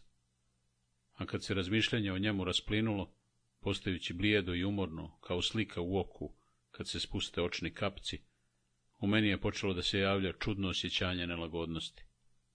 Nisam znao zašto. Zaboravljao sam je na trenutak, pa bi opet oživjela, kao mutna sjenka, kao nejasna misa o nečem neprijatnom. Nije o starcu, nije o mladiću. O čemu je onda? Zbog čega? Znao sam, tako se javljaju stari pokopani strahovi, neke prastare slutnje, bivša mučna predosjećanja, naročito ona iz rata, dok sam puzio kroz šumu, jedva smirujući stravu srca što je osjećalo blizinu tuđeg vojnika. Tragao sam za tim nemirima, lovio ih u sebi i izvlačio tobože mrtve, a onda ih opet nalazio u nekom krajičku misli, u središtu nekog straha bez razloga. Ali sad nikako ne mogu da pronađem tu neprepoznatu staru nelagodnost, a pominjao sam sve koje sam znao, zovući ih milostivim zovom, kao što fakir svirkom izlači zmije iz rupe. Moj zov je ostajao bez odziva. Zmijska prijetnja je ostala, iako nisam znao kakva je. Onda sam se okrenuo, iznenada, nizašto, i očima se susreo sa srda ravdaginim pogledom. Eto odakle izvire moja nelagodnost. Možda sam taj pogled vidio i nešto ranije, bez svijesti o njemu, ne zapamtivši ga, mislimo u nečem važnijem, a možda i nisam, nego me lijepeći se pogledom za moj potiljak upozorio na sebe prije nego što sam ga vidio. Naslutio sam ga, kao neprijateljskog vojnika. Tako smo stajali, kao metak i cilj. Poslije, kad sam prišao Omeru skakavcu, vidio sam da Osman razgovara s Avdago. Upitao sam ga kad smo se opet našli. Šta si to govorio s Avdagom? Pitao sam ga da li je poznavao Avdiju. Pa on je lud, ili oblijeće kao noćni leptir oko svijeće. Rekao sam, opominjući ga i prekorevajući. Poznavao sam jednog vojnika, postajao je strašno uznemiren čim počne bitka. Jurio je u najveći okršaj, samo da ne čeka. Poginuo je uskoro. E, ja ti nisam taj tvoj usplahireni vojnik. Avda ga je mene želio da upita isto, pa sam ga preduhitrio. Upitao je i on mene poslije. Ti i ja poznajemo svakoga, rekao sam mu. Ti zbog svojih poslova, ja zbog svojih. Samo što se moji poznanici ne kriju predamno. Sve vrijeme je gledao u mene. Gledao je svakog, to mu je posao, baš te briga. Zamolio sam ga da odemo do Mahmuta Neretljaka, sasvim je blizu, u Kujundžiluku, da mu kaže dvije lijepe riječi. Još nije zaboravio ni prebolio što ga momci na Bajram nisu pustili u kuću. Budala je taj tvoj Mahmut, i što se zakačio baš za mene? Jedina mu je želja da mu prijatelj bude neki važan čovjek. I ja sam taj važan čovjek danima govori samo o tebi. Osman je počeo da se smije, kao da je čuo najluđu šalu. E, veća je budala nego što se mislio. je ipak da se vidimo s Mahmutom, mada nije mogao da razumije moje razloge i sigurno je mislio da sam malo čaknut ili nešto krijem. On ne zna šta je sažaljenje, smatra da je uvredljivo i za ono koga pokazuje i za ono kome je namijenjeno. Napomenuo je da nema mnogo vremena i da ne zna zašto gubi vrijeme na ludosti, ali eto, reći ćete dvije glupave riječi, samo radi mene. Sigurno mi to zbog nečeg treba, a onda će za poslom, dosta je izgubio i ovako. Mahmut je bio u dućanu. Vidjeli smo kako je jedan mladić izašao, pa opet ušao. Nekoga je pozvao ili se nečeg sjetio. Kad smo se približili, čuli smo kako mladić, i visok, govori držeći se rukom za kvaku nezatvorenih vrata, kao da je htio samo još to da kaže pa da ode ali kad smo čuli šta govori, zastali smo. Pogledali u oškrenuta vrata, pogledali jedan od drugoga i nismo znali šta da radimo. Ja nisam znao, pa sam mislio da ni Osman ne zna. Odmah mi je bilo jasno, to je Mahmutov sin, Zlatar iz Mostara. Došao je na razgovor s ocem. Ali kakav je to razgovor, gospode Bože? Pa nije ni razgovor, već bijesno režanje, u koje je Mahmut ponekad plašljivo ubacivao poneku riječ. To mu je sin, šapnuo sam osmono nelagodno. Hajdemo odavde. Čekaj, hoću da čujem. Stao je sa strane pored vrata i slušao napregnuto, ružno isceren, mrmljajući nešto nerazumljivo. Sramota je, veliš, što tako govorim. Sramota je ono što ti radiš cijelog života. Otkako znam za sebe, znam i za stid zbog tebe. Danima sam plakao zbog oca lopova, djetinstvo si mi uništio. Kažem, otac mi, Jesi, nažalost. Zato sam i pobjegao od kuće, zbog takvog oca. Bio sam izgranik, kao i ti, ni kriv ni dužan. I sada, kad hoću da otpočnem novi život, imam pravo da tražim svoj dio. Evo ti radnja, eno ti kuća. Dovedi ženu ovamo, živjet ćemo zajedno. Skočio bih u neretvu, a ne bih se vratio ovamo. Pričekaj dok ne nađem novac. Neću da čekam i nećeš naći novac. Prodaj dućan, prodaj kuću, šta će vam onolika, uzmite manju. Zar pod starost, sine, zar ne možeš čekati da umremo? Nećemo dugo. Ne mogu čekati, novac mi treba. Jesi li razgovarao s majkom? Razgovarat ću ja s Kadijom, sudski ću tražiti svoj dio, a majku ću povesti sa sobom u Mostar. Njoj je dobro sa mnom, nikome nije dobro s tobom. Osman se krto nasmijao, iskezivši zube i počeo udarati nogama od prag da otrese snijeg s cipela, da ga čuju. Uhvatio sam ga za ruku, da ga spriječim. Otrgnuo se. U dućanu je nastala tišina. Ne pominje da smo čuli razgovor. Ušao je u radnju. Hoće li sve pokvariti? Mahmut je šašav, ali je ponosan. Čak je sakrio da ima sina. Prećutao ga je da ne bi otkrio svoju nevolju s njim. Smetamo li? upitao je Osman gledajući u mladića. Ne smetate, taman posla. Naravno da ne smetamo, nikad mu pomoć nije došla u bolje vrijeme. A ipak je šarao očima. Ko ti je ovo, Mahmute? Sin. Lijep ti sin. Mahmut je gledao u nas zbunjeno, ne znajući da li smo čuli šta su oni sin govorili. Požurio sam da ga umirim i da skrenem razgovor, jer je Osman bijesno udarao stegnutom pesnicom desne ruke od lan lijeve, i lako se moglo desiti da mu vlastniti dlan ne bude dovoljan. Svratili smo da te vidimo. Hvala vam, promucao je Mahmut. I da ti kažem zbog Bajrama, dodao je Osman neprirodno ljubazno. Žao mi je što se nismo vidjeli. Baš kaže Ahmetu, navalili poslovi, glavu ne mogu da podignem. Znam, rekao mi je. Mladić se okrenuo ocu.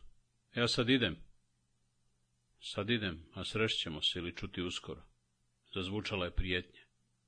I izašao je, ne pogledavši nas. Nismo ostavili na njega bog zna kakav utisak, a možda nas je otpisao čim je čuo da smo Mahmutovi prijatelji.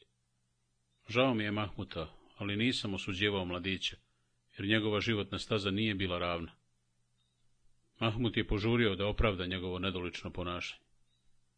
Ženi se, pa ne zna kud glavom udara. Baš razgovaramo malo prije da prodam ovaj dućan, a onda kupi što god u Mostaru. O, muko roditeljska. Prodaj, rekao je Osman odlučno. A ne znam, nije lako ni prodati. Kad prodaješ sve jeftino, kad kupuješ sve skupo. A nekako mi je žao, dođem ovamo, sjednem i čini mi se da nešto radim. Osman se odjednom nečega sjetio. A zašto sjediš u ovom praznom dućanu i varaš sam sebe da nešto radiš? Zašto nešto zaista ne radiš? Ostarilo se, moj Osmane, šta bih ja mogao da radim? Znaš li onu šehaginu magazu gdje držimo šito. Da li bi mogao zapisati koliko vreća primiš? Kako ne bih mogao? E onda nabavi mangalu i dođi po ključeve. Dedo odlazi, otvara svoju radnju. Mahmut je progutao pljuvačku, pa mu je guka dugo silazila niz tanki vrat. Pogledao u mene, da me pogledom upita je li to šala. Pošao prema Osmanu, pa stao, sasvim zbunjen. Hoće li zakolutati očima? Hoće li zamahati rukama? Hoće li pasti? Ali ne, Mahmud se hrabro drži. Uzbuđen je, ali se drži. I ja sam uzbuđen. Šta se to desilo s Osmanom? Ako se ne šališ, rekao je Mahmud drhtavo, trudeći se da izgleda obično. Ako se zaista ne šališ, pa pristajem, naravno, kako ne bih pristao. Ako se ne šališ, i ne znam kako da ti zahvalim. Šta imam da se šalim i šta imaš da mi zahvaljuješ? Ne postavljam te za muftiju. A ovaj dućan prodaj. ću, Idem da kažem ženi. ću odmah. A kuća? Da li da prodam i kuću? Gubio je glavu. Zašto bi kuću prodavao? Velika je. Šta će nam onolika? Kupio bih manju. A kad ti dođu sin i snaha, bilo bi vam tjesno u maloj kući. Pravo imaš. Zaista bi bilo tjesno. Išli smo poslije čaršijom čuteći. Osman je odmahivao glavom kao da se još čudi i ljuti. Rekao sam ono što sam mislio. Iznenadio si me, mislio sam o tebi drugčije. Naljutio me onaj magarac. Bojao sam se da ga ne udariš. Umalo. Ili ga udariti, ili učiniti nešto glupo, druge nije bilo. Nisi učinio ništa glupo. E, nisam, đavo. Vidjet ćeš kakva će terapana nastati u magazi. Mahmut nije ni za kakav posao. Ne daj mu novac u ruke, rekao sam nerado, ali je pošteno da mu to kažem. Pošteno je zbog Mahmuta. Zar ti tako o prijatelju? Bolje bi bilo da ne dođe u iskušenje. Prilika stvara lopova. Osman se nasmijao. On se smijehom liječi izgleda. I lopov stvara priliku. Doći će u iskušenje, naravno, i podleći će. Novca neće imati, jer ja sve isplaćujem ali će odvaditi kilu dvije i svake vreće i njemu dosta. Tako i dedo radio, i jeno otvorio svoj dućan. E uradit će svako, taman da sveca dovedeš. E pa vrlo važno, svaki dobar trgovac uračuna kalo, uzimajući u obzir tu ljudsku slabost. Bilo bi pametno kad bismo kalo uručunavali na sve u životu. Znaš da tako mora biti i ne ljutiš se. E, I tako, prvi put sam vidio da i Osman ima slabosti. I prvi put se prevario za Mahmuta. Od magaze za žito Mahmut je stvorio svoje carstvo. Okrečena, očišćena, prozračena, postala je ljepša i svjetlija, a mala soba u kojoj je sjedio pretvorila se u ugodno prebivalište. Na sredini sobice je mangala puna žara, oko zida lijepa sjećija, pod je opran, zidovi bijeli, Mahmut veseo. Lijepo ti je ovdje, rekao sam ono što je Mahmut sigurno volio da čuje. Nije bilo lijepo, vjerujem, kad sam prvi put došao, smučilo mi se. Prljavo, mračno, ružno, gadno ti da uđeš, a kamoli da ostaneš. Gdje ću primati prijatelje, mislim. Pa nagovorim Osmanagu, te majstori okreće. Ja i žena očistimo i operemo, donesemo ove stvari od kuće i eto, sad je ovako. Sigurno se čudi što će mi velika sećija. I Osmanaga se čudio. Ko ti je taj Osmanag? Osmanaga Vuk. Ova sećija je za komšije, trgovce i zanatlije. Već su jutros bili. Juče sam ja njih posjetio i pozvao na naselj. To ti je prvo što si uradio. Prvo sam očistio, a onda ih pozvao. Takav je trgovački red. Hoćeš li im davati savjete o poslovima? A ne, to se među trgovcima ne radi, osim ako te neko upita, a imam dosta i svoga posla. Ni rakiju ne osjećam. Ovdje ne pijem, nije red. Popijem kod kuće, ali malo, pa na spavanje. Na posao valja uraniti, a valja i okasniti. Čekaj, molim te, da nisam zalutao, da ne govorim s nekim koji je sličan Mahmutu. Zar baš ništa nije ostalo od starog Mahmuta? Došao sam pameti, to je sva promjena. Nabolje, nadam se, a bilo bi vrijeme da se ti smiriš. Šta se ovo desilo s Mahmutom? Dok je hodao besposlen, bio je svraka brbljivic, sad je pametna sova. Nekad je kršio sva pravila, kao nedorasli dječak. Sad zna šta je čaršijski red, kao svaki trgovčić. Šta je od njega učinio Osman? Je li leptiru iščupao krila i ostavio crva da puzi po zemlji? Bio je zanimljiv, sad je dosadan. Bio je sočan, sad je sparušen. Bio je jedan jedini, sad je jedan od mnogih. Zar to znači opametiti se? Sanjaš li još da ćeš se obogatiti? Ne sanjam, odgovorio je pametno. Zašto bih lagao sebi? Ovako je sigurnije, i bolje, i lakše. Posao nije težak, o plati s Osmanagom još nisam govorio. Ko ti je Osmanaga? Osmanaga Vuk, brate. O plati, velim, još nismo govorili, ali ako bude kao dedina, ne bojim se sirotinje pod starost. A neće biti manja, sigurno. Vjerujem da će biti i veća. Osmanaga zna kako je bilo prije mene, a kako je sad. — Jesi li vidio mačke u magazi? Kakve mačke? Donio sam četiri mačke iz komšiluka. Posla je malo više, mijenjam im vodu, čistim što unerede, ali je korisno. Love miševe. To ti je pametno, rekao sam, ne krijući da se rugam. On je to primio sasvim ozbiljno. Pa jest pametno. Vidim, miševa čitava vojska, vreće izgrizene, žito pojedeno, šteta i kolika. Ovako računam neka ih je u magazi dvije stotine, a ima više. Za godinu će ih biti dvije hiljade, za deset godina dvadeset hiljade. Pa šta su čekali do sad, zašto ih ima samo dvije stotine? Lani su sigurno bila samo dva miša, muško i žensko, a kote se strašno. I tako, bit će ih dvije hiljade. E pa, neka jedan miš pojede samo dvadeset zrna na dan. Dvijesta miševa dnevno pojede četiri hiljade zrna, godišnje oko milijon i po zrna. Neka u svakoj oki ima dvije hiljade zrna, to je 750 oka. Ako još toliko dođe komšijskih miševa na čast, a sigurno dođe i više, koliko je to tovara žita? Tovara? Osmana ga je zinuo kad sam mu to izračunao.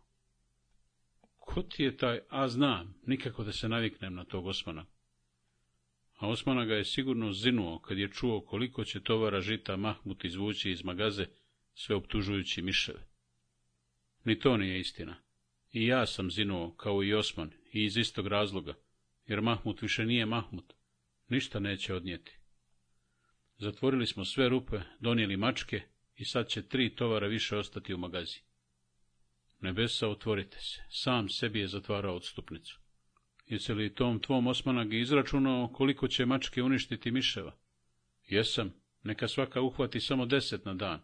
Četiri će uloviti četrdeset miševa godišnje toliko i toliko u redu, i tako će u ovoj borbi mačaka i miševa pobijediti miševi, nadam se.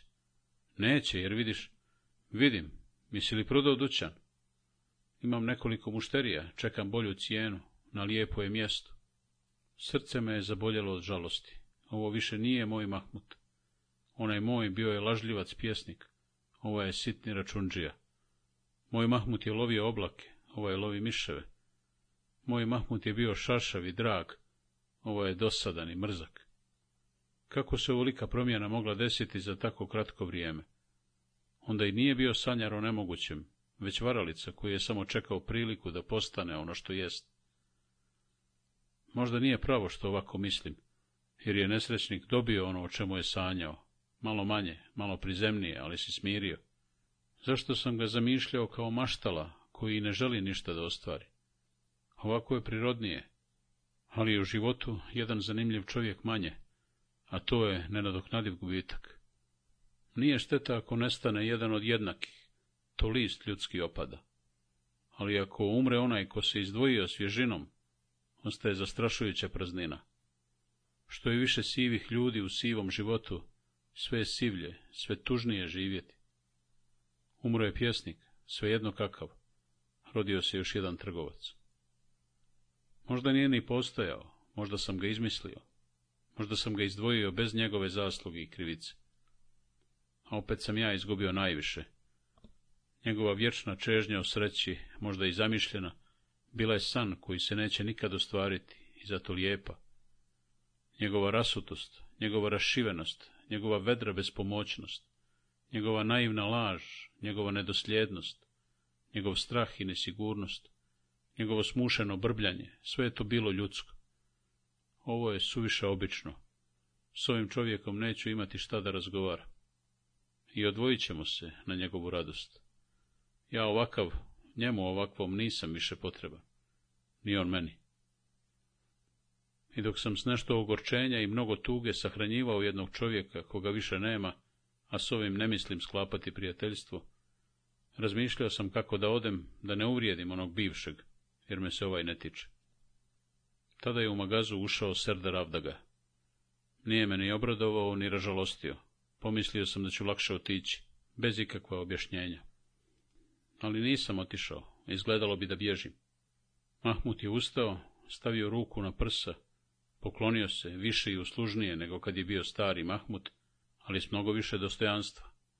Nekad ga je sačekivao jadan i uplašen, nemajući mogućnosti da misli o svome držanju. Sad je miran, siguran, zaštićen i zna šta je red. Nešto mu je i rekao, nisam zapamtio riječi, ali znam da je lijepo i skladno. Drag mu je, počašćen je, tako nekako. I baš zato sam odlučio da ja ne ustanem, uvrijeđen Mahmutovim ponašanjem, njegovom žalosnom promjenom koja se to vidi u svemu, ogorčen njegovom spoljašnjom poniznošću i stvarnom sigurnošću, najneprihvatljivijom i od svega što je Mahmut mogao izmisliti. Ne izmisliti, već postati. Ništa on više neće izmisliti. A onda mi je palo na um da je ovakvo moje ponašanje neprikladno i nije prkos Mahmutu, već Avdagi, a bez ikakvog razloga i smisla. Pa sam nesigurno ustao i opet sjeo, i opet ustao i sjeo, kad je Mahmut doveo Avdagu do sećije kao nevjestu. Tako mi je pokvarilo raspoloženje i Mahmutovo i moje ponašanje, a moje smiješno ustajanje me je uvjerilo da je u nevažnim stvarima najbolje učiniti ono što i drugi čine, jer bi mogao učiniti ono što niko ne čini. Šteta što ne mogu da odem odmah, bilo bi nezgodno, izazovno, i možda bih opet nekoliko puta polazio i odustajao, kao što sam sjedao i ustajao. Najgore je što čovjek, zbog jedne sitne greške, počne da ih niže kao đerdan, ništa toliko ne mrzi usamljenost kao pogreška. Najmanja je mogućnost da pogriješim ako budem čutao. Čutao je i Serdar Avdaga. Srećom govorio je Mahmut. Pričao je isto što i meni, čak istim riječima. Ne tiče ga se što ja slušam, ranije to nikad ne bi učinio. O krećenju, o pranju, o stvarima, o miševima, o zrnima žita u jednoj oki, o šteti, o mačkama iz komšiluka i o koristi od njih, što je priznao i sam Osmanaga. Jedva sam se uzdržao da se ne nasmijem, kad je sam Avdaga upitao, koji to Osmanaga? Samo on nije pitao podsmješljivo i gorko kao ja, on zaista nije znao ko je Osmanaga, jer Osmana niko tako nije zvao. Mahmutovo pričanje je bilo glupo i sitničavo, kao i malo prije, možda još nepodnošljivije, jer sam slušao drugi put, a ovi zidovi će ga slušati svaki dan, ja neću nikad više ali je sada i ovako kakvo je ovo dosadno trabunjanje bar imalo nekog smisla, služilo nečemu, ispunjavalo je mučnu tišinu koja bi nas mogla poklopiti. Izbjegavao sam Avdagin pogled, tobože slušajući Mahmutovu priču. A kad bi ga pogledao, vidio sam da čuti i sluša. Čuti sigurnije nego što sluša. Pogled mu je prikovan za žar u mangali. Čutanje mu je teško, teretno, mučno, puno zle volje i začudo tuge. Tuge, zaista. Odakle tuga u srcu i na licu ovog čovjeka koji ni ubijenog brata nije požalio, koji nikog svoga nema, jer mu ne treba, kome je njegova služba i žena i djeca i ljubav i sreća. A ipak tuga i potištenost vire mu iz očiju, iz držanja, iz svake crte lica, isti kao kod svakog drugog čovjeka ali što mu je muka na licu izgledala teža, glavo mu je padala sve niža, i kad se činilo da će zaspati, odjednom je digao ruku usred Mahmutove priče i prekinuo ga, ne sačekavši ni kraj rečenice o mačkama i miševima. Mahmut je poslušno začutao, ni zbunjen, ni uplašen, i mirno čekao njegovu riječ. Avda ga je upitao tiho. — Zašto ti je Osman dao ovo mjesto? Zna da sam pošten i vrijedan, zato mi je dao ovo mjesto. A zašto nije njega uzeo? Pokazao je na mene. Ne voli da radi, kao ni ti, ali je pošteniji od tebe. Nije red da mi to pominješ, Avdaga. Svakome se svašta dešavalo u mladosti, a i platio sam, i previše. Što me ne sudiš po onome kakav sam bio i kakav sam sad. Za ovo poslije ne znam, ne zna ni Osman. Za ono prije znam, Zna i Osman. Zašto ti je onda dao mjesto, a nisi ni trgovac? Znaš šta, Avdaga, rekao je Mahmud kao svaki čovjek od ugleda, kome su udarili na ponos. Kako bi bilo da pitaš Osmanagu, a ne mene, on će najbolje znati. Možda ću pitati i njega, sad pitam tebe. Zašto ti je dao ovo mjesto? Pravo da ti kažem, tvoje pitanje je uvredljivo. Ne znam je li uvredljivo, ali je potrebno pa su začutali. Mahmut je počeo da trlja svoju bolesnu nogu. Strah i uvrijeđenost ga uvijek na nju podsjeti. Avda ga je tužnim mrtvim očima gledao u Mahmuta, sigurno žaleći što mu glava nije od stakla ili što je ne može razbiti, da bi u Mahmutovu mozgu našao odgovor na pitanje koje ga je i dovelo ovam. Nijedan ni drugi nisu izgleda znali ništa. Mahmut je uvjeren da ga je poslužila sreća jedan čovjek je konačno otkrio njegovu trgovačku sposobnost i zato mu je dao mjesto. Svaka druga pretpostavka, ma kakva daje, a ne može ni da je nasluti, za njega je uvreda. Avda ga je opet mislio da je samo lud čovjek mogao iz čista mira uzeti Mahmuta u službu. Osman nije lud, onda mora da postoji neki razlog za taj nerazumni postupak. Koji razlog? Je li ga nečim zadužio? Je li mu ovo plata za neku uslugu? Mahmutova usluga je uvijek sumnjiva, ga to dobro zna. U tom slučaju učinjeno je nešto ružno i vrijedilo bi znati šta je to. Da li on uvijek traži ovako naslijepo? Dugo je čutao, i to je način da uznemiri čovjek. Mahmut je drhtavim prstima sve jače gnječio bolesnu nogu, učutkan Avdaginim čutanjem o nejasnoj sumnji, nemiran zbog Avdaginog teškog pogleda, uplašen zbog Avdagine upornosti koji nije znao razlog. Možda je pomislio, zar prepreke već na prvom koraku, zar će pokušati da stanu na put moje sreći? Tako ojađen počeo mi je ličiti na starog Mahmuta.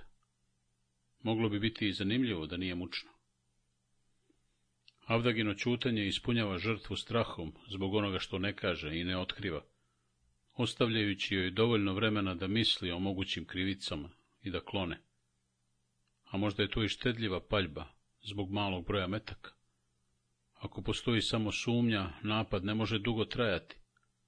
Vrtjeli bi se u sumanutom krugu istih pitanja i istih odgovora, i sumnja ne bi postala sigurnija.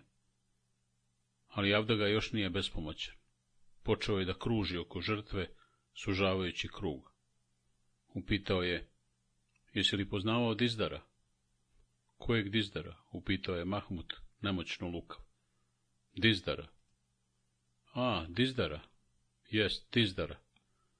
Poznavao sam Dobro. Samo iz viđenja. Jesi li često s njim razgovarao? Nikada, ne često. U životu s njim nisam progovorio ni riječ. Sjeti se. Znam dobro. Da li bi se mogao zakleti? Mogao bih. A kad si bio zatvoren u tvrđavi? A to, ne znam, možda me je pitao za ime. I za krivicu. Zaboravio sam. Jesi li zaboravio još togod? Ne znam na šta misliš. Kad si posljednji put govorio s njim? Kažem ti, onda u tvrđavi. Ne kažeš ti, već ja. A sad, uskoro? Poslije onog nikad više, djece mi moje. Vidio sam koliko vrijedi tvoja zakletva. Upitaj Dizdara i on će ti potvrditi. Opet je naišlo čutanje, kao oblak. Mahmut je grčevito odbijao da je razgovarao s Dizdarom, kao da je to samo po sebi sumnjivo. Tako bi odricao da je šetao pored rijeke, da je jeo sarmu za ručak, da ima pet umjesto četiri mačke. Samo kad bi ga avdaga o tome pitao, jer ko zna šta sve može biti sumnjivo i opasno a meni je tek tada postalo jasno. Havda ga vrši istragu zbog otmice i misli da je Mahmut razgovarao s Dizdarom. Za tu uslugu Osman mu je dao posao. Žao mi je Mahmuta, znam da nije umješan ni u šta, a ne mogu mu pomoći. Kako da kažem Avdagi, Osman Vuk nije znao za Mahmuta. Streli su se tek u noći kad je otmica izvršena. Zašto mu je dao posao, ne znam. I mene i Mahmuta je iznenadio, možda i sebe, tim trenutkom slabosti, koji se neće skoro ponoviti. Avdagan ne može razumijeti ljudsku nedosljednost ni neočekivanu odluku. On vidi samo uzrok i posljedicu, uslugu i nagradu. On misli, neko je nagovorio od izdara da pusti otmičare u tvrđevu. Poslije toga je Osman Vuk dao ovo mjesto nesposobnom Mahmutu. Zašto? Zato što je Mahmut nagovorio od izdara. A po Avdaginoj logici, to je toliko jasno da je siguran dokaz čak i Mahmutovo zbunjeno odricanje a tužan je zato što mu ne može dokazati krivicu. Potreban je dokaz, suviše je pošten da bi čovjek kaznio bez dokaza. Potreban je svjedok, potrebno je priznanje, a gdje su? Nema ih, još nema, ali više neće pustiti Mahmuta, do njegova ili svoga pada. Slijedit će ga kao što gladni kurijak slijedi starog jelena. Posrta će obojica, bježeći i goneći, disaće isprekidano od straha i od sladostrašća. Možda će žrtva klonuti, možda će pristati da strada, samo da se oslobodi umora. A ni zbog čega, zbog sumnje koja je krivo spojila neke činjenice. A ja slušam, čutim, ne smijem da kažem, ostavi čovjeka na miru, ne zna čak ni šta ga pitaš, i zato će postati još sumnjiviji. I kad bih rekao, bilo bi u zalud. Avda ga je bolesnik svoga poziva, to mu je jedina strast, on živi zato da goni i hvata ljude, kao što drugi živi da ih tješi i liječi. Samo što ga u svom poslu češće doživljava radost uspjeha. Ali zašto sumnja na Osmana? Da li mu ja pozajmljujem znanje o Osmanu, a on o njemu i ne misli? A možda i misli, ako je Mahmutu dao ovo mjesto, nešto je platio. On sumnja na cijel svijet, sa sumnjom živi, sumnju sanja i ne uvijek bez razloga. Zla dijela se dešavaju svaki dan. Ako krivac nije uhvaćen, svi ljudi su mogući krivci. On dobro zna da ni za jednog živog čovjeka niko neće svjedočiti da neće učiniti zlo. Avda ga traga, avda ga sumnja, to je njegova kob, dužnost i zadovoljstvo. I nije mu lako, jer je najčešće mrak oko zločina. I pravi krivac prolazi pored njega, gleda mu u oči, mirno obavlja svoj posao. Smije se, možda čak sjedi s njim. On samo sluti, miriše, osjeća. Možda se približava i ponovo udaljava. Siguran pa nesiguran. Srećan kad nađe trag, očajan kad ga izgubi. I samo bi ga smrt mogla natjerati da prekine traganje. Jer zna, ako odustane, ako se umori, ako ne uhvati i kazni krivca, zločin će zavladati svijetom. Tama će pasti na zemlju, doći će sudnji dan. Kod Mahmuta je naišao na tanušnu nit, ali se ipak čvrsto uhvatio za nju. Najžalosnije je što je Mahmutova sreća razlog Avdagine sumnje i Osmanova plemenitost, za koju se i sam kaje. Neki ljudi su zaista baksuzi. Toliki su uspjeli u životu bez pameti, bez sposobnosti, bez poštenja i niko se ne čudi. A žalosni Mahmut, samo što je ušao u svoju mračnu magazu, puno miševa i brabonjaka, misleći da se oslobodio straha od gladne starosti, odmah je postao sumnjiv. Uvijek je bio jad i nesreća, kako sad da se smiri. Nije ga Osman doveo zbog lijepih očiju. I zaista, zašto mu je Osman dao ovo mjesto? Ružno je što ovo pitam, ali zaista zašto? Obradovao me kad je to učinio, ali zašto? Šta znam zašto? Ja sam zamolio Osmana da ga one večeri povede u Mehanu. Ja sam ga zamolio da mu kaže nekoliko lijepih riječi. Ja sam kriv što smo čuli svađu, zbog koje se Osman naljutio. Sve to znam, pa ipak zašto? Zar samo zato što je sin bio drzak prema ocu? Osmana ne može dirnuti ni mnogo teža stvar od jedne obične svađe. Eto kako je tuđa sumnja zarazna. Podrivate i kad znaš da je čovjek prav. Ako je prav. A šta onda ako nije? Ako je iskusni lovac savda ga na pravom tragu? Ta misao me porazila. Nemoguće. Znam da nije tako. Ali misao se više nije mogla zaustaviti i protiv moje volje je prelazila granicu koju je postavljala moja dobra volja, uvlačeći me cijelog u ponor stvorene mogućnosti. Ako je tako, onda je sve lako sklopiti i sve je jasno. Osman je poslao Mahmuta da razgovara sa Dizdarom, on mu je najpogodniji, jer Mahmutu niko ništa ne bi vjerovao ako bi izdao. Mahmut je poslije uporno navaljivao da se vidi s Osmanom, da bi naplatio svoju uslugu. Osman ga je odbijao, da ne bi sve postalo sumnjivo, a Mahmutov jedan položaj pred sinom poslužio je Osmanu kao dobar izgovor da mu da obećanu nagradu. Sve se slaže. Samo se ne slaže što sam ja ispao budala, ali to se njih ne tiče. Vješto su se pretvarali, krijući sve, a ja sam im služio kao spona i zaklon. Sve se slaže, tačno onako kako bi Osman mogao zamisliti. Ljudi su za njega samo sredstvo, zašto bih ja bio izuzetak? Ali Mahmut, kako je Mahmut mogao toliko da se pretvara? Mislio sam da znam sve o njemu, vjerovao sam da je svakakav i nikakav, ali da ništa skriveno u njemu ostati ne može. Skrivao je tobože svoje bezvrijedne tajne, čutao o njima dan ili sat, a onda je sve iznosio na dlanu, oslobađajući ih se olakšano, kao da je skidao teret sa sebe. Bio je za mene nesređeno matoro dijete s golubijom dušom i zato mi drag. Ali ako je igrao u ružnu igru, onda je smrtljivi matori lupež, koga moram što prije zaboraviti. Raskinuo sam s jednim Mahmutom, ovim sadašnjim. Hoću li raskinuti i s onim nekadašnjim, nepostojećim? Pogledao sam u njega, mračan od sumnje.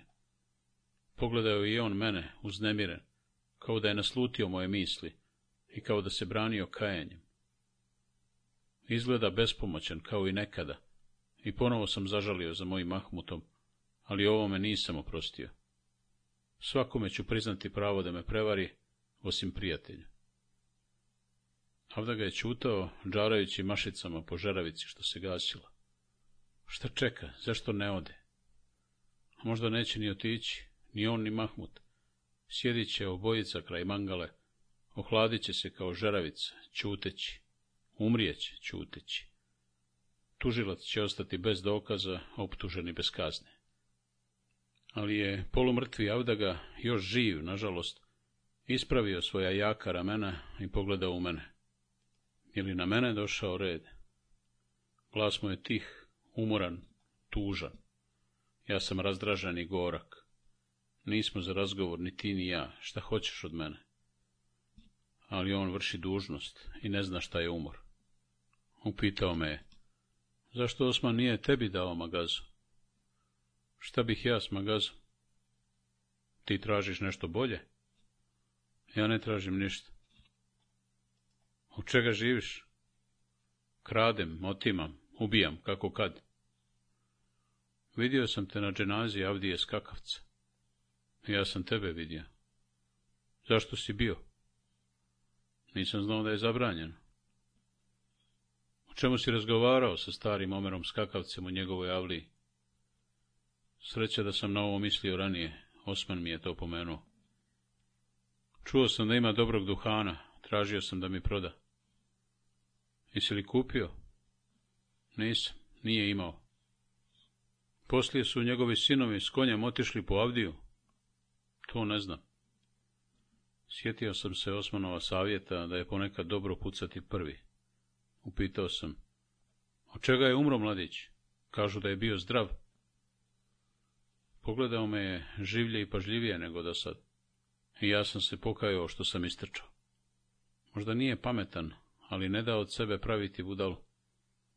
Nije mi odgovorio, i to je najgori odgovor, kao da je rekao, ti mene pitaš. Posjedio je još malo zagledan u mangalu, a onda se polako digao i, ne žureći, izašao iz sobe. Mahmud ga je ispratio, bez volje i bez sigurnosti, i vratio se zabrinut. Odmah mi se obratio, čim je zatvorio vrata. Zašto me je ono pitao o dizderu I mene je pitao o Omeru Skakavcu. Ali zašto? Možda će nam sutra reći. Misliš da će doći i sutra? Sigurno. O, brate, kako gleda, kako čuti, strah te uhvati. Zašto bi te hvatao strah ako nisi kriv? Kako kriv, pobogu, što to govoriš? I zašto kriv? Ustao sam i pozdravio se, da pođem. Nisam više mogao da ostanem s njim. Duboko me je zaboljala njegova moguća izdaja. Uplašio ga je moj odlazak, a možda i moja hladnoća. Opet je ličio na starog Mahmuta, ali mu moja pozlijeđenost nije dala da se digne iz mrtvih. Ostani još malo, molio je. Moram da idem. Ostavio sam ga samog, s miševim, s mačkama, sa strahom. Na ulici sam pomislio kako nije trebalo da to učinim, ali se nisam vratio. Glava šestnaesta nadgrubni natpis. Sutradan, kad sam u podne došao u kući, Tijana je rekla da me je Mahmu tražio. Objasnio sam joj zašto me traži, opet se osjeća sam. Trgovcima ne može govoriti o svom strahu. Nešto je izgleda petljao s Osmanom, pa Serdar ga sumnja. Nagovještavao sam iz daleka, da se ne uplaši, ali ona jedva da je čula, kao da su joj dosadile gluposti koje čine muškarci. Imala je prečih poslova nego što su naša podmetanja i naše laži. Pokazala mi je maramu koju je poklonila Mahmutova žena Paša, rađenu tankom iglom na svili, sa sitnim lančićima žutog i plavog cvijeća u sredini i na rubovima. Zar to nije ljepše od naših petljavina? Među njima se stvorilo lijepo prijateljstvo, pa i više od prijateljstva. Postale su potrebne jedna drugoj. Ako Tijana ne bi otišla na vratnik, Paša bi došla njoj i odmah bi se razvezao razgovor. Nastavljao se od juče, da bi se produžio sutra. Najviše su govorile o djetetu koje je Tijana nosila. Spremale se da rade dječju opremu. Nagađale da li će biti muško ili žensko. Pominjale bezbroj imena iz pjesama, iz istorije, iz života, da bi za taj dan izabrale jedno, obično najgore, kao što će učiniti i kad se dijete rodi, pa će to nemoguće ime novi čovjek vući za sobom kao teret ili porugu kroz cijel život. Paša je iživljavala svoje neiscrpno materinstvo. Malo je svoje djece, žalila je što nije rodila desetora. A Tijana je u tim radosnim brigama zaturila strah i crne slutnje, ozbiljno zabavljena sitnicama, začuđeno obuzeta osjećanjem sreće i ponosa. Mene je pomalo zaboravila, potisnula me u stranu, nisam više važan kao ranije. Svu pažnju zaukupljao je taj živi, a nerođeni stvor, življi od mene, značajniji od svega na svijetu.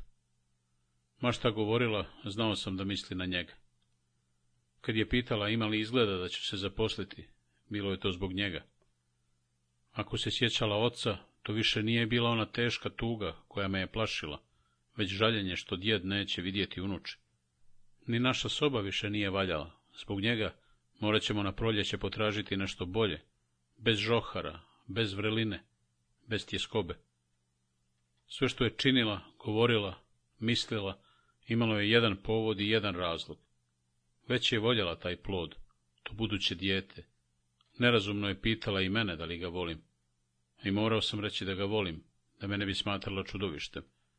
Jer ne bi shvatila da majka voli i misa o djetetu, a da će otac zavoljeti živo stvorenje, možda tek od njegovog prvog osmijeha.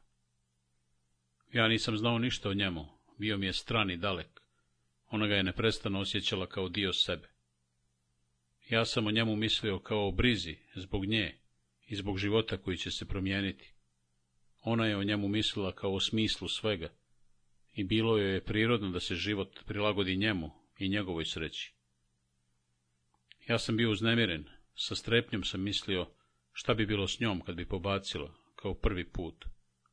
Ona je mirna, sve u njoj i oko nje je sređeno.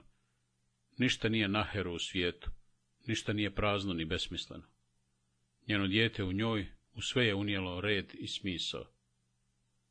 Gledao sam kako u poslu oko ručka zastane, iznenađena, široko otvorenih očiju, blaženo osmijehnuta i polako sjeda na sećiju, uspravljena, sabrana, svečana i rukom pažljivo dotiče okruglinu trbuha.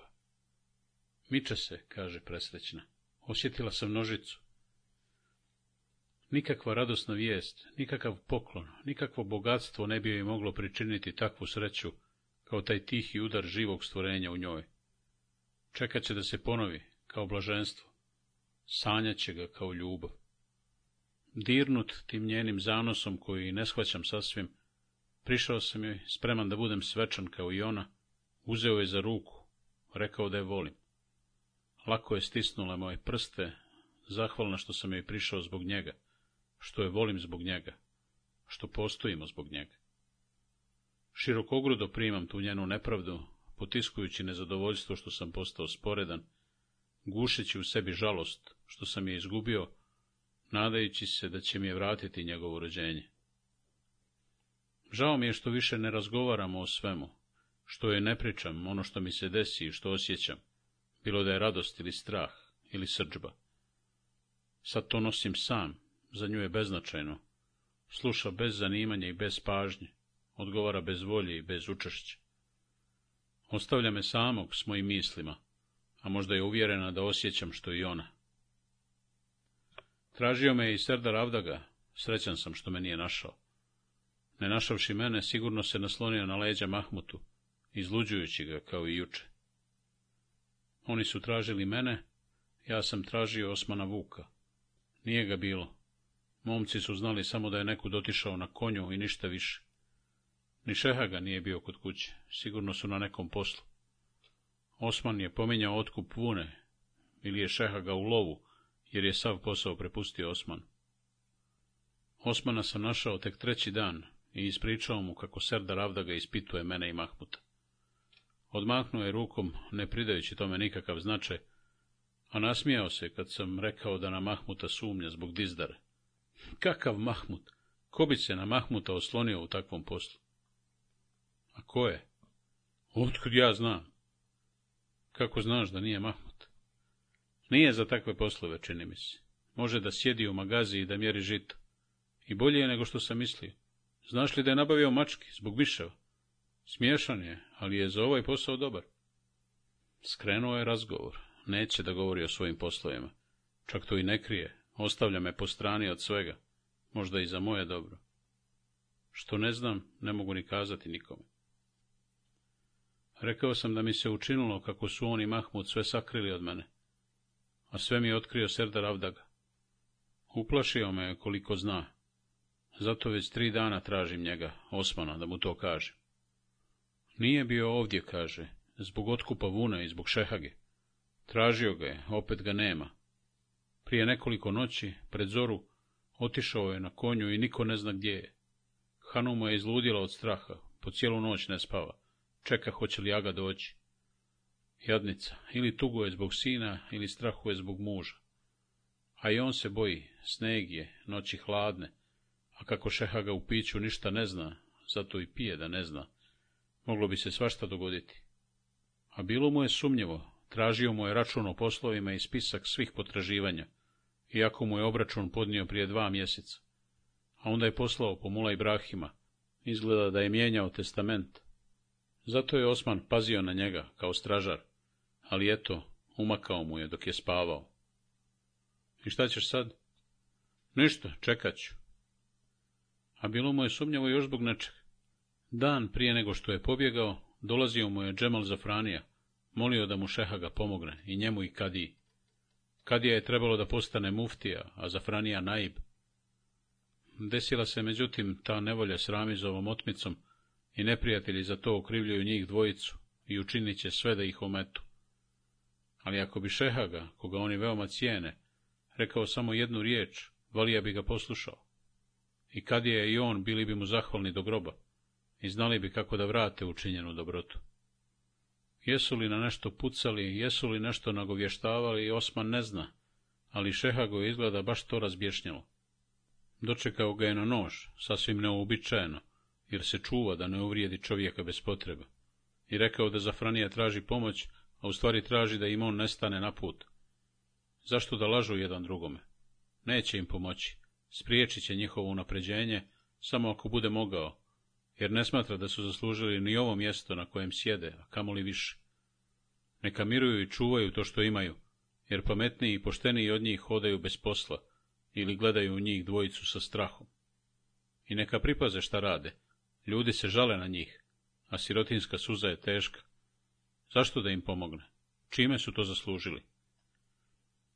Osmanu je čudno što je Šeha tako rekao. Mogao je obećati pa ne učiniti i sve bi ispalo na isto, ali je Šehaga već bio zapao u svoju muku i u Zafraniji je vidio onog nepoznatog i bezimenog sudiju što je njegovog sina osudio na smrt, ili će osuditi nekog drugog, i nije mogao da se suzdrži, nije mogao da ne istrese mržnju i tugu. Zafranija je izašao blijed, držeći se rukom za zid, a Šeha ga je otišao valiji da spriječi to unapređenje koje ga se ne tiče. Da se sa Zafranijom susreo u nekom srećnijem času, kad nije otrovan mržnjom, možda bi sve bilo isto, ali uljudnije. Ali šeha ga više ne vlada sobom mi sve je teže što je stariji. Muči ga misao da iza njega neće ostati ništa, čak ni ime. I eto, sad smo u otvorenom ratu. Svejedno je do duše da li je otvoren ili skriveni, ali se valja pričuvati, jer ni oni nisu anđeli. I vratit će udarac, samo ako mognu. I ti se pričuvaj, rekao je smijući se, jer si na ovoj strani. Jesu li zato poslali Avdagu da me ispituje? Avdaga je od njih najgluplji i najpošteniji. Čestit je kao divlji vepar, napada nemisleći zlo. Možda su ga i poslali. Traže dokaze, bez sigurnih dokaza ne smiju na šehagu. A gdje će ih naći? Hoće li skakavac reći? Ako su oni umješani, ništa neće reći. Nemaš razloga za strah nemam ni razloga ni straha. Hvala Bogu, strah je najgora izdajica. Čudan je čovjek Osman, mirno govori o svemu, sve vidi, ali se ne plaši, čak kao da uživa u ovoj gužvi. Izaziva poštovanje svojom smišljenošću i hladnoću. Kao da je oklopljen šehagenom moći, svojim nebojanjem, nadmoćnim preziranjem ljudi, drskim lukavstvom, bezobzirnošću, spremnošću da učini, ali da ćuti, jer ga zanima dijelo, a ne glas o njemu. Vjeran je Šehagi izgleda zato što poštuje njegovu snagu, zato što mu je potrebna njegova zaštita, zato što radi šta hoće.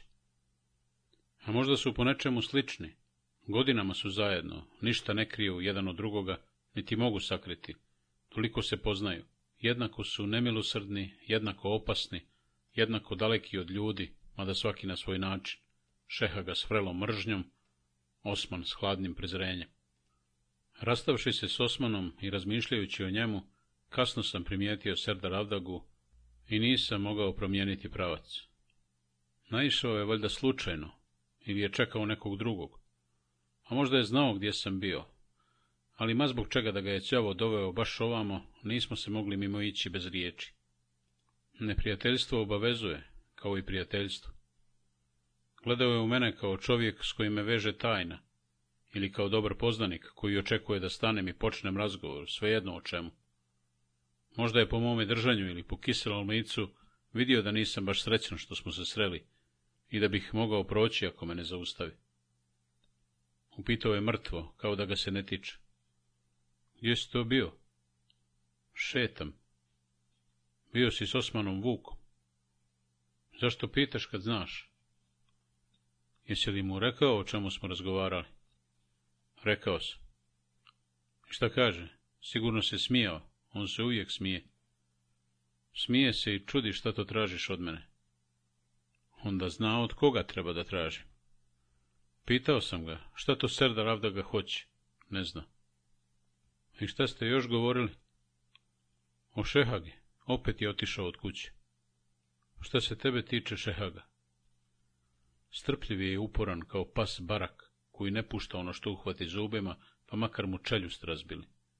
Zar će ovako škljocati oko moga grla dok jedan od nas ne klone? Kruži oko mene kao zvijer, nesigurno u svoj skok, ali čim bi osjetio da neće promašiti, slomio bi mi kičmu. Zna da smo ja i Mahmud najslabije tačke u lancu i tu grize. Neće nas pustiti. Led mi se uhvatio oko srca zbog te lijepe budućnosti, a mozak se pretvorio u teretnu pihtiju, bez jedne misli, ma kakve, ma o čemu. Potrajalo je to samo trenutak, dug i mučan. Gotovo sam zaboravio disati zbog nespokojstva i užasa. U mislima sam se počeo osvrtati oko sebe, slijepo i prestravljeno, spreman na bijeg, kud bilo, samo da se spasem od ovog časa i od ove strepnje. Ali kako je naišla praznina u mozgu, kako sam osjetio strah u srcu, nenadno i bezrazložno, tako se u meni javila srđba, kao navala krvi nakon naglog zastoja, kao stid zbog ponižavajućeg straha. A kad je srđba izbila, bio sam svjestan da mi nije korisna, ali suviše vreo da bih je zaustavio. Naljutio sam se i na sebe, zbog malodušnosti. Šta on može znati o meni? Ako zaista nešto zna, zašto ne traži na pravo mjestu? Glođe konop gdje je najtanji, lomi mene nezaštićeno. Našavši tako oslonac ljutini i uvrijeđenosti, učinio sam je sigurnom i iskrenom. Pitaš, šta me se tiče šehaga, zarežao sam pakosno, sa željom da unizim i sebe i njega. Znaš li koliko sam vremena bez posla? Obigravam oko šehage, gledam mu pokorno u oči, govorim ljubazne riječi, samo da mi nađe neko mjesto, kakvo bilo, samo da ne jedem sebi utrobu što su me svi odbacili kao pseto. Eto zašto me se tiče šehaga. Čudo je što nisam otišao u Hajduke, Bećiru, Toski. Šta hoćeš od mene? Lako se titrati sa sirotinjom, Avdag. Zašto se ljutiš? Pitao je mirno. Šta sam ti rekao? Zato se i ljutim. Obilaziš oko mene, nešto pipkaš, nešto tražiš. Što, brate, ne kažeš otvoreno, to i to. Reći ću sve što znam. O čemu si razgovarao sa starim Omerom Skakavcem? Htio sam da kupim duhan, rekao sam ti. Ako ne vjeruješ meni, zašto njega ne pitaš?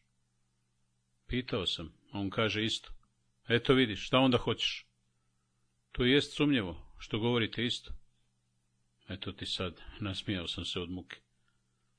Prosti Avdaga što ti ovo kažem, stariji si od mene, ali brate, baš si čudan. Ono što je svakome dokaz, tebi je razlog za sumnju. Meni je sve razlog za sumnju. I što se toliko ljutiš, dodao je razložno.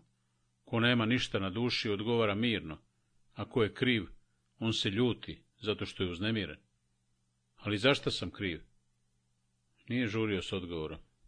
Čutao je i gledao me onim svojim teškim pogledom, sažaljivo, uvrijeđeno, tužno, ni sam ne znam kako, kao da sve vidi u meni. I krivo mu je i žao što neću da priznam. E pa i neću, pomislio sam, izdržat ću, stisnut ću zube, sačekat ću da prođeš mimo mene, kao svaka nepogoda. Ali ako ne prođe, kad me se nagledao kao da me je željan, počeo je opet da glođi. Kažeš, lako se titrati sa sirotinjom, a s kim se to nije lako titrati? Ja znam svoju muku, drugi me se ne tiču. Imaju li ti drugi ime? ga, ponovo ti kažem, ne znam šta hoćeš, a to što govoriš liči mi na bajanje, kao da me želiš učarati. Još jedno me je počastio svojim umilnim pogledom, Ptice bi se pred njim ukočile i obamrle, kao pred zmijom, i polako pošao ni sokak. Srećom, jer mi je već bilo mučno, kao da me je uhvatio za grlo, pa mi je nestalo vazduh. Sjetio sam se priče, Nena mi ju je pričala davno, o Karanđolozu, crnom demonu koji o Božiću sačekuje ljude na mračnim raskršćima i popne im se na leđa, smrdljivi težak. Čovjek ga nosi i posrće pod težinom, zagušen smradom, obamro od straha a Karanđelos ga pita, jesam li težak? Čovjek stenje i kaže ono što misli, težak si. Karanđelos postane još teži. Ujutru nađu čovjeka mrtva. Ali ko odgovori, nisi težak, spašće se, jer za odmah nestane i čovjek je slobodan. Zbog te riječi hrabrosti, zbog riječi prkosa. Docnije sam mislio da je to priča o životu. Ako se tužimo kako nam je teško, klonut ćemo, ako kažemo životu, izdržat ću, nećeš me slomiti, muka postaje lakša. Mene je na nekom životnom raskršću presreo Karanđolo Zavdaga i popeo mi se na leđe. Dah mi se krati od njegove težine, kao da planinu nosim na sebi.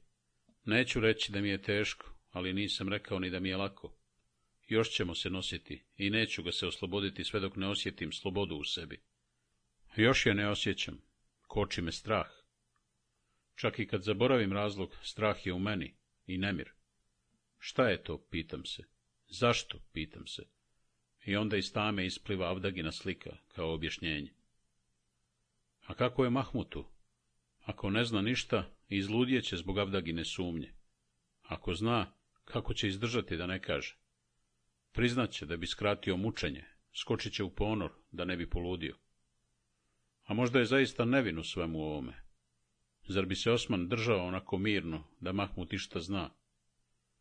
Mahmut je prodrta vreća i sve bi iz njega ispalo začas, a Osman odmahuje rukom.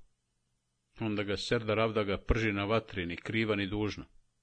Otići ću do njega, sigurno je usamljen i nesrećan, a ja sam se ponio kao derište. Pa čak i da je sve krio od mene, nije trebalo da ga ostavljam samog, kad mu je najteže ali magaza je zaključena, nekud je otišao, bježeći od svog straha i od avdage, ostavivši nenahranjene mačke da ganjaju neuništivu vojsku miševa. Kratko mu je trajala trgovačka radost. Njegov komšija, Bakalin, obavijestio mi je da je Mahmut u Zajkinoj mehani, nešto ga boli stomak, pa je otišao da popije rakiju travaricu. Zaista sam ga našao u Zajkinoj mehani. Sjedio je u jednom uglu, sam, podnimljen na mršavu ruku, stanjen, porušen, prava slika nesreće. Kad sam stao pred njega, podigao je pogled i lice mu se odjednom uzarilo. — Oh, hvala Bogu, rekao je olakšano. I ustao, uhvatio me za ruku, kao da bih mogao pobjeći, ponudio da sjednem s njim i neprestano me gledao, dodirivao mi rame, lakat, peš rukava, da bolje osjeti moju blizinu. Tražio sam te, bio sam i kod kuće, Glas mu je tih i nemoćan, kao da je preležao tešku bolest. Kad te čovjek vidi tako ojađena, zakleo bi se da ti je nešto teško na duši. Teško i preteško. Čini mi se da ću precrknuti. Rekoše mi da te boli stomak i da si otišao na travaricu, tako sam te i našao. Poručio je dvije čaše rakije, za sebe i za mene, i popio oba dvije. Neka si došao, zbog tebe sam i ostavio poruku. Znao sam da ćeš me potražiti. A stomak me zaista boli. Onaj mi je opet dolazio. Zato te boli stomak. Zato. Onaj, to je Avdaga. Ni ime mu ne valja pomenuti kao nečastivu. I meni je dolazio. Kako ono prvi put dođe u magazu, dobih proliv kao da sam se tatule najao. Pa malo primjerim kahvom i nanom, ali kako na njega pomislim, samo mi nešto uzburlja u crijevima, a iz mene ko česma. Od straha. Jest, od straha. I kažem sebi, e neću da mislim na njega. Počnem misliti o poslovima, o nevoljama koje su me pratile, o drugim ljudima. Al koga god zamislim, a ono njegove oči, njegovo lice, njegov glas, a u stomaku opet ključ. I samo mi ova travarica pomaže. Zato što zaboraviš? Zaboravim i ne zaboravim, ali mi lakše. Sjedim ovde, Pravo da ti kažem, pobjegao sam od njega iz magaze. I mislim, pa dobro, šta sam ja to Bogu skrivio da me ovako muči? Kriv sam za one bakrenjače i možda za još poneku sitnicu, ali šta se to Boga tiče? I nije valjda Bog toliko sitan da me kinji i spasjaluk, nego takva mi sudbina grebena. A što opet da samo moja bude grebena? Nije pravo. Nikome zlo nisam učinio, pa što onda? Godinama sam u snu snio ovo što mi je sad slučajno palo šaka i nisam se ni na miris u magazin navikao, a ono ne volja. Eto, ti reci, zašto? Glas mu je plačljiv, tuga teška. Svašta je doživljavao i sam sam svjedok, ali ni pola ovog jada nije bilo u njemu. Živio je neozbiljno, spreman na varku, ispunjen nadanjem, a sad mu je sve crno pred očima. Sreća mu je iznenada pala pred noge, samo zato da bi vidio kako nije on za nju, nije ona za njega. Šta hoće Avdaga od tebe? Upitao sam da vidim šta će reći. E, da znam šta hoće, lakše bi mi bilo. Ovako me udavi, baš zato što ne znam. Jesi li što god učinio, šta bilo što bi on želio da dozna? Mislim neprestano, glava mi puče od razmišljanja. Čaba, ništa nema. Ali vidim, on nešto sumnja. On sumnju ne može dokazati, zato i ne kaže šta je. Ja je ne mogu odbiti, jer ne znam kakva je. Šta te se tiče, i ostaće na sumnji. Neće, moj Ahmete, neće, nažalost. Vidim, nešto je krupno, ne bi toliko vremena gubio oko sitnica. A nad nekim se mora šta prelomiti. A nad kim će nego nadamno. Ako ne mogu naći pravog, poslužit će ko bilo. Moći će poslužiti Mahmut. Mene niko neće uzeti u zaštitu, niko se neće čak ni začuditi, niko neće ni požaliti. Poslužit ću kao kurban, vidim ja to. Neko je rođen za sreću, neko za belaj. Ja sam ti kurban. Iz uskih očnih otvora počele su da kaplju suze. Strah i rakija su ga sasvim razmekšali. Ne luduj, rekao sam oštro. Nisi krivi, ne mogu ti ništa. Kakav kurban, kakav đavo. Ti misliš da Avda ga samo u tebe sumnja.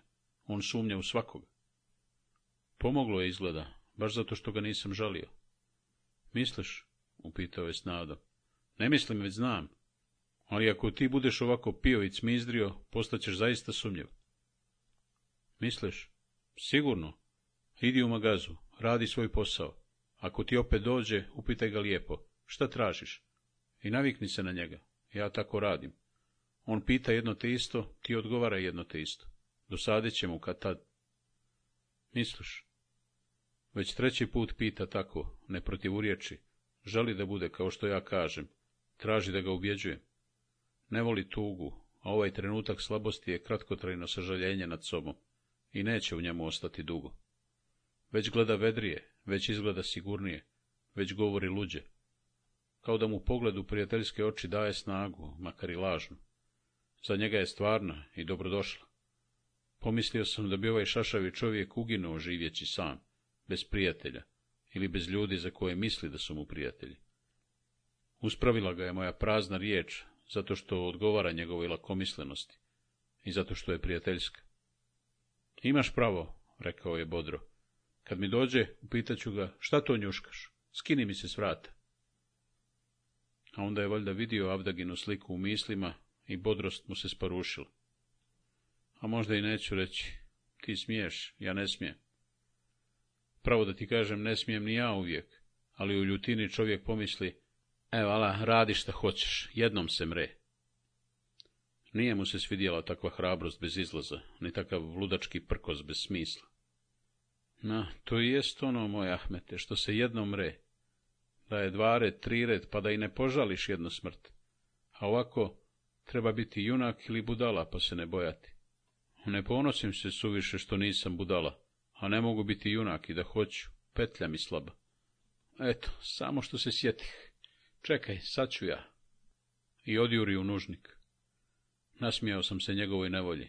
Neugodna je sigurno, ali nekako suviše smiješna. O svome strahu govori kao dijete, sasvim otvoreno i neposredno, bez ikakva dostojanstva.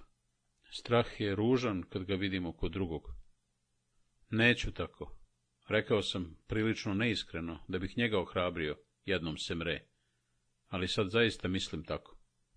Nije to hrabrost, već stid od sebe poniženog. Strah je najgora izdajica, rekao je Osman. A meni se čini da je strah najveća sramota ovog svijeta i najveće poniženje čovjekovo. Izmahnut je nad njim kao bič, uperen u grlo kao nož.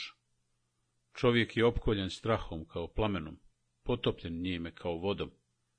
Plaši ga sudbina, plaši ga sutrašnji dan, plaši ga vladajući zakon, plaši ga moćni čovjek. I on nije ono što bi htio biti, već ono što mora da bude. Umiljava se sudbini, moli se sutrašnjem danu, poslušno ponavlja zakon. Ponizno se smiješi mrskom moćnom čovjeku, pomiren da bude nakazna tvorevina sačinjena od straha i pristajanja. Ako je ponekad tužan, to je zato što se sjeća sebe željenog, sebe sanjenog, kakav bi mogao biti da nije ovo što jest, i da svijet nije ovakav kakav jest. Neću tako. Kažem, ne bojim te se, sudbino, ne bojim te se sutrašnji dane, ne bojim te se, moćni čovječe. Ali to kažem u sebi i kažem strepeći, upola slobodan, udvojen. Jedan se usamljuje jer ne može da pristane drugi čuti jer ne želi da strada. Onda sam i ja kukavica, kao i Mahmut, samo na drugi način. Sloboda je u ljudskom činu, a ne stižem do njega. Moje snage su slabe, malo šta bih mogao da učinim.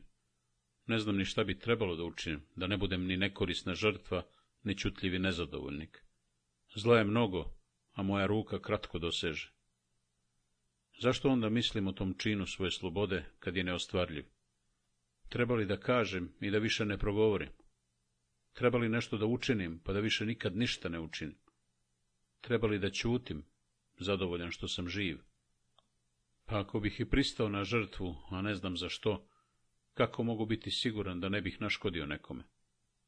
Pokrenuo sam se da spasem Ramiza, uništio sam Avdiju. Treba li onda da ostanem nepokretan i da ostavim svijet da ide svojim tokom? Svakako ništa izmijeniti ne mogu. Svi razlozi govore da je to najbolje, samo mi jedan ne da mira. Razlog savjesti. Ne znam odakle mi, ne znam šta će mi. Smeta mi da živim, a ne mogu da ga se otresim. Ostavi me, kažem toj nezvanoj savjesti. Šta ćeš mi nemoćnom? A ona čuči u nekom kutu mene ponekad pospana, ponekad budna, ali me ne napušta. Smiješna si, kažem, tako nekorisna. Ti si moj suvišak. Ne radujem se što te imam. Ne osjećam zadovoljstvo što si se nastanila u meni. Ti nisi moja plemenitost, već moje oštećenje. Zašto nisi našla nekog moćnog, snažnog, neustrašivog, a poštenog? Ako takvog nema, šta sam ja kriv? Sklonila si se u mene kao siroče i ćutiš kao siroči? Ništa ne tražiš, ni na što me ne nagovaraš. Sve ostavljaš mojoj odluci. I dobro je dok te zaboravljam, ali osjetim stid čim te se sjetim. Ne znam zašto, me nisi zadužila. Ne znam ni šta si, prisustvo koje nema oblika, čutljiva opomena koja se ne poziva na razlog, nevidljivi putokaz prema nevidljivom pravcu. Moje srce mora da ga pronađe. Kako da ga pronađe? i kako da ne klone, ako ga i pronađi. Ti si razumna, ne tičete se tuđe teško iskustvo, prezireš opasnost, vučeš na opasne staze i ne smatraš to podvigom, već dužnošću. A kome sam ja to dužan? I zašto baš ja? Pronađi nekog pogodnijeg, sa mnom u zalud gubiš vrijeme. A ona čuči, čuti, čeka svoj čas. Čas moga uduševljenja ili moje ludosti. Mogla bi da ga ne dočeka. Sve je manje izgleda da će ga dočekati. Kad je Mahmut izašao iz nužnika, prekinuvši moj razgovor sa savješću, i zatražio još jednu travaricu da smiri grčeve u stomaku, reče da je tamo, da oprostim, razmišljao o meni i da je zaključio da imam pravo. Ne vrijedi se vala ni bojati. Nije lako ne bojati se, ali ne vrijedi. Prođe čovjek u život u strahu, pa kao da nije ni živio šta ćemo onda i život? Ali opet, ne vrijedi se ne istrčavati, a najbolje bi bilo da razgovaram sa Šehagom, da nam nekako skine Avdagu s vrata. Odgovorio sam da je izabrao zgodno mjesto gdje će razmišljati o meni i nije u zalud gubio vrijeme. Dobro je smislio to sa Šehagom, samo je šteta što Šehage nema, ali ćemo sačekati. Ako Avdaga htjedne da sačeka. Čast hrabrosti, ali je bolje bez nje. Dobro je ne strijepjeti kim, ako se može, a još bolje ako se ne mora. Junaštvo traje tren, strah cijelog života i pametnije je brinuti se za cijel život, nego za tren. Najbolje je bojati se unaprijed, da se ne bi bojao unazad. Pričao sam šta bilo, ne brinući se o smislu, jer je sve jedno, a Mahmut me je slušao zadivljeno, baš zato što sam govorio nejasno, i smiren pošao u radnju a onda se sjetio da mi kaže da me je tražio Mula Ibrahim, a rekao mi je i da je uhapšena žena kod koje je stanovao Ramis. Po tome sam vidio da mu je vlastita muka postala lakša, pa je stigao da pomisli i na mene. Vijest o nepoznatoj ženi me je porazila, i za njenu nesreću sam ja kriv. Sad sam imao dva razloga da odem do Mula Ibrahima, jedan što me je tražio, drugi što bih i ja njega potražio. Htio sam da ga upitam, možemo li što god učiniti za zatvorenu ženu. Nisam ni znao da postoji, a uvalio sam je u nevolju. Možda bi je zatvorili i da Ramiz nije pobjegao, ali je ta pretpostavka suviše nesigurna da bi me oslobodila osjećanja krivice. Nije pretjerano velika ni teška, kao da se na brdu odronio kamen pod mojom nogom i udario nekog u podnožju. Nisam svjesno ni posredno kriv, nisam ni znao ni vidio udarenog, ali sam pokrenuo kamen. I evo pokušavam da pomognem. A docnije ću misliti o čudnom poredku u svijetu u kojem često, čineći dobro, učiniš i zlo. A vrijedi li dobro ako ne može proći bez zla? Ne mislim na cilj, već na čovjeka, zato mi je svaki korak nesiguran. Znam, Mula Ibrahim će odbiti i razgovor o ženi, ali ja ću biti uporan makar i zato da se uvjerim ponovo kako ni pošteni ljudi nemaju mnogo volje da pomognu drugome. Ponekad je korisno znati da ima i gorih od nas. Moja savjest će odbiti to opravdanje kao nečasno. Upozorit će me da svako odgovara sam pred sobom, ali bi mogla biti kakva takva utjeha, makar i trenutno. Mula Ibrahima sam zatekao u radnji i rekao mu da sam došao zbog žene. Rekao sam to šapatom, kako drugi ne bi čuli da molim za nju, a želio sam da kažem glasno, zbog njega, da i drugi čuju kako odbija da pomogne. Odbio je i pomoć i razgovor, čutke, odrično mašući glavom, odmahujući ruku. Nisam se obradovao što sam pogodio. Zar joj zaista niko neće pomoći? Rekao sam da je grehota, niko se za nju neće zauzeti. Moja riječ nigdje ne vrijedi, a on bi mogao nešto učiniti. Zna Kadiju, zna Zafraniju, zna sve ljude na sudu i policiji. Neka je puste.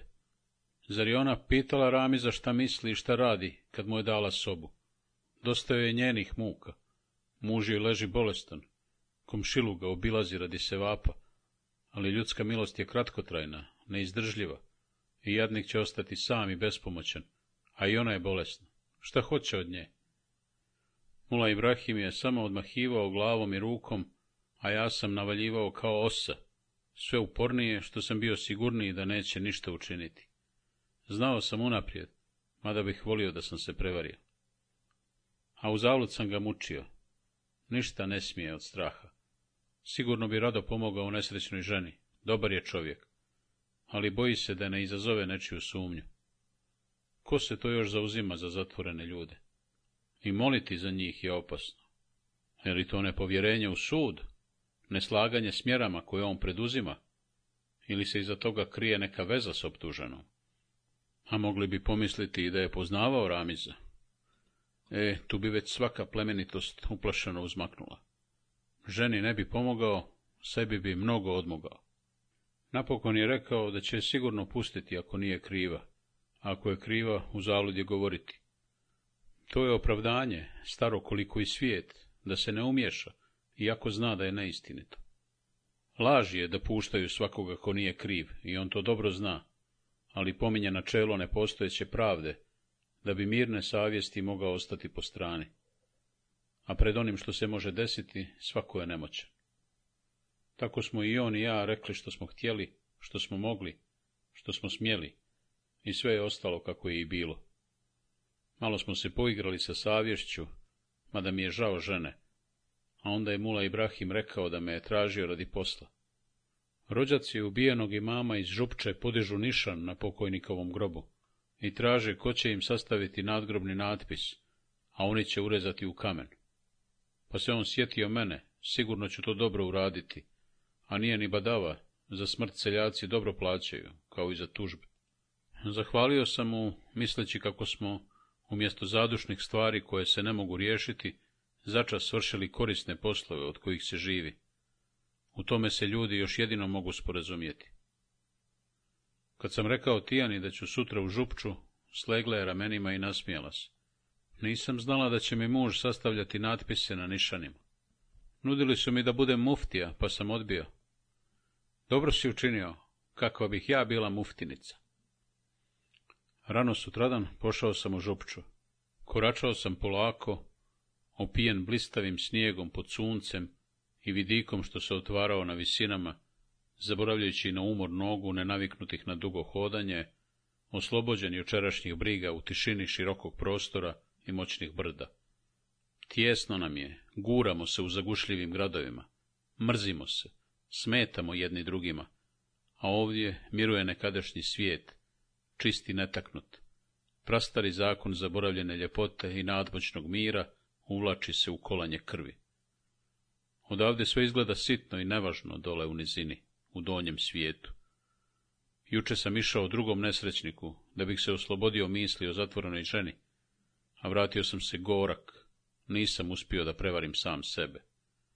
Danas sam je gotovo sasvim zaboravio, pa ako i nisam zaboravio, sve mi izgleda lakše.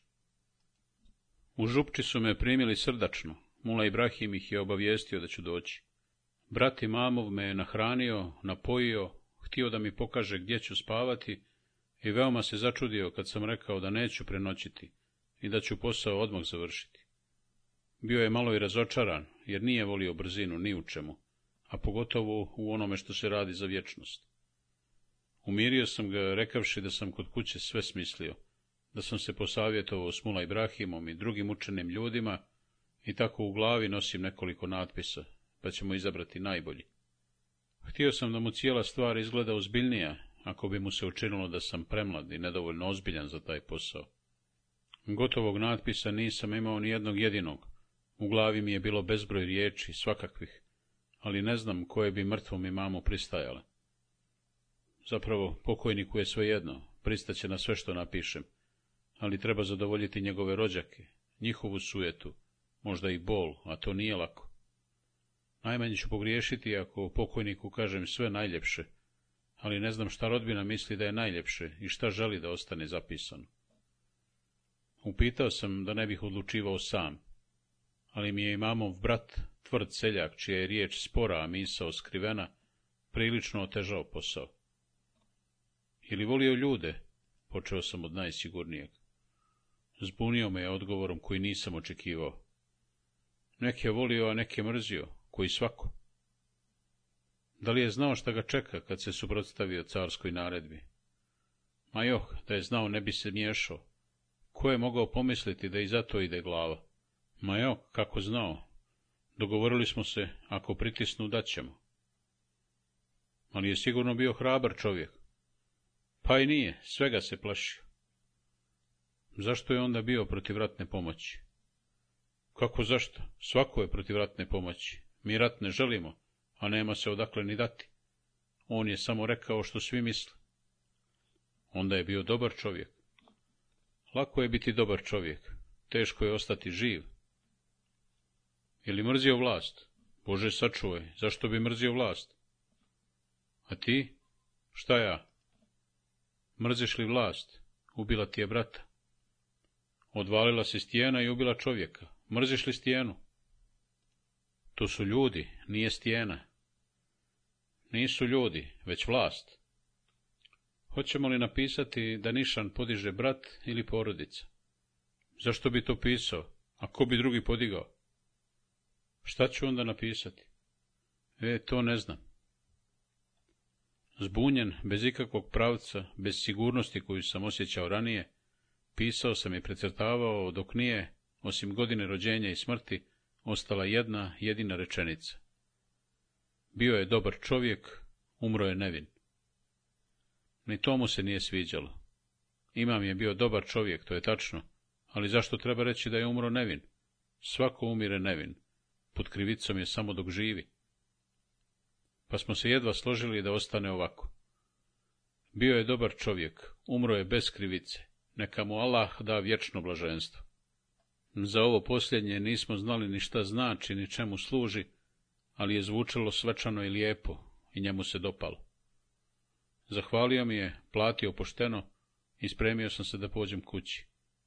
Ali on je htio nešto da mi kaže, primijetio sam to i ranije, ali bi uvijek odustao, pa sam mislio da neće ni reći.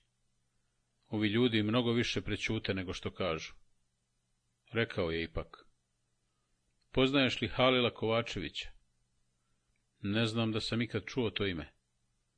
Njegov brat služi kod Šehage Soče, čuva mu kuću. Vidio sam ga, čini mi se, visok, koštunjav čovjek. Halil je molio da svratiš do njega. Blizu je, treća kuća od moje. Zašto da svratim? Neki čovjek je pitao za tebe. Koji čovjek? Ne znam. Pomislio sam da se izgubljeni ga sakrio u ovom brdskom selu i seljaci žele da ga povedem, da ga se riješe. Šest dana je prošlo kako je pobjegao od kuće. Halila Kovačevića sam odmah poznao. Ličio je na šehaginog momka, kao da su iz jednog jajeta rođeni. Ja sam Ahmed Šabo, zašto si me zvao? Nisam te zvao, govorili smo o tebi. Htio sam da te vidim. Sigurno imaš neki razlog kad si htio da me vidiš. Pogledao je u mene, pogledao u kuću, učinilo mi se da oklijeva, a nešto se bio odlučio pa odustao, još uvijek nesiguran. Neki naročit razlog nemam, rekao je smiješići se oporo, nenaviknuto, nego onako. I mamov brat mi reče da je neki čovjek pitao za mene. Koji čovjek? Odakle bih ja znao? A jest, pitao je, onako usput. Šta je htio? Šta je htio? Ne znam šta je htio. Odustao je izgleda, neće reći. Dobro, kaže mu, eto, vidjeli smo se, nagledali, narazgovarali. A sad idem, da zaranije stignem do grada. Jest, zimski je dan, rano se smrkava. Pošao sam putem niz brda. Da te malo ispratim, upitao je i krenuo za mnom. Nešto si htio da mi kažeš, pa si odustao, rekao sam otvoreno. Halil se nasmijao. A jest, htio sam, ali mi se učinilo da nije važno. Možda je i važno. Nije.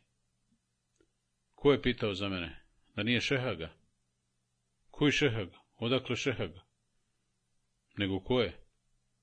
Ko je? Pa ne znam. Ne znam ni ko je ni šta je. Navratio slučajno danas i valjda te vidio. Pa kaže, ili ono Ahmed Šabo? Mlad, crnomanjast, mršav. Tako nekako. Da nije ramis? Ne znam, možda je i ramis. Ili taj rekao da me dovedeš njemu? Ko? Taj mladić? Nije rekao da te dovedem.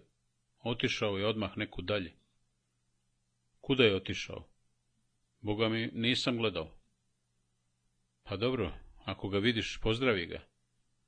Ne vjerujem da ću ga vidjeti. Znaš, Halile, drugi put razmisli šta ćeš reći prije nego što čovjeka zovneš. A sad ću sam, a ti se vrati. A dole u gradu, kako je? Mislim, onako. Onako, cunjaju, ispituju, traže Ramiza, eto kako je. A zašto ga traže? Ne znam zašto ga traže, ali bi bilo dobro da ga ne nađu. Ostao je na brežuljku, osvjetljen suncem izvana, taman iznutra, a ja sam požurio prema gradu uvijenom u sivu izmaglicu. Izmučio me je ovaj nesrećnik, želeći da mi kaže, a želeći i da sakrije. A onda je htio da dozna od mene šta je bilo, da dozna, a da sebe ne izda. Sigurno se Ramić skriva u njegovoj kući. Vidio me je kad sam ušao u selo. Možda je i znao da ću doći i rekao mu da me dovede. Možda je odbijao pa pristao. Čekao me pred kućom, razmišljajući. I kad je sve izračunao, predomislio se. Govorio iz okola. Dopustio da prepoznam Ramiza, ali se od svega ogradio i sve sveo na slučajan susret. Odnekle je došao, nešto pitao, neku dotišao. Ramiz je sigurno želio da se vidi sa mnom. Halil je zaključio da je bolje ovako. Bolje je i sigurnije i za njega i za Ramiza. Obećao je Ramizu da će me dovesti. Stajao sam pred kućom, da nas Ramiz možda vidi. I sad će mu ispričati kakvu bilo laž. Da sam žurio u grad, da sam se uplašio, da nisam htio da dođem. I bit će zadovoljan svojom durmom. Ima pravo. Sakrio je Ramiza u svojoj kući, zbog šehage, zbog svoga brata, možda i zbog novca koji je dobio. I dosta mu je straha što je odbjegli buntovnik u njegovoj kući. Samo bi još trebalo da počne pričati o njemu svakome ko naiđe. Ostaću kriv pred Ramizom, bit će mu žao na mene. A onda sam se sjetio Mula Ibrahima. Zašto me je poslao u Župču? Da li i on zna gdje je Ramiz? Pa me okrenuo u tom pravcu, ništa ne govoreći. Ili mu je sam Ramiz nekome poručio da dođem, Bog zna zašto. U zalud bih ga pitao. Mula Ibrahim bi odmahivao glavom i rukama, Odricao bi, čudeći se kako mogu i da pitam. On ništa ne zna, niti želi da zna. Oprezni Halil je pokidao sve konce i po jedan dio tajne ostao je u mnogim ljudima. Da li sam želio da vidim Ramisa? Ne znam, možda bih se opteretio novom opasnošću i novom strepnjom da kogod ne dočuje za taj susret. Vidio sam to i ranije, jedan korak, a bezbroj posljedica a ipak mi je bilo žao što se nismo vidjeli. Imao bih da mu postavim mnogo pitanja o ljudima i o životu. Znam šta bi mi odgovorio, ali bih možda i povjerovao njegovoj dobroj volji i čvrstoj nadi. Potrebno mi je da povjerujem. Volio bih da živim s lažnom nadom, nego sa sigurnim beznađem. A u gradu me je Mahmud dočekao s ružnom vješću. Bio je u kući zatvorene žene da obiđe bolesnog muža i da mu odnese nešto hrane i naišao na žalost. Žena je umrla u zatvoru. Ko zna od čega?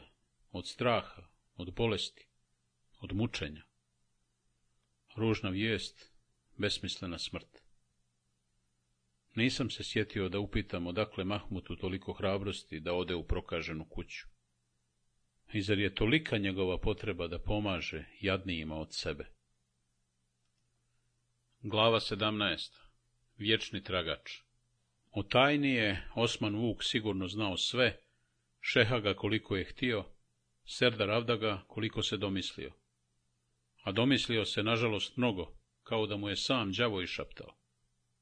Nisam ni sanjao da će mi Ramiz biti išta više od nekog drugog čovjeka u koga se u životu očešem, koga zapazim i zaturim, bilo je i nema ga, kao prijatelj koga smo rado susretali, a onda se mirno razišli, kao žena koju smo voljeli, a onda joj i ime zaboravili. Ne kažem ovo za sebe, ni o prijatelju, ni o ženi. Nisam ih mnogo poznavao, to sam čuo od Osmana i zapamtio, iznenađen njegovom vedrom bezočnošću. A vezao sam se za Ramizovu sudbinu toliko da ni o čemu drugom nisam mogao misliti. Na tome je prisilio Serdar Avdaga. Vrijeme je prolazilo, a on otmicu nije zaboravljao. U početku sam mislio da su tu njegovu revnost podsticale starješine, ali sam se prevario. Oni su imali toliko nevolja sa Šehagom, vratio se sa svog neobičnog stranstovanja, nikome ne govoreći gdje je bio. Došao je bez novca, bez konja, bez čurka. Prljav, mršav, čutljiv, ne pominjući ni da je negdje bio.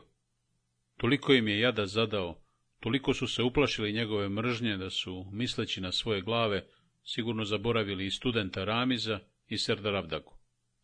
Sve zbog šehagine želje ne valiji, da ih đavo odnese. Ne znam da li je baš tako rečeno, ili kao molba u ime naroda, u ime koga se čini zlo i dobro, da se stane na put njihovoj tiraniji. Tek čulo se da će Kadija biti premješten u siromašni zvornički kadiluk, a Džemal Zafranija u srebrenički, i ostaće tamo dugo, jedan kao olinjali Kadija, drugi kao ostarili pisar, ako ih ne izbavi srećni slučaj da valija bude smaknut ili smijenjen. Takav slučaj nije rijedak ni neobičan, ali za sad nije bilo izgleda da će se skoro desiti, i njima su visile noge kao u obišenika. Hodali su gradom zeleni od srđbe i jada, pisali žalbe u Carigrad, na molbu i prijetnju hvatali ljude da šalju predstavnike višim vlastima, da ih ostave u Sarajevu, jer boljih službenika i narodnih prijatelja, kao da se to može sastaviti, niti je bilo, niti će ikad biti. Tražili zaštitnike i saveznike, a sve u zalud. Odgovori iz Carigrada nisu stizali, jer niko nije mislio da im pomogne. Saveznike i zaštitnike nisu našli, jer ih nisu tražili kad su bili jaki, već kad su poletjeli stranu. I tako su se pekli na vreloj vatri šehagine mržnje, i ledili na mrazu sveopšte ravnodušnosti, nadajući se u ono što je nemogućno, da se mržnja i ravnodušnost pretvore u naklonost, i čekajući ono što je neizbježno, da sagnu glavu i krenu u gluhi mrak malog mjesta, kao u progonstvu. ga ih je potopio kao mačiće, bez naročitog razloga koji bi se baš njih ticao, zbog ružnih stvari što ih je o njima čuo, zbog njihove uobraženosti i zakašnjele snishodljivosti, a sigurno najviše je zbog mržnje na sve činovnike. To su za njega najgori ljudi na svijetu, najštetniji, najpokvareniji. Oni podržavaju svaku vlast, oni jesu vlast, oni siju strah, bez milosti, bez ikakvog obzira, hladni kao led, oštri kao nož, kao psi vjerni svakoj državi, kao kurve nevjerni svakom pojedincu, najmanje ljudi od svih ljudi. Dok njih bude, nema sreće na svijetu, jer će uništiti sve što je istinska ljudska vrijednost. Oni su osjetili Šehaginu mržnju i neprijateljstvo ne jednom, ali uvijek na preskok. Zaboravljao ih je na dugo vrijeme i da se sjećao da postoje, kad bi se izgleda sjetio svoje muke i svetio se nemilosrdno kome od njih. Svi su mu krivi i svi isti, kao zmije. Sad su slučajno na redu Kadija i njegov prvi pisar i ništa ih ne može spasti. Svi su znali da su njih dvojica žrtvovani, čim je Šehaga pomenuo njihovo ime.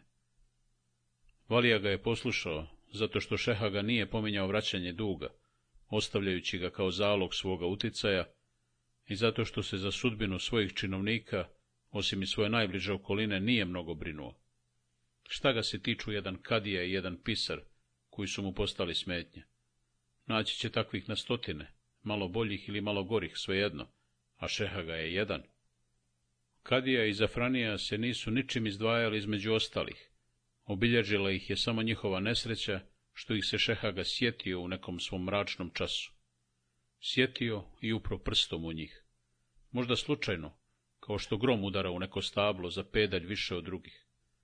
A možda su i oni pogriješili što na tu mogućnost uvijek živu, uvijek opasnu, kao vulkan, nisu pomislili ranije i nisu pokušali da nekom lijepom riječju ili nekim lijepim činom skrenu sa sebe Šehagin pogled, da bi se strašni čovjek u času bjesomučnog pražnjenja sjetio nekog od njihovih prijatelja, a ne njih.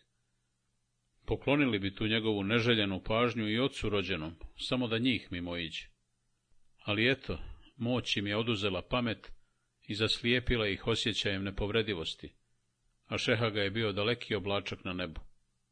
Bilo je već kasno kad su primijetili da je to crna oblačina koja nosi oluju. Branili su se, brani se i utopljenik, udarajući rukama po vodi što ga vuče na dno.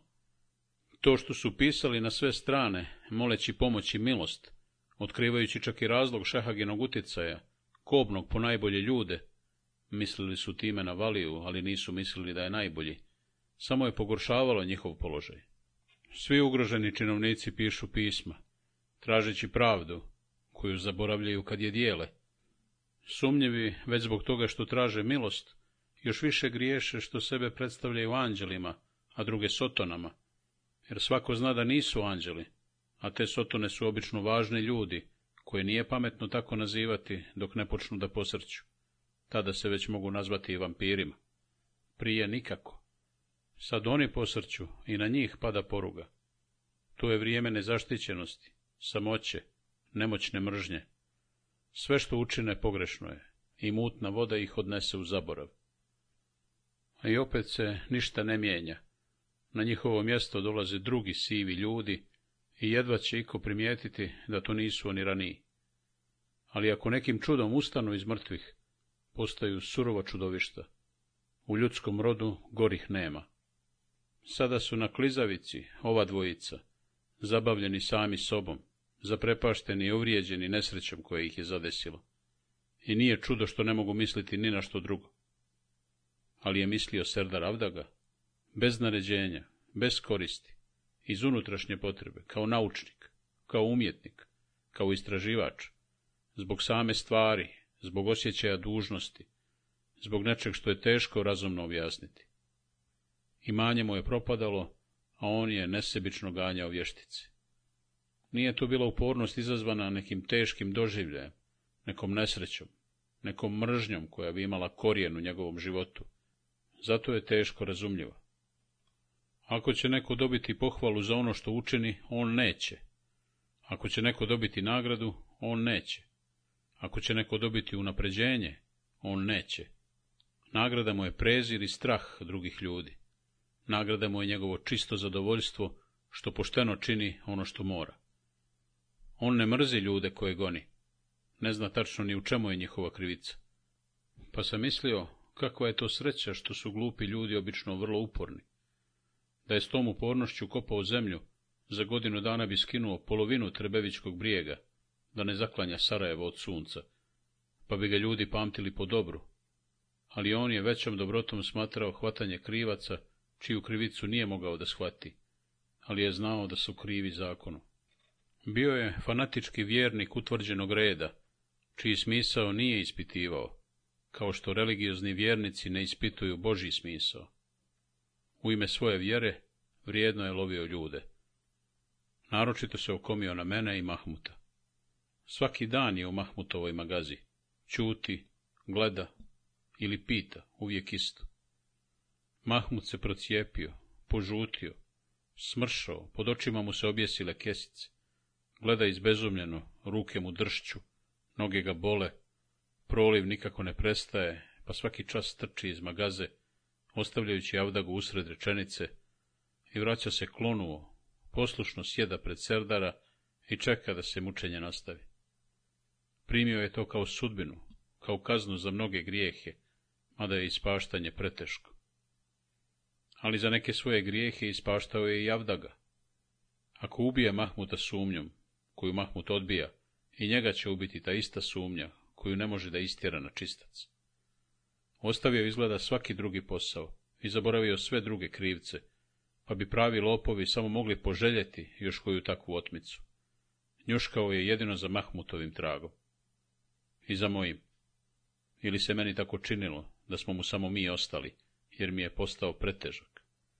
Neumorno je kružio istom stazom, razgovarao s istim ljudima, postavljao ista pitanja, nadajući se da će u jednom času sreće, kad zvijezde dođu u povoljan položaj, kad Bog prosvijetli nekog od nas, uhvatiti za pravu petlju, od koje će sve lako isparati. Tražio je pravi dokaz. Pošto bi obišao tvrđavu, razgovarao bi s bivšim dizdarom, pa sa skakavcima, pa s Mahmutom, pa sa mnom. Nije mi uvijek prilazio.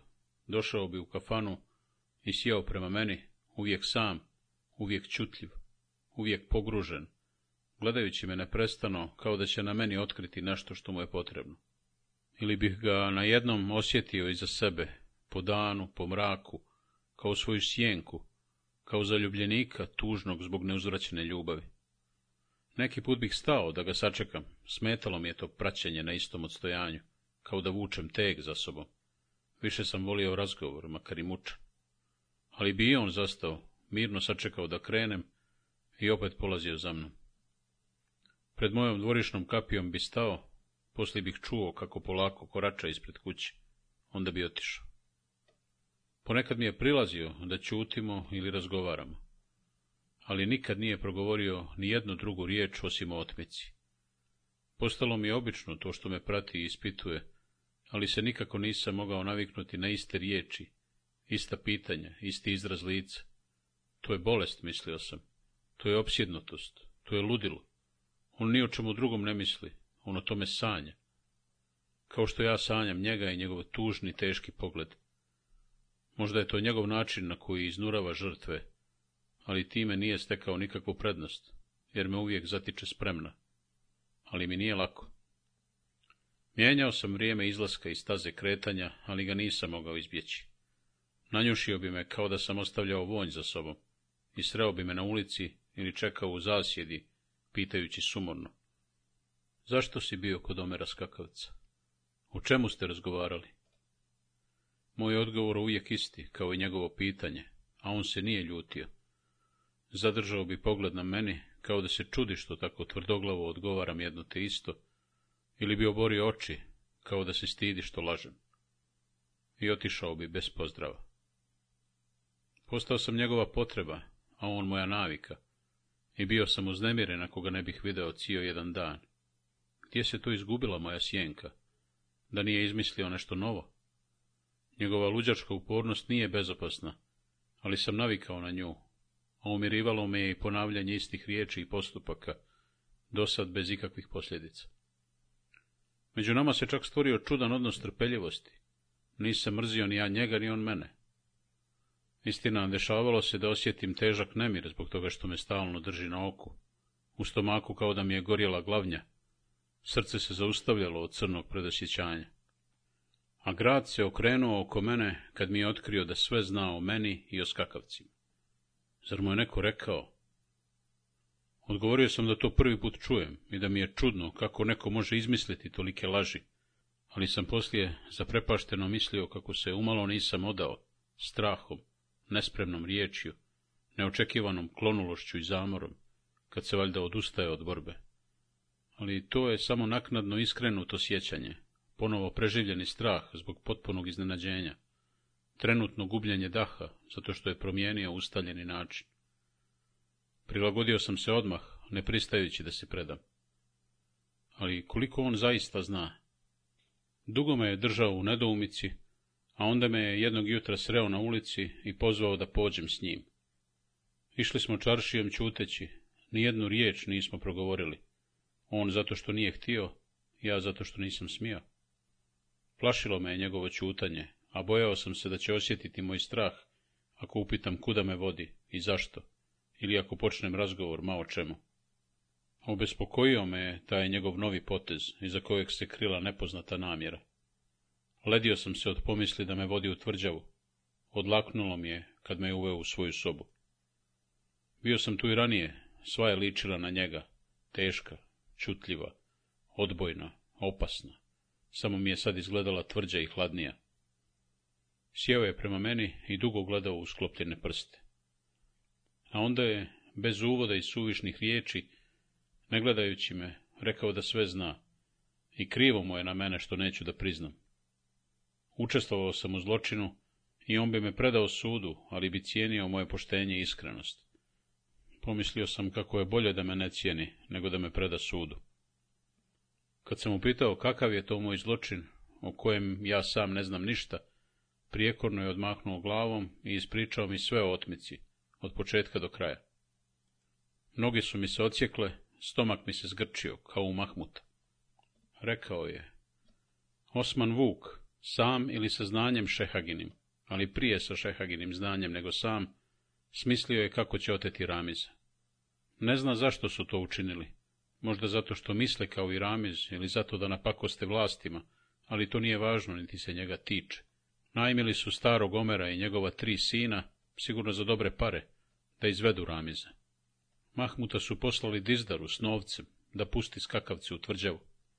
Skakavci su ušli lijepo, kroz otključanu kapiju, pretukli stražare i na konjima odveli Ramiza u nepoznatom pravcu. Zasad nepoznatom, jer će se Ramiz sam otkriti, on ne može da miruje. Poslije otmice, Omerov najmlađi sin je zaseo u zajkinoj mehani, napio se i počeo da priča o svemu. Hvalio se kako on i još neko znaju ko je oteo Ramiz. Hamal Mujo dušica se ne sjeća tačno koga je mladić pomenuo, a kad su ga upitali da nije Osman Vuk, rekao je da bi moglo biti. Zajko je javio Osmanu i Osman je mene poslao starom skakavcu, da mu kažem za sina. Dvojica mlađih skakavaca otišla su s konjem odmah po brata i odnijeli ga kući. Ne zna šta se među njima dešavalo, zna samo da su ga ubili. Svi smo mu bili na dženazi. Ne vjerujući svojim ušima, slušao sam istinitu priču o otmici. Ponegdje je ostala neka nevažna praznina, ali smo svi smješteni na prava mjesta. Eto što je on sklopio, sastavljajući dio po dio. Je tako? upitao je gotovo vedro.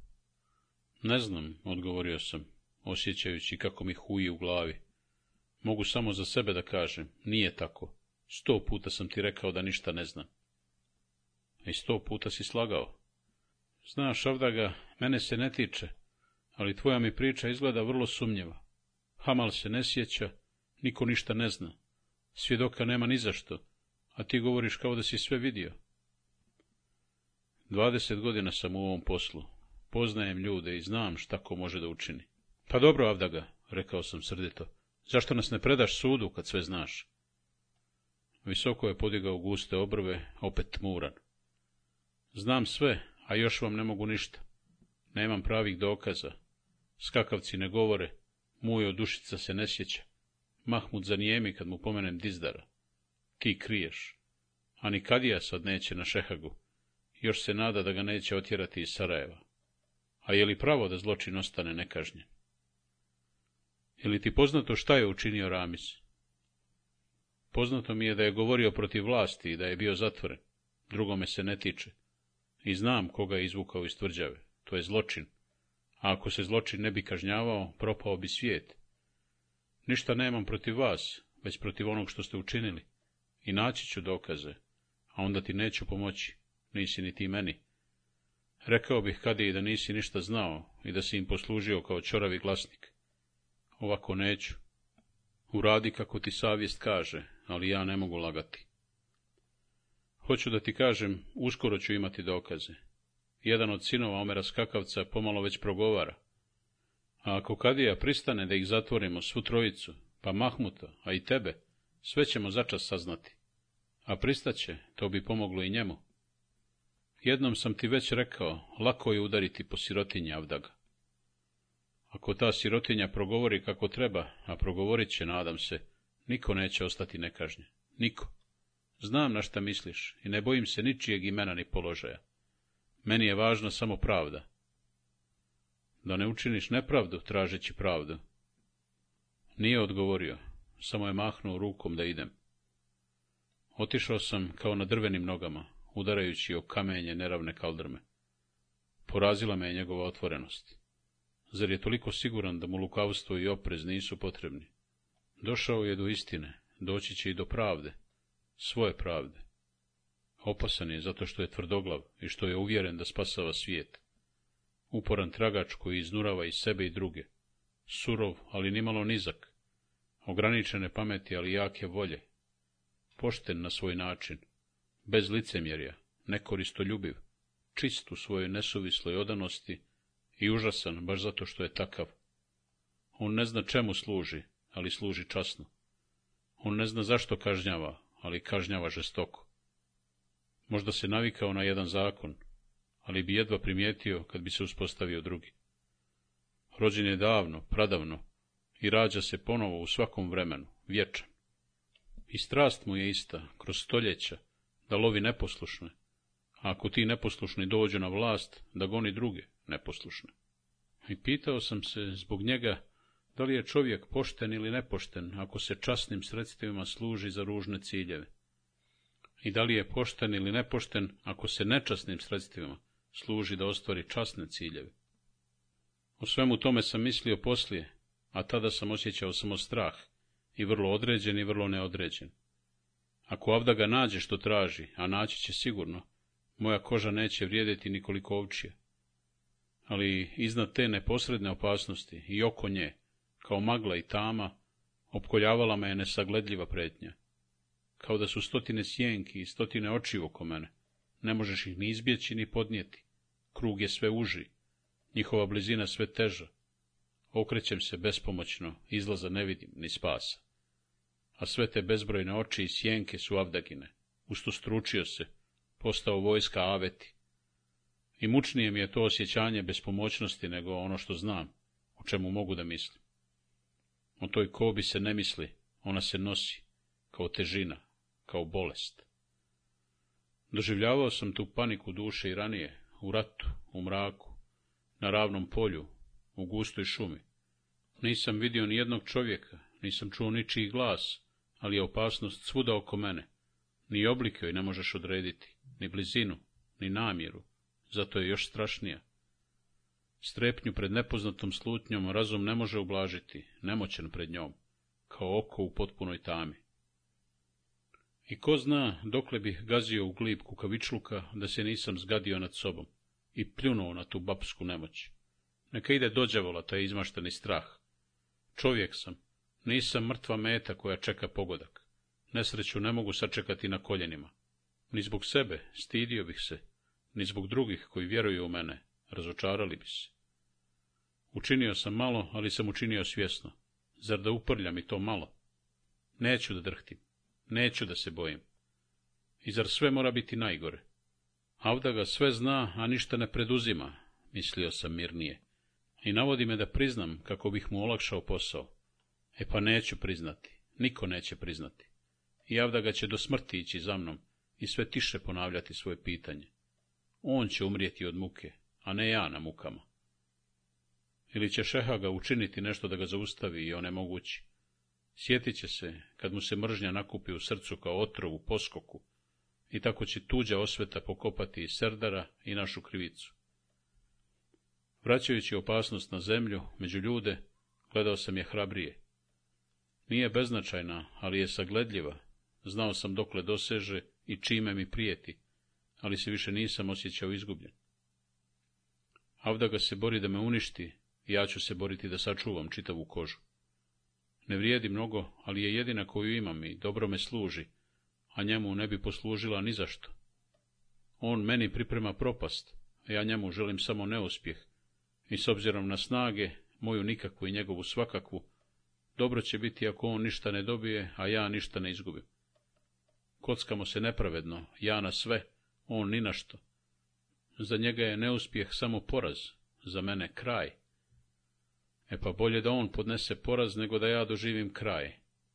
Do mog života mi je prilično stalo, do njegova uspjeha ni najmanje. S olakšanjem koje mi je donijela želja da sačuvam glavu i odluka da ne čekam mirno nož za vrata, Pošao sam da potražim Osmana Vuk. Na njega sam pomislio čim sam se riješio na odbranu. Ako iko može da zaustavi Avdagu, to je on.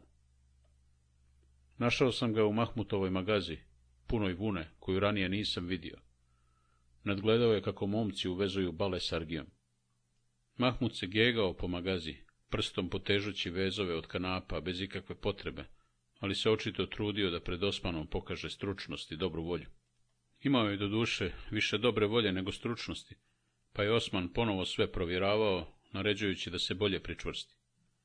Vuna je za Venedik, obavijestio me je Mahmut, sa žaljenjem u glasu, čini mi se. Idu Osman i Šehag. Zašto nisi zamolio da i ti pođeš, upitao sam, znajući da je žalostan. Slegno je ramenima, ko bi njega poveo? I otišao da cima kanap na balama. Gdje si do sad, da pomogneš, nasmijao se Osman. Htio bih da razgovaram s tobom. Dok ovo svršimo, volio bih odmah. I ja bih volio mnogo što šta. Ali je pošao prema Mahmutovoj sobici. Krenuo sam za njim i zatvorio vrata. Je li priča duga? Kako god hoćeš. Onda skrati, posao čeka. Razgovarao sam s Avdagom. Ma šta mi kažeš, zar tek danas? I sad se šegači, uozbiljit će se kad mu kažem. Avda ga sve zna, zaprepastio sam se. U sobu je ušao Mahmut, gledajući nas ponizno, otrovan radoznalošću. Godinu dana života bi dao da čuje o čemu razgovaramo. Treba li vam god? Hoćete li kahvu? Ne treba ništa, grubo ga je odbio Osman. Imamo neki razgovor. Mahmut je izašao ojađen, zbog tog razgovora je i ušao. Ispričao sam šta je Avdaga rekao otmici, ne propustivši ništa. Slušao je, ne prekidajući me, ali s nekom podrugljivom pažnjom, koja me iznenadila. Mislio sam da će biti mnogo zabrinutiji. Čak se i glasno nasmijao, sasvim neočekivano, kad sam završio. Šta kaže, Mahmut je razgovarao s Dizdarom. Mnogo ti on zna, pogodio je kao prstom u balegu. Nego ko je? kokalo Zašto sve kriješ od mene? Valjda se ne bojiš da ću nekome reći. Ne bojim se, brate, nisi lud da kažeš. Sa Dizdarom je razgovarao Muharem Bajraktar. Je li ti sad lakše? Odakle baš on? Mrzi ih, sve. A s Dizdarom se dobro poznaje. Bili su zajedno na vojni. Jedan star, drugi mlad. Sad su obojica stari. Muharem Bajraktar, a jadni Mahmud se procijedio od proliva, ni kriv ni dužan. A za ostale? Je li pogriješio za ostale? Za tebe nije. Avda ga je opasan, mi postaje sve opasniji. Znam. Pa šta da radimo? Uzdaćemo se u Boga. Ako nam je to jedino uzdanje, teško nama. Osman se nasmijao, prijateljski me udarivši po kolenu. Ni džavo nije crn, kao što se priča. I veseo, nimalo zabrinut, otišao da nadgleda kako momci vezuju vunu u bale. Izlazeći, vidio sam kako Mahmut razgovara s Osmanom, i žalosno gleda za mnom, jer ne može da me upita o čemu smo razgovarali. Ne podnosi tajnu, ni svoju ni tuđu, a najviše ga je izmučila ova u koju je nedužan upao, ne znajući ni kakva je. Ali šta bih mogao da mu kaže? Da nije kriv i da je Avda ga pogriješio. To on sam najbolje zna, ali mu mnogo ne pomaže. A da mu otkrijem kako ispašta zbog Bajraktara Muharema, ni na umi ne pada. Ne bi bio ponosan što su ga zamijenili s junačkim bajraktarem, a mogao bi poželjeti da se riješi proliva i da skine s vrata Serdaravdagu, otkrivši mu pravo ime. Ne znam, možda bi i bilo pravo da se oslobodi nepravednog tereta, a možda i ne bi. A eto, od moje odluke zavisi da li će biti kriv Mahmut ili Bajraktar. Ako kažem, skinuo bih s Mahmuta muku pod kojom već kleca, ali bih upropastio drugog nesrećnog čovjeka šta je bolje ili šta je gore. Ako otkrije Mahmutu istinu, a on je ne zadrži za sebe, Serdar Avdaga bi objeručke prihvatio dokaz za kojim odavno traga i počeo bi da odmotava klupku. Bajraktar bi umro u mukama ili bi priznao. Bog zna koliko bi ljudi stradalo. A ovako, Mahmut je vezan sa svima nama, nepravedno do duše, ali je opasnost manja. Neka ostane kako je sad. Mahmut ništa ne zna i ne može ništa otkriti. Sve drugo bilo bi gore. Ali se nisam smirio poslije te odluke. Makoliko da je mudro to što sam riješio, nije pravo. Ostavio sam na mukama nedužna čovjeka i time ga možda osudio. Tješio sam se da ću reći istinu o njemu ako se sve otkrije i tako ga spasti, makar u posljednjem času. Ali osjećanje krivice prema prijatelju nije nestalo. Teško je odlučivati o sudbini ljudi. Nesposoban sam za to krojenje pravde, u kojem se uvijek krije makar malo nepravde, maza koga. Nikad nisam želio da presuđujem među ljudima, jer u tome pravde nema. A eto, prisiljen sam da presudim i osjećam se kao gubav, krivi pred sobom i pred drugima. A zbunilo me i Osmanovo ponašanje, kad je čuo da Avda ga sve zna bezbrižno se nasmijao i sve prepustio Božjoj milosti. Lako je njemu da se pouzda u Božju milost, u koju ne vjeruje kao nija, kad je zaštićen šehaginim širokim leđima. Da li onda nas ostale prepušta našoj tankoj sreći? Ne mogu vjerovati u toliku bezobzirnost, mada se od njega svašta može očekivati. Ali ne vjerujem ni da je toliko lakomislen, jer ne bi bilo lako ni njemu ni šehagi, kad bi se otkrila cijela istina. Zašto je onda onako neozbiljno primio moju priču? Pogotovo što i sam zna da Avdaga postaje sve opasniji. Proživio sam tri teška dana, ništa ne govoreći Tijani. Kao i svi ostali, i ja sam se pretvorio u opsađenu i zatvorenu tvrđavu, tmurnu i njemu. Šta bih mogao da joj kažem, samo bih je nepotrebno uznemirio. Ne bi mi pomoglo da uzdišemo zajedno, neka barona bude pošteđena. Pred njom sam se doduše trudio da izgledam veseo i bezbrižan, kao i obično. Nisam uspio da je prevarim, kao i obično. Da li zato što je briga grčila moje lice u smijehu, ili što sam nevješ da se pretvaram, tek ona je primijetila da nisam kakav sam uvijek. — Šta ti je? — upitala me zabrinuto. — Što bi bilo? Nije mi ništa. Prvi put je primila to odbijanje, ali uveče bila odlučnija. — Zašto mi ne kažeš šta ti je? Nešto kriješ od mene. Ništa ne krijem, šta bih imao da krijem? Da se nisi zaljubio u drugu i nećeš da mi kažeš iz sažaljenja. Da li žene sve objašnjavaju ljubavlja? Nasmijao sam se od muke. Toj mojoj ljubavi ime je Serdar Avdaga. Ma kakvo zaljubljivanje, ženo, manime? Ako ti se desilo, reci slobodno. Volim da znam nego da sumnjam. Ne bih se ni čudila, poružnjala sam, vidim sama. Proljepšala si se, a ne poružnjala, i nikad te nisam toliko volio. Rekao sam to uzbuđeno, jer je istina. Ona mi je jedini zaklon, ali je i ona ugrožena sa mnom. Šta bi se s njom desilo ako mene zatvore? Smirila se, povjerovala. Pa šta ti je onda? Nešto jest, sigurno. Krivo mi je što ne mogu da nađem posao. Bez posličim kao posljednja baraba. Dokle ćemo izdržati ovako? Prihvatila je objašnjenje vedro, koreći me zbog malodušnosti i tješeći me da ću sigurno naći posao. Zasad ne treba da se brinem, s novcem koji imamo i koji ona propušta kroz najgošće sito, možemo živjeti i godinu dana ako treba. Tanko, ali živjeti. Mladi smo, zdravi smo, šta nam treba više? Neka nije nešto drugo, a to je najmanja briga. Sigurno je to nije najmanja briga, ali je hrabro potisnula nespokojstvo, zbog mene da me utješi i umiri, ne znajući da to nije moja najveća briga. Nije liječila pravu ranu, ali me je dirnula njena privrženost. Ljekovita je sama po sebi, i lijepa, i draga, kao ljubav. I tada, kad više nisam morao, rekao sam sve o Avdagi. Zamislila se malo, ali je te večeri odlučila da bude hrabra do kraja. Umanjila je moju krivicu kad je naišla opasnost. Uvećala bi je kao zaslugu kad bi se za nju davale nagrade. Olako me je odbranila. Ne znaš ni šta se zapravo desilo, kako možeš biti kriv?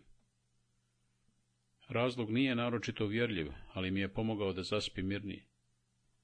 A onda se sve riješilo događajem koji niko nije mogao očekivati. Treći dan poslije onog mučnog razgovora, serda Radaga je iz Ajacije ubijen kod Darive. Pričalo se da ga je sačekao razbojnik Bećir Toska, kad se ga vraćao od izdara kroz mračnu klisuru i ubio iz puške. Doznao sam ujutro od pekarskih radnika i, zaboravivši i hljeb da kupim, požurio do Mahmuta. Dočekao me je uzbuđeno, veseo, gotovo slomljen od sreće. Istina je, istina, ushićeno je odgovorio na moje pitanje. Jutros idem ovamo i mislim, hoće li serdar i danas doći, kad Abaz, stolar, predame. me. Jesi li čuo, veli, da je Serdar Avdaga ubijen? Mene nešto presječe. Hoću da upitam, da kažem šta bilo, da se začudim. A ne mogu, samo krkljam. A Abbas priča. Ubijen je kod Darive, iz puške. Ubio ga je, kažu, Bećer Toska. I onda se mirno vratio u planinu. Dizdar je čuo konjski kas, baš u to doba. Tako Abaz, a ja slušam, dolazim sebi. Hoću da se nasmijem, hoću da ga zagrlim nisam se toliko obradovao ni kad mi se sin rodio. Pa požurim u magazu, zatvorim se i počnem hodati između vreća žita i balavune. Smijem se, govorim, nema ga više, samo to, nema ga više, kao da sam pobenavio od sreće. Pa se sjetim, kleknem ovdje na sećiju i zahvalim Bogu. O Bože milostivi, hvala ti što dokusuri onog nečovjeka. Odavno mi nisi pao na um, oprosti za to, ali ti nisi na kraj srca, kao neki neljudi. Vidio si koliko me krvnik muči i priskočio si mi u pomoć baš kad je trebalo. Dosta si se iskanjivao, a da si zakasnio samo malo, ne bi mi više ničija pomoć bila potrebna, pa ni tvoja. Džaba je, ima pravde na svijetu, moj Ahmet. Čujem u pekari i ne mogu sebi da dođem. Baš sam mislio da dođem tebi na muštuluk, a ti na vrata. E pa, neka je srećno. A odakle Bećir Toska tako blizu grada? I to baš kad naiđe Srda Ravdaga. Ne tiče me se, niti je važno. Važno je, najvažnije od svega na svijetu, da više neću gledati u vrata i umirati kad neko uhvati za kvaku. Sad neka ulazi ko hoće. Ulazite, ljudi. Danas sam se ponovo rodio. Dok sam smušeno mislio kako je čudan ovaj svijet, u kojem jedan čovjek likuje zbog smrti drugoga, oslobođen njome, u radnju je ušao Osman Vuk. Izgledao je ozbiljan. Jeste li čuli za Serdar Avdagu? upitao nas je obojicu. Jesmo, hvala Bogu, odgovorio je Mahmut radosno. Nije lijepo da se raduješ tuđoj smrti, prekorio ga je Osman. Ma kakav da je bio za života, sad je mrtav. I treba samo reći, rahmet mu duši. Radojem se što mogu reći, rahmet mu duši. Malo prije Ahmet pita, koga ubi? A ja velim, Božja milost, dotužio je i Bogu i ljudima. Kažu da ga je ubio Bećir Toska. Kako da Bećir naiđe baš u to vrijeme? Osman me je pogledao kratko, oči su mu sive i hladne. Rekao je kao da izgovara prijetnju, a ne riječi pokornosti. Bog je tako htio, ili Avdagina nesreća. I tada, u tom trenutku, bio sam siguran da je on ubio Avdagu. Dotle sam se pitao, tada sam sigurno znao. Zbog riječi koje su obične, ali nisu njegove. Zbog prijeteće opomene koju sam osjetio u njegovom glasu. Zbog hladnog bljeska suženih zenica. Zbog misli koja se u meni javila bez truna sumnje. Kao da su se susrele dvije zrake iz mog i njegovog mozga, ukrstivši se kad smo mislili o jednom. Među nama više nije bilo tajne. I odmah poslije toga rekao je Mahmutu da će danas doći još nekoliko tovara vune i da treba pripremiti sargije i konop. Gledao sam za njim da vidim kako izgleda ubica u miru. U ratu smo ih zvali junacima. I ne vidim ništa osobito. Lijep, miran, običan, poslovan, zauzet brigama o danas, juče ga se ne tiče. Ne znam kako mu je u duši, ali ne bih rekao da je uznemiren ili da misli o ubijenom. Ako i misli, zadovoljan je, svršio je važan posao, otklonio ozbiljnu smetnju, nad glavom mu više ne visi opasnost. Kad bi se udružilo deset ovakvih bezobzirnih ljudi, zavladali bi svijetom. Ogromna većina su slabići, kao ja. Šta bismo i mogli? Mahmut je izgledao surov, a nije. Neposredan je kao dijete, gotovo je igrao od sreće koju mu je donijela tuđa nesreća i zahvaljuje je zaboravljenom Bogu što ga je oslobodio bijede, od koje on sam nije znao da se odbrani. Osman više vjeruje u svoju veštinu nego u Božju milost. Ne čeka bespomoćno da mu slučaj pomogne. Surovo sječe uzlove koji se pletu oko njega i mirno korača dalje.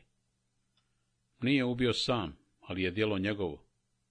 Ko zna koliko je posrednika između njega i smrti koju je poželio.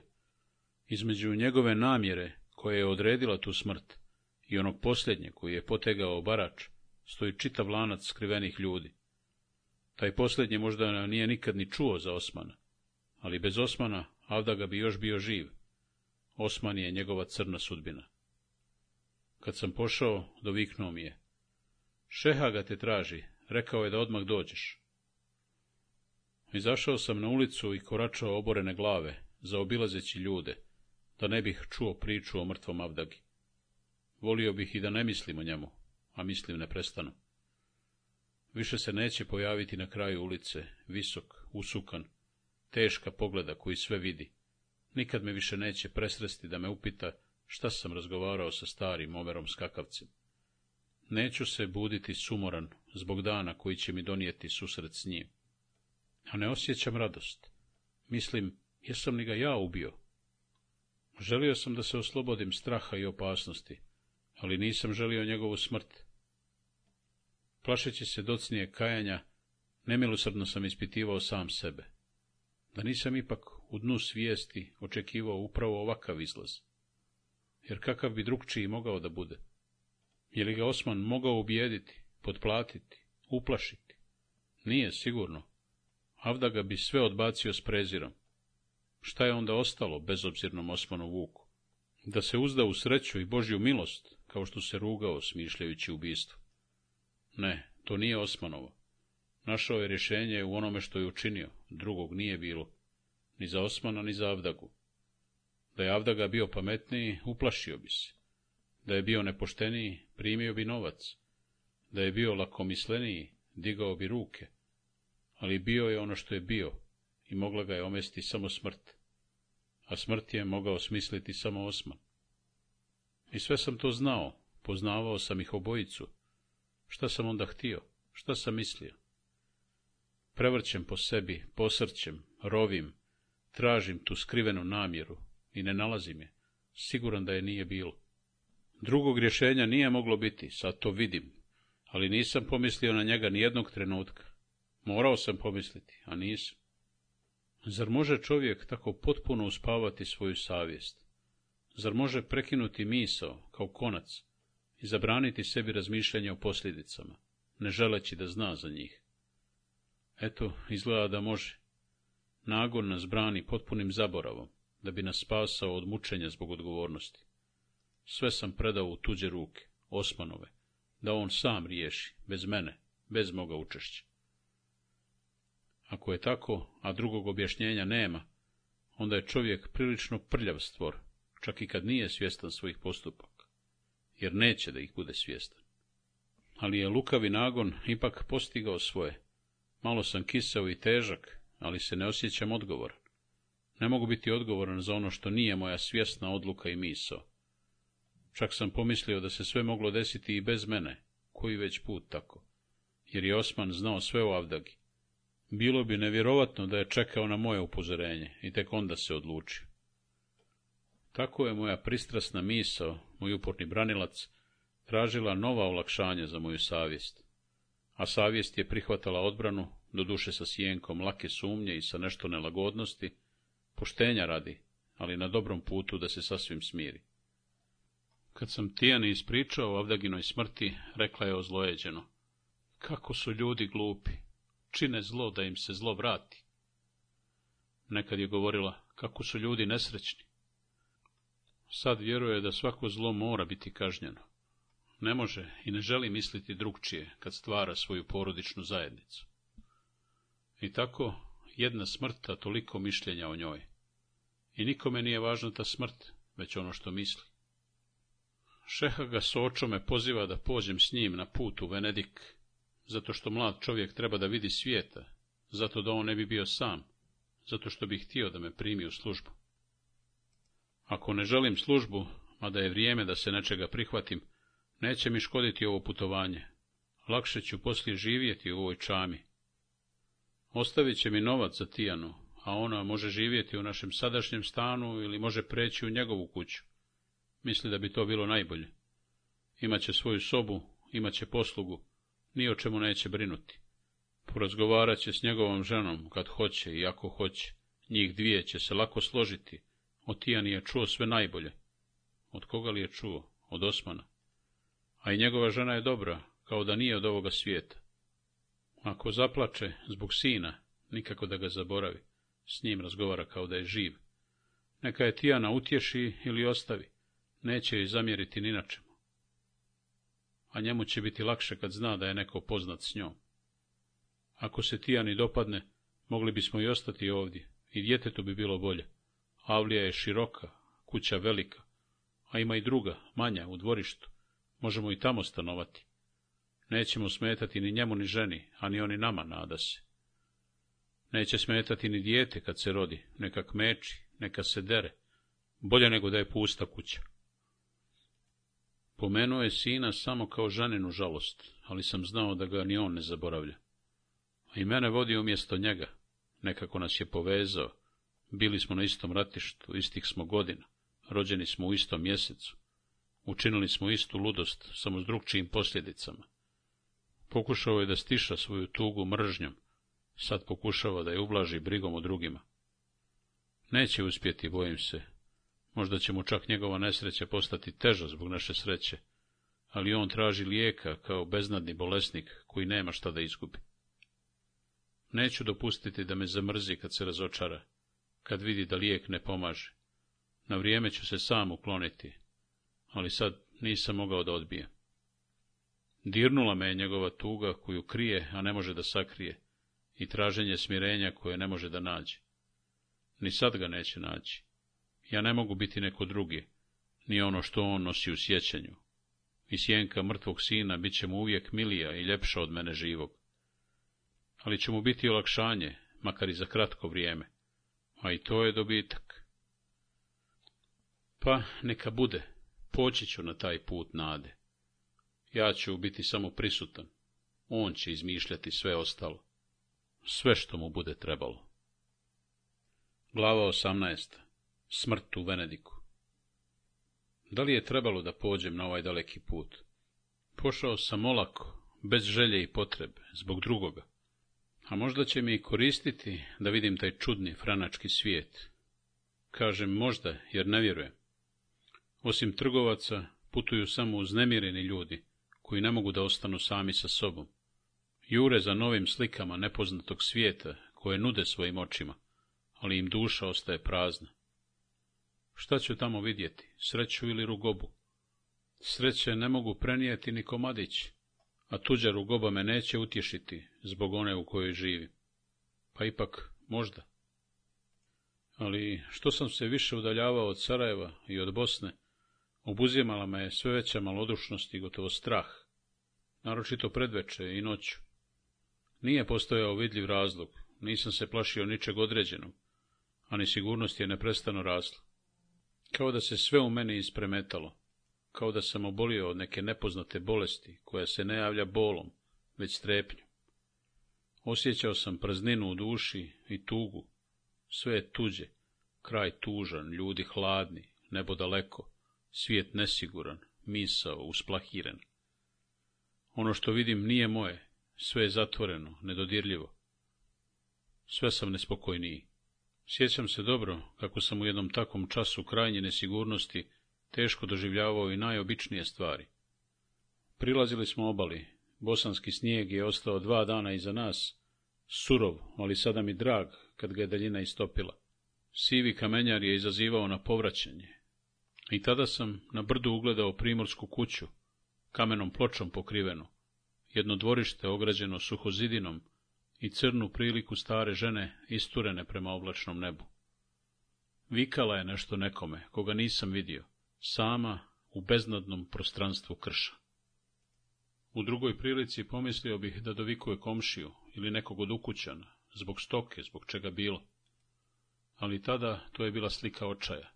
Gledao sam pogružen, nemoćan da se oduprem navali zebnje i užasa posljednji čovjek, sam na svijetu, sve ostalo se pretvorilo u kamen, viče u nebo svoju žalost. Šta ću ovdje, pitao sam se panično. Šta će iko igdje? Poslije je moja tuga bila običnija. Kad su se sobole vratili naši naoružani pratioci, zavidio sam im, misleći da su najsrećniji ljudi na svijetu, jer se vraćaju u Sarajevo, od kojeg sam se ja sve više udaljavao. I sve sam nesigurniji, kao da sam čupao korijen koji me je držao za jedno mjesto. Više nisam nigdje. Smučnom mučnom čežnjom sam mislio na Tijanu, boli me daljina između nas, boli me prazno vrijeme bez nje. Bio sam sam i izgubljen dok je nisam našao. Srećna zvijezda me je dovela do nje. Bio sam ugašen, dala mi je život, milosrdnije nego djetetu koje je nosila. Bio sam poljuljan ratom i životom, dala mi je sigurnost, ali ograničenu, samo kad sam uz nju. Ona je zemlja koja me hrani sokovima, ona je vazduh koji udišem, ona je sunčana strana moga života. Zašto sam se odvojio od nje? Mislio sam na šašavog Mahmuta koji je zaplakao ispraćajući me, možda zato što on ne ide u Venedik, a možda i zato što se nećemo dugo vidjeti. I na mrtvog srdara Avdagu, koji nije dozvoljavao da mi bude prazno i dosadno i na dobrog uplašenog mula Ibrahima, koji se radovao ovom putu, ne znajući kako će mi biti težak. Mislio sam i na svoju ružnu sobu, koja mi je sad izgledala najljepše mjesto na svijetu. Mislio sam na svoj sirotinski sokak s nahirenim tarabama. Mislio sam na sve što je moje, svakakvu, a dragu. Mislio i tugovao. Srećom, boljala su me leđa i debelo meso od jahanja. Utrobo mi se dizala od ljuljanja broda. Plašili su me visoki talasi i nepregledno more, pa su me muke tijela milosrdno spasavale od muka duše. Šeha ga je hrabriji i vedriji od mene. Naviknut je na ove sumnjive lepote putovanja, a i narav je drugčija. Ja ne znam šta me od mene očekuje, a on sebe drži na uzdi i čini samo ono što mu ponos zahtjeva, osim kad ga tuga savlada. Ne znam do duše da li mu je u duši isto što i na licu, ali njegov ljubazni smješak i mirni sivi pogled otkrivaju mi novog šehagu, kao da ga je ovo putovanje preobrazilo. Oživio je, zanima ga sve što vidi, učtivo i vedro se obraća ljudima. Ne tuži se ni na smještaj ni na hranu, čudno ozaren, kao da nešto posebno očekuje od ovog puta. Mene susreće slijepim smješkom bliskog čovjeka, ne govori o ružnim stvarima, ne pominje svoju mržnju. Ne krije se suviše, govori i o sinu i o svojoj tuzi zbog njega. Škrto i uzdržano do duše, ali za njega zatvorenog sasvim neočekivan. Govorio je i o meni, o mojoj budućnosti, sa mnogo djece, da se ne kockam sa sudbinom ako bih imao samo jedno. S poslom koji će me zanimati i s porodicom koja će me voljeti, da bih imao tvrđavu u koju ću se skloniti pred svijetom. Ništa čovjeku nije važnije od svog mira i od sreće koju sam stvori. Zato je treba čuvati, tu svoju sreću, opkoliti je šančevima i nikome ne dozvoliti da je ugrozi. Niko drugi neka me se ne tiče. Život je surov, ljudi zli i treba ih držati na ostojanju. Neka budu što dalje od svega što je tvoje i što ti je drago. Nisam se slagao s njegovim mišljenjem, nastalim iz iskustva koje čovjeku daje mudrost kad mu više nije potrebno. Iskustvo i mudrost su nevolja, a ne prednost. Zaustavit ćete na svakom koraku, ogadit će ti svaki pokušaj, ponudit će ti bezbroj dokaza da je najbolje čutati, mirovati, gledati iz prikrajka. Ono što čini student Ramiz, odbila bi svaka mudrost, odbilo bi svako iskustvo. A Ramiz nudi nadu ljudima. Mudrost je kukavička, očajnička. Iskustvo je korisno samo za životno puzanje, odriče ono što jest, ali mu se ne suprotstavlja. Samo neiskustvo i ludost daju krila. Razbiće se onaj ko ne poštuje tuđa gorka iskustva, to je istina. Ali je poletio, vinuo se iz gliba, ostavio lijepo sjećanje, koje ne umire. Kad bi bilo više te hrabre ludosti, možda bi drevno iskustvo prestalo da nas plaši. Nisam mu rekao šta mislim, jer je njegovo iskustvo suviše bolno i bilo bi surovo da mu protivurječim praznim tvrdnjama, kojih se ni sam ne držim u životu. Na lađe sam primijetio promjenu na Šehagi. Odjednom se povukao, zatvorio u sebe, češće ostajao sam.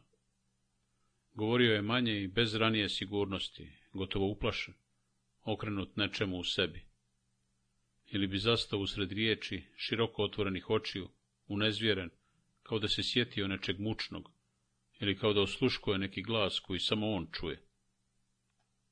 Trajalo bi to samo tren, poslije sam sumnjao i da je bilo, ali me je moja vlastita uznemirenost uvjeravala da se nisam prevario. Mislio sam da se to javlja njegovo sjećanje, od kojeg nikako ne može da pobjegne. Bilo bi rđavo i za mene i za njega, postali bismo nesnosni jedan drugome. Ali kad god se vraćao iz svoje mračne usamljenosti, bio je ljubazan kao i ranije, pa sam odbacio svoju sumnju. Ne bi mogao biti toliko hrabar ni toliko jak da me gleda blagonaklono pored mrtvog sina, ponovo oživjelog u njegovu srcu. A možda su ta njegova trenutna gašenja samo tjelesna nelagodnost zbog lošeg mora. Jugo nas je pratio na cijelom putu i brod je posrtao s nosa na rep. Pitao sam ga zabrinut. Ili more uvijek ovako zimi? Obično, Zašto onda putuješ svake godine? Volim Venedik. Veseo je, naročito sad, za vrijeme karnevala. Što se njega tiče karneval? A kad nema karnevala, sigurno je tmurno, kao i kod nas. Kod nas je uvijek tmurno. Ne voliš Bosnu? Ne volim. Zašto se onda ne preseliš u Venedik? Možda bih i njega zamrzio, bolje ovako. Ne znam da li je ovo njegovo hodočašće u tuđi grad samo navika, ponavljanje onog što je uvijek činio, bježanje od sebe i od svoje tuge, ili odlazi zbog neke ljubavne veze kojom se, makar i privremeno, oslobađa stalne napetosti. Ali mi je njegovo oduševljenje tim tuđim gradom izgledalo neobično, zato što je pretjerano, kao da ga ističe nekome u prkos. Venedik je kao čipka, govorio je, građen za gledanje, stvoren za uživanje, spreman na razumijevanje. Otvoren svemu što je ljudsko, on je grad zrelih ljudi koji se ne stide i ne boje onoga što čine, koji ljudsku slabost prihvataju kao stvarnost, a ljudsku plemenitost kao dobrodošlu mogućnost. Imaju malo zakona, ali strogih i pravednih, jer znaju da je sve više lopova što je više zakona. Malo je upravljača i zato malo izjelica. Kažnjavaju, ali za prave prestupe i bez samovolje bez nepotrebne surovosti. Svi se brinu o državi i svi daju porez prema svojim mogućnostima, a najviše troše na škole i na ljepotu grada. Ima bogataša, ali nema sirotinje. Ima nepravde, ali nema nasilja. Ima zatvora, ali nema mučilišta. Građani biraju upravu, ali je i smjenjuju. Svake tri godine najmanje. O svemu se dogovaraju, zato su moćni. Nisu stvorili raj, ali su život uredili kako se najbolje može. Zar i to postoji na svijetu, mislio sam začuđen. Ja sam taj šehagin raj osjetio nosom. Grdno su zaudarali kanali u koje se neštedimice uliva nečist ovog čudnog grada, a iznad nepomične vode vukla se magla, vonjajući na prijesan, kao da vjetar nikad ne prodovao ovo ljudsko naselje sa mnogo vode i malo kopna. Nešto mi se učinio sumnjev, Šehagen Raj. Možda je on lijepu sliku života, kako ga zamišlja, kako ga želi, vezao uz ovaj grad bez ikakva opravdanja, iz čiste želje da negdje tako bude. Da bi mogao misliti o njoj, gledajući našu sirotinju, da bi se mogao tješiti, gledajući naš jad. Možda je to i dio njegove osvete. Eto, kako u Venediku mogu. A možda i nešto više od toga, vjera i želja da ima negdje jedan grad, da ima negdje jedna zemlja, gdje život nije muka i nepravda. A ako ima na jednom mjestu, zašto ne bi bilo i na drugom? Taj grad iz mašte stvorila je želja da bude. Nema ga, a on to neće da zna. Ovo putovanje je izgleda Hadžiluk njegovom plemenitom snu. Zar nije lijepo, podsticao je moju pažnju, dok sam gledao stare nosače kako pogureni sjede u zidove kuća, zaklanjajući se od vjetra. Da li se i oni brinu o državi ili o komadu hljeba? Da li oni vjeruju da je ovo raj? Jesu li za njihovo uživanje građene one divne palate? Da li oni smjenjuju upravu? Da li njih pitaju za mišljenje kad se dogovaraju o državnim poslovima? Ima bogataša, zato ima i sirotinje. Nije teško poželjeti gradi snova, teško ga je zamisliti u stvarnosti, još teže održati vjeru u njega. Kako je Šehaga sačuvao sliku svoje želje? Upitaću ga poslije, kad sam saznam šta želim da ga pitam. Na pristaništu nas je dočekao Osman Vuk, koji je ranije stigao s tovarom vune. Htio je odmah sve da ispriča o poslovima, ali ga je Šehaga prekinuo umornim pokretom ruke. Poslije. Osman Vuk nas je odveo u gostionu na kanalu. Šeha ga se smjestio u lijepu sobu s predsobljem, ja u manju do njega. Ostavio sam stvari, umio se i otišao do Šehage da se dogovorimo šta ćemo danas raditi. Iznenadio sam se što leži na postelji, obučen. Ne osjećaš se dobro? Malo ću se odmoriti. Osmijehnuo se. Godine nikom ne praštaju. Ranije sam lako podnosio put. Pokušaj da zaspiš, doći će poslije. Osman je sjedio u malom salonu na spratu. Znao je da šeha ga leži, ali je izgledao više razočaran nego zabrinut. A kad sam rekao da je šeha ga umoran od puta, sumnječavo je mahnuo glavo. Da je samo umoran, ne bi legao. Neće čovjek doći iz Bosne u Venedik da se zavuče u sobu, ili tako? Ne sviđa mi se kako izgleda u licu. Nikako mi se ne sviđa. Ponovio je to i kad smo ušli u moju sobu. Vajkao se, kuda mu se baš to desi?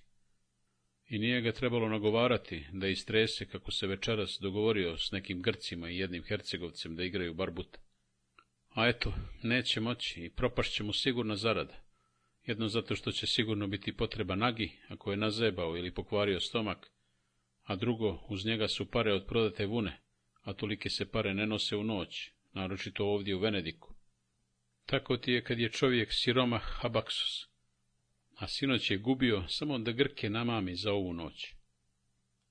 Otkud si ti siromah? Dobro zarađuješ, gdje su ti pare?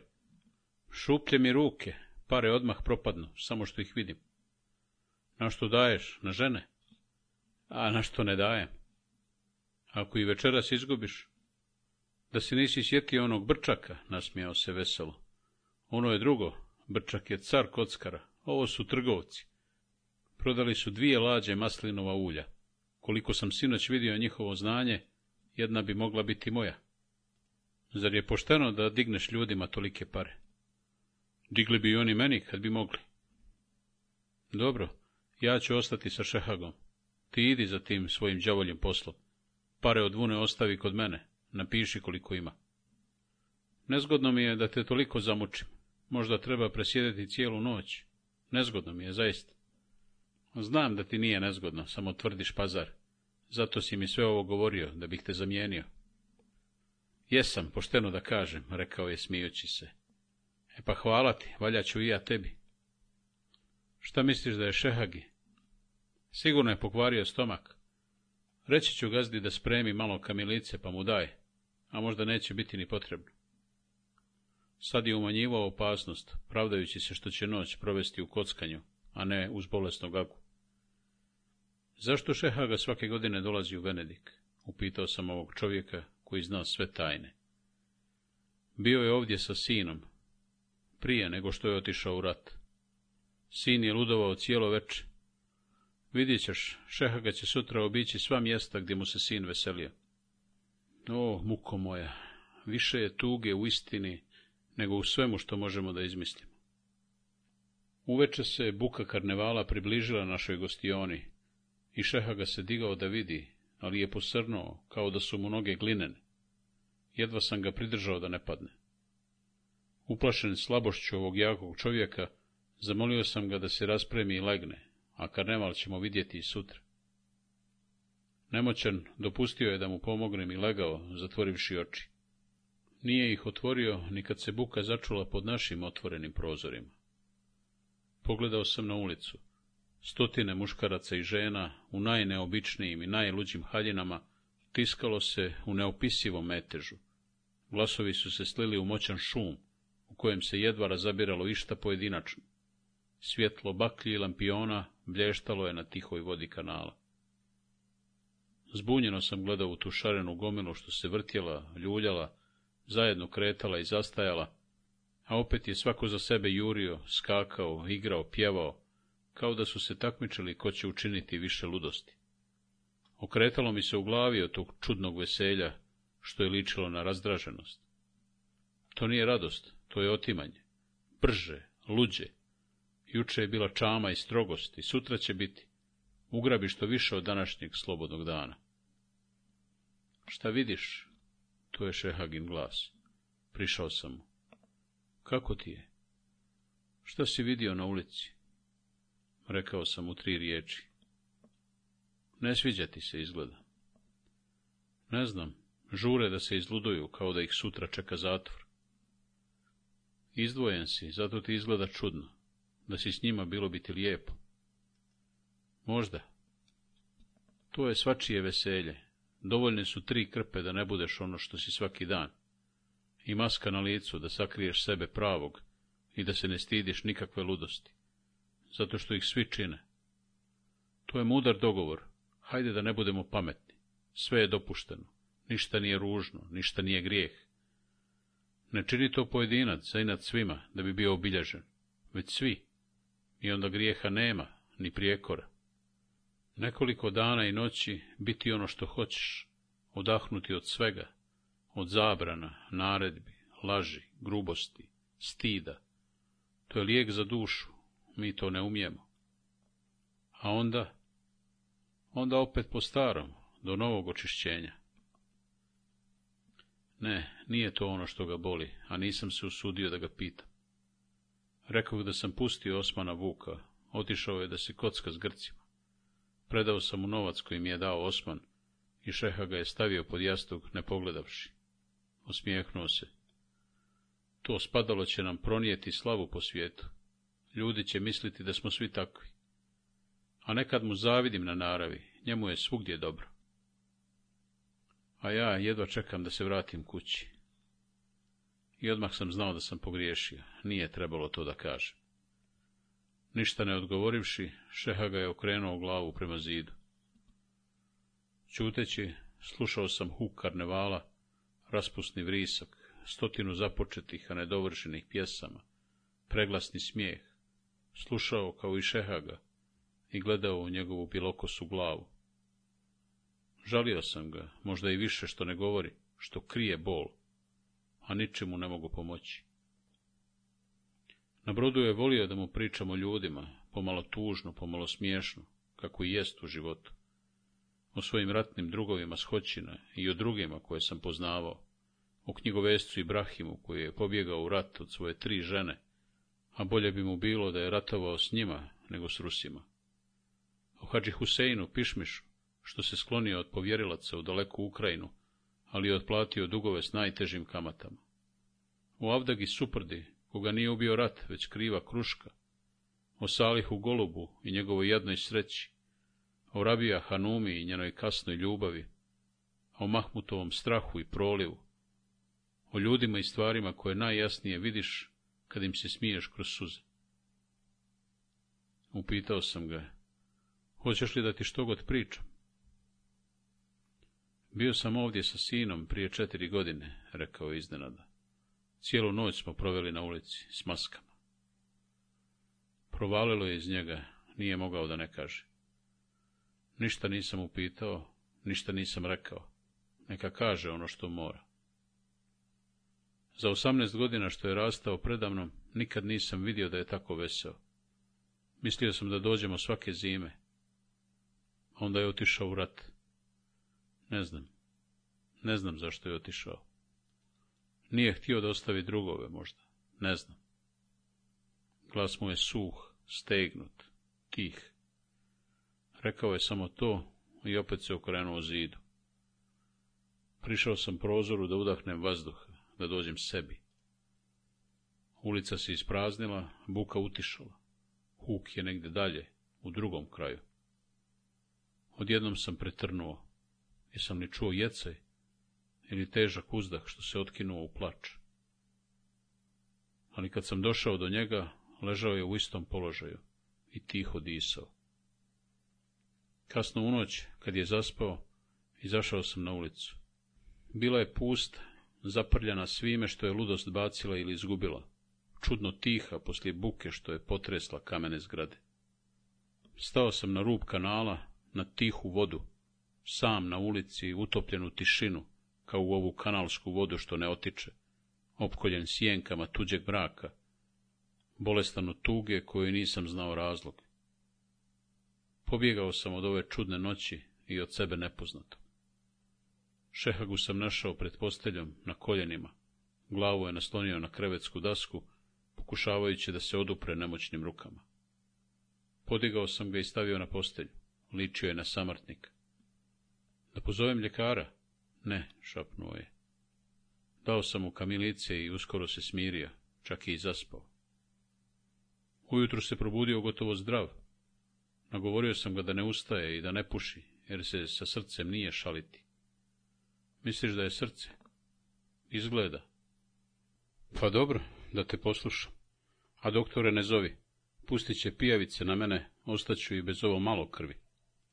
Možda ti ne bi škodilo. Bože moj, kako ljudi lako pristaju da se pusti tuđa krv. Šalio se, pričao kako ćemo nadoknaditi ovo ležanje i badavađisanje. Provešće me po ovoj venedičkoj ljepoti, da će mi oči ispasti. Priznao sam iskreno. Volio bih da ovoj ljepoti što prije okrenem leđe. Zašto? Kud žuriš ona jada ako Boga znaš? Kad god kreneš, rano si krenuo. Osman Muk se vratio kasno, rđavo se provaje u igri. Kad su im kola pošla nizbrdo, Grci su počeli varati. On ih opomenuo, a oni bezobrazno nastavili. Te ti on skoči, prebije ih kao mačke. Stignu policajci kad čuju njihovu dreku. Odvedu u zatvor Osmana i Hercegovca. I jutros ih puste, ali im odrape debelu globu. Tako je Osman ostao i bez onog što je dobio i bez onog što je sam imao. Zar uvijek moraš da praviš gužvu, smijao se Šehaga. Ali ga je presjekao iznenadan bol, Zgrčio se sjedeći u postelji, bradom gotovo dotaknuo koljena, pa se ispravio, počutao trenutak, blijed u licu i rekao Osmanu. Igraj sa mnom. Začudili smo se. Kako aga s tobom? Odakle meni novac? Šeha ga je izvukao novac ispod jastoka. Ako dobiješ, sve je tvoje. Ako izgubiš, ne treba ti veća kazna. Nije pravo, Aga, Znam da dobro igraš, ali ovdje nema varke. Bože, sačuvaj. E onda sjedaj. Osman je privukao sto do postelje i sjeo, zbunjen. Ruke ti dršću, upozorio ga je Šehaga. Smiri se. Kako da se smirim? Toliki novac. Hoćeš li da odgodimo? Nemoj da odgađam. Bacaj. Gledao sam tu neobičnu igru u kojoj igraju jedan vješt kockar i jedan čudan čovjek. Jednome kao da je sav život u pitanju, drugi se šegači, ili hoće da pomogne, ali neće da pokloni. je duša strepi, drugi uživa u njegovoj muci. Jedan se peče na žeravici, zaprepašten neočekivanom srećom, drugi se zabavlja i svejedno mu je da li će dobiti ili izgubiti. Osman je bacao kocku drhtavo, kao uzetom rukom. Šta si se ukočio, grdio ga je Šehaga. Mučno mi je da te gledam. Ništa ne gubiš, možeš samo da dobiješ. Mogu da izgubim priliku. Stotinu je prilika u životu, ne moraš svaku da uhvatiš. A ti ćeš svoju uhvatiti, kad bilo. Ličeš mi na kopc, sve bi nas podavio. Ne bi, Haga, šta to govoriš? Podavio bi, zato si mi drag. I volio bih da dobiješ. Zašto da praštaš ikome? I ja bih volio da dobijem. Ali je sreća okrenula leđa Osmanu, kad mu je bila najpotrebnija. Smanjio se, zgrčio, oznojio, oči mu postale tužne, izraz lica izgubljen. Gubio je i izgubio. Igrali su kratko, svega u deset bacanja. Meni je izgledalo dugo, kao bolest. Sudbina ti ne da, rekao je Šehaga ozbiljno. Vidim, Haga. Osman je ustao i kroz prozor bacio kocku u kanal. Nikad više, rekao je potišteno. Zakuni se, ne u dušu, ne u riječ, već u sreću. Zakleo se kao da se kažnjava i izašao iz sobe. Bilo mi ga je žao. Zašto si to učinio? Upitao sam Šehagu prijekonu. Gatao sam, ako on dobije, dobit ću i ja. Izgubili smo obojica, čini mi se. Kako to? Ne razumijem. Odmahnuo je rukom, ne želeći da odgovori. Vidio sam da je njegove kratkotrajne bodrosti nestalo, Ruke je nemoćno vukao po pokrivaču, nemajući snaga da ih podigne. Lice mu se oznojilo i poblijedilo, usne se zgrčila. Uplašio sam se. Je li to smrt? Šehaga, šta ti je? Šehaga! Spustio sam u glavu na jastuk, jer je počeo da se naginje u stranu, kao da će pasti s postelje. Mirovao je nekoliko trenutaka, a onda polako podigao očne kapke i otkrio ugasle zjenice, gotovo mrtve. Uspio je i da se osmijehne, Čak je rekao da se ne plaši. Jači je i hrabriji nego što sam mislio. Nije dopustio da idem po doktora. Ovo je naša stvar i ne treba miješati strance, rekao je šapatom. Nisam razumio o čemu govori. A kad mu se uz zjenice vratio život, gledao me je dugo i oštro, kao da je nešto tražio iza moga čela. Zašto ne upita? Sve bih mu rekao. Vjerovatno bih rekao. Ne boj se, rekao je tiho, ali tvrdo, kao da prijeti. Neću umrijeti. Nisam učinio sve što treba. Moram da platim za zlo koje su mi učinili. Nepošteno je ostati dužan. Zašto misliš na osvetu? Zar je sreća u osveti? Nije sreća ni u življenju, pa evo živim. Osveta je kao pijanstvo, nikad nije dosta. I odakle ti baš sad ta misao? Viknuo je ljutito a o čemu bi trebalo da misli? Ali je naglo zastao, za prepaštenom kretnjom uhvatio rub pokrivača i počeo da vuče prema isturenoj bradi, oglasivši se krikom bola, kao da mu je težak grč stegao utrobu. Začudo smirio se ubrzo i otklonio peškir koji sam mu brisao oznojeno čelo. Ne treba, rekao je tiho. Gdje je Osman? Ne znam, nekud je otišao. Mogu li ti ja pomoći? Gdje je Osman? Ne znam gdje je Osman. Šta hoćeš, reci meni. Nisi ti za to. Zašto? Možda sam ovo očekivao, ali drugom prilikom, na drugom mjestu. Ne ovdje, ne ovako. O čemu to govoriš, Šehaga? Bio sam bolesno uzbuđen zbog njegovog izgleda, zbog nerazumljivog razgovora, zbog muzike i veselih glasova s ulice, zbog tužne sobe, zbog tajne koja me plaši. Bolovi su nailazili sve češće, kriveći mu lice u bolan grč, a tijelo kao da je postajalo sve slabije. Mučio se, izgledalo je da će povratiti. Duboko je udisao vazduh širom otvorenih usta, borio se da održi dah, ali nije skidao pogled s mene. Uskoro će mu bolest potpuno prituliti sjaj sivih očiju kojih su se ljudi bojali. Znaš li šta je sa mnom? upitao je šapatom, kad je grč popustio. Otrovan sam, izgleda. Kako otrovan ako Boga znaš? Šta to govoriš? Utroba mi gori, i grlo, i mozak. Ko? kriknuo sam. Ko te je mogao otrovati? Ko nije? Možda ti? Ili Osman? Ali ne, ti si slab da to učiniš. Osman nije bio s nama, a počelo je da me sažiže na putu. Možda su momci. Zašto mi nisi rekao? Sve si kriv u životu. Zašto i ovo? Možda je neko nepoznat, plaćen na putu, na konacima, u krčmama, ali pravi krivac je u Sarajevu. Prokleti bili. Neka Osman dođe i ostavi me nasamu s njim. Znam zašto ga zoveš, nemoj molim te, ne misli na osvetu, ozdravit ćeš. Zovni mi Osmana. Nisam mogao da se maknem, nisam mogao da se saberem, nisam znao šta da učinim čovjek možda umire predavnom, otrovan, a ja ne mislim toliko na njegovu nesreću, koliko na surovost, njegovu i njihovu. Pretekli su me, nadmudrili, to je sve, šaptao je modrim usnama. Prevario sam se negdje, u nekome, ili se nije moglo izbjeći. Da li je bolje da ga ne poslušam, pa da umre, žaleći na mene, ili da ga poslušam, pa da se mržnja produži? Da odem po doktora, zovni mi Osmana, izašao sam u hodnik. Osman je razgovarao s gazdom, talijanom, na nekakvom neobičnom jeziku, koji nije nigdje postojao, ali to kao da nije smetalo ni jednome ni drugom. Gazda se zabrinuto raspitivao za bolesnika. Strahovao je da mu putnik ne umre u gostioni, to bi odbilo druge goste.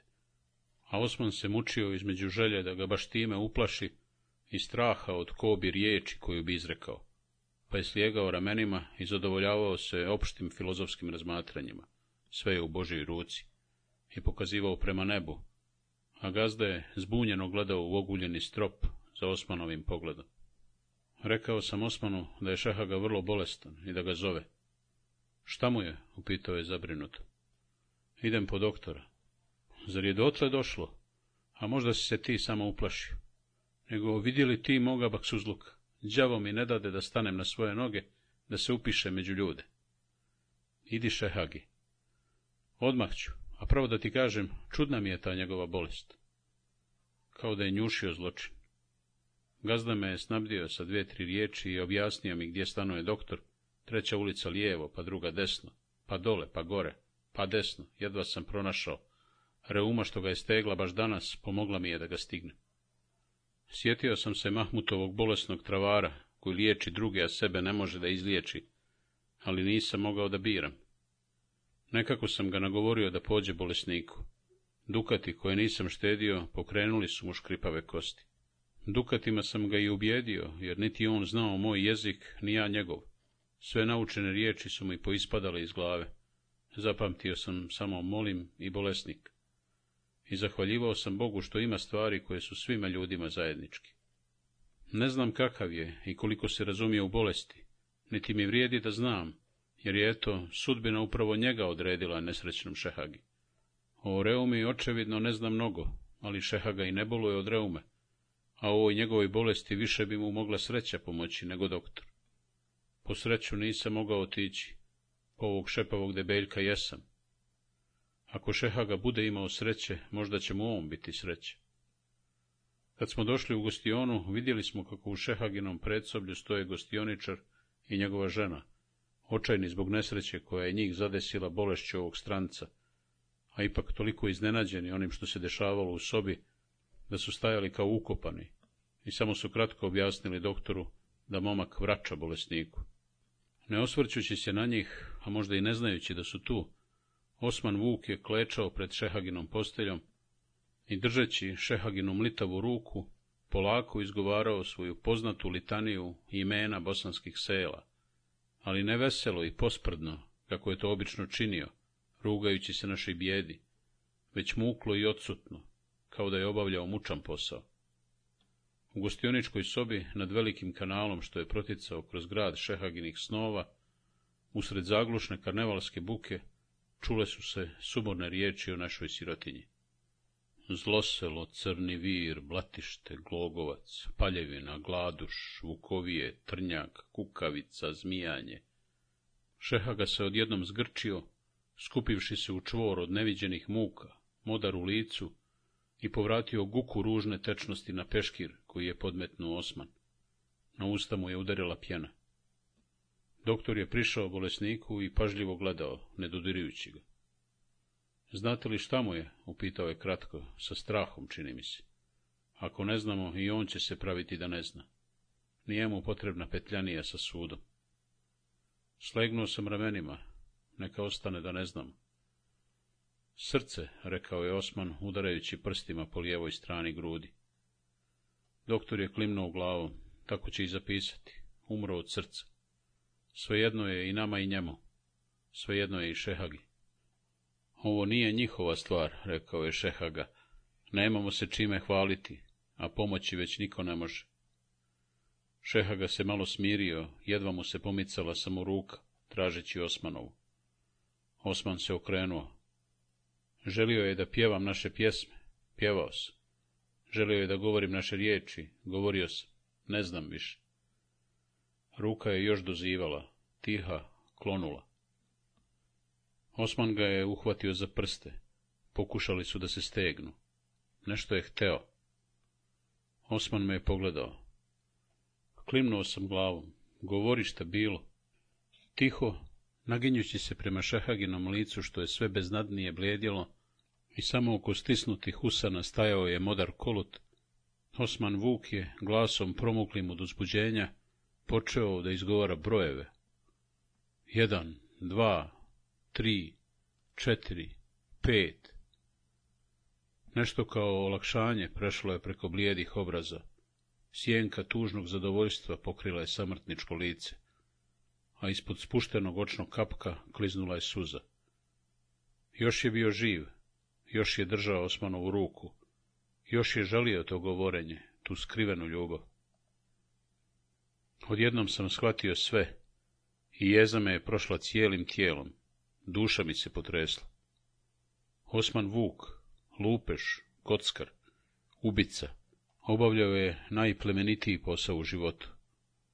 U Šehagi se javila potreba za zavičajnom toplinom ovdje u tuđini, pred konačnom tuđinom što ga je čekala, neumitna, za tren, za dva.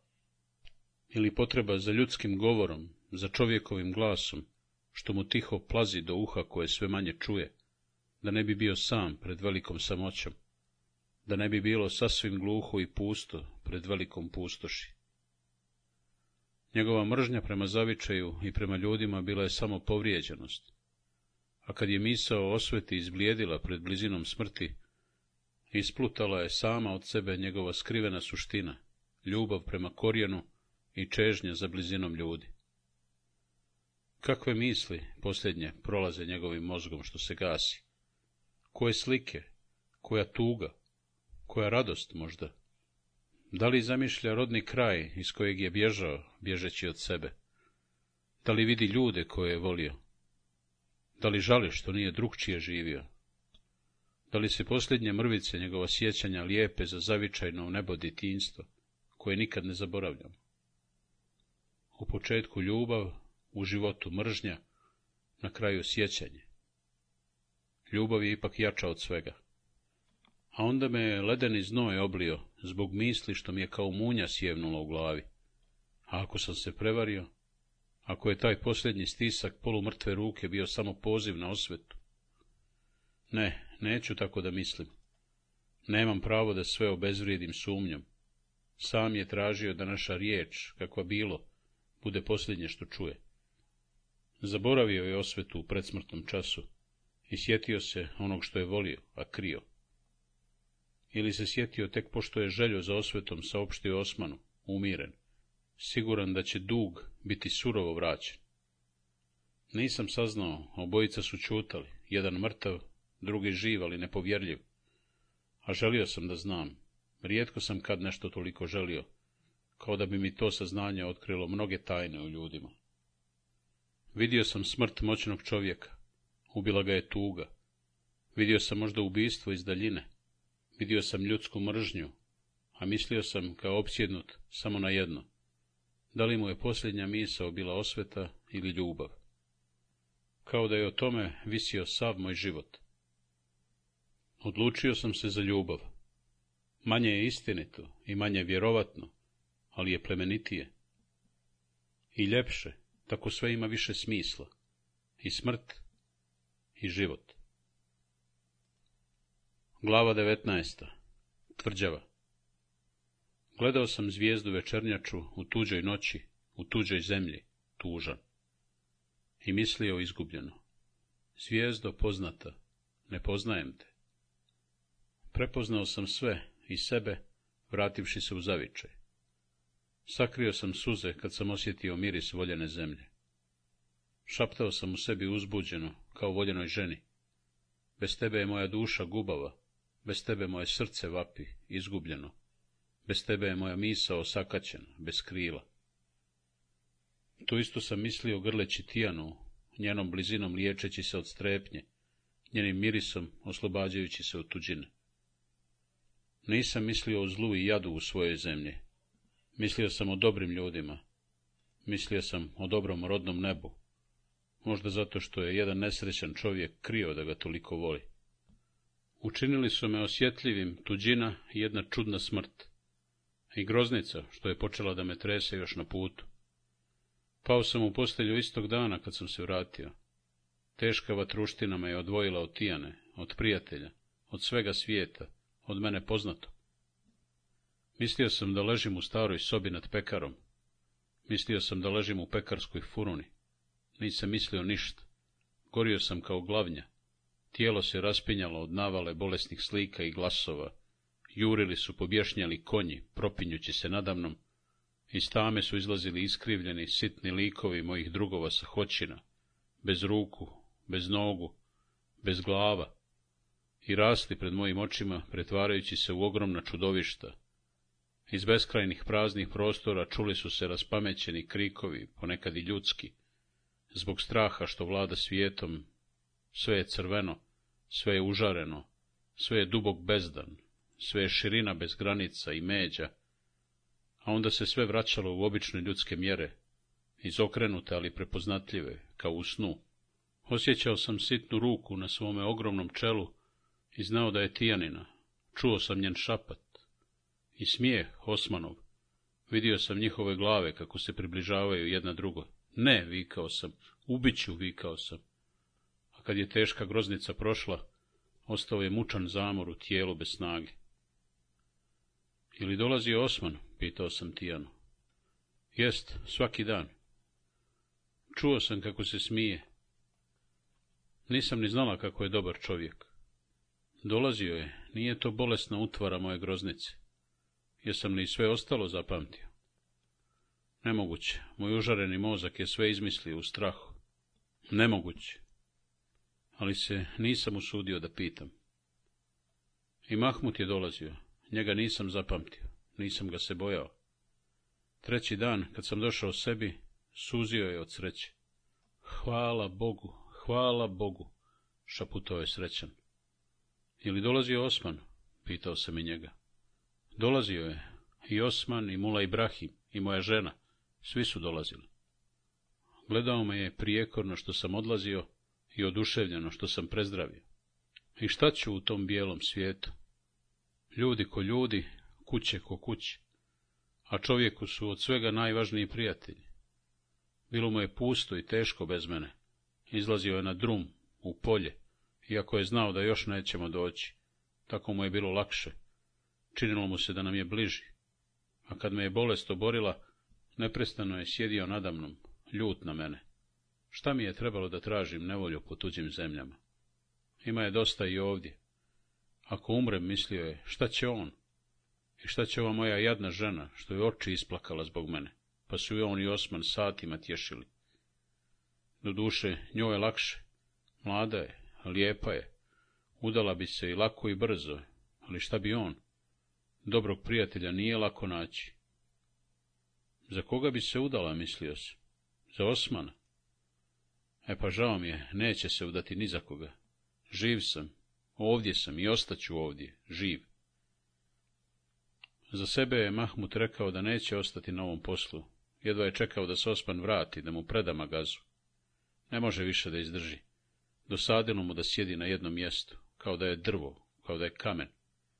Škodi mu i nogama, mora više da se kreće, a voli da se viđa s ljudima. Šta je to sad? Ovaj smiješni sanjar više voli nesigurnost sa snovima, nego sigurnost sa samoćom. Divio se neobičnim poslovima, a zapali su ga najobičniji i najdosadniji. Dospio je dotle da hrani mačke i ganja miševe, on, koji je maštom letio po oblacima. I osjećao se prevaren, teže nego da je i dalje tavori u bijedi, gajeći neostvarivu nadu. Sad namjerava da gaji kanarince, to je ugodan posao, čist, lijep, zanimljiv. Kanarinci vode ljubav, pjevaju i množe se. Toliko se množe da će od prodaje mladih dobro živjeti. A onda je začutao i rukom nemirno prešao preko mršavog lica. Nešto si prečutao, opomenuo sam ga. Što sam prečutao? Ne znam, tebe pitam. Sve glavno sam rekao, drugo je nevažno. Šta je to nevažno? Pa to, davao sam žito na veresiju, Osman se ljuti. Zašto si davao na veresiju? Zašto? Zima teška, a ljudi bez para, eto zašto. Platit će kad ima dno. Jesi li zapisao imena dužnika? Zapisao sam, gotovo sva. Ne, nije on zapisao ni jedno. Kako bi velikodušni bogataš, kakav je zaista bio u tom času, zapisivao dužnike? Ne znam šta je to u njemu što ga pokreće na neočekivane postupke. Je to želja za zahvalnošću i poštovanjem? Ili želja za nečim neobičnim? Niko to nije učinio, učinit će on. A možda je i dobrota. I šta ćeš sad? Prodat ću kuću. Koliko si već puta prodavao kuću? Sad ću prodati. On zna samo za sadašnji trenutak, ne pamti ono što je bivalo, ne misli na sutrašnji dan. Upropašćuje se svime što učini, i zlom i dobrom. Rekao je Osmanu da će prodati kuću i namiriti manjak, nadajući se da Osman neće na to pristati. Ali Osman nije Ahmed Šabo, koji ima više duše nego pameti. Briga Osmana za dušu. Pristao je, čak je tražio da se odmah proda. Mahmutova žena se složila, grdeći Mahmuta dobrodušno. Ostario, a nije sazrio. Šta može? Lako je biti dobar na tuđi račun, rekao je Osman i mirno primio novac, ali je njegova misao bila zauzeta drugim brigama. Ispričao mi je kako su sahranili Šehagu. Otišli smo s njim živim, a vratili ga mrtvog, u okovanom hrastovom sanduku. Mnogo svijeta je došlo u veliku kuću da vidi okovanog i nevidljivog Šehagu, a vidio ga je samo kadija s pisarima i svjedocima. Učinio je čast mrtvom Šehagi svojom posljednjom posjetom, a sebi priredio ogromno zadovoljstvo, jer mu je mrtav neprijatelj sigurno bio miliji od živog prijatelja. Izgledao je ozbiljan, ali mu je srce pjevalo kao ševa. Iz Afranija je došao s kadijom. Možda je i vjerovao onima koji vide, da je to Šehaga i da je zaista mrtav, ali se za svaki slučaj sasvim približio šehaginom žutom licu, da bi se sam uvjerio, da bi pomirisao leš kao cvijet. Svi su izražavali saučešće njemu, Osmanu, i molili ga da prenese njihovo žaljenje šehaginici, koja je pala u postelju zbog ove konačne nesreće. Osman je zahvaljivao, kad i Franije i naju Čak je rekao kako se šehaga na samrti sjetio svih svojih prijatelja i molio ih da mu oproste, ako je koga uvrijedio, kao što je i on svima oprostio. Teško onima koje je pomenuo, pomislio sam. Dobro sam znao Osmanovu kurjačku čud. Jesu li Kadija i Zafranija krivi za Šehagenu smrt? upitao sam Osmana. Odgovorio je prijekornim pitanjem. Kako bi oni mogli biti krivi? Šehaga je umro od žalosti za sinu. Sam je rekao da je otrovan. Zvao te je da ti ostavi u amanet osvetu.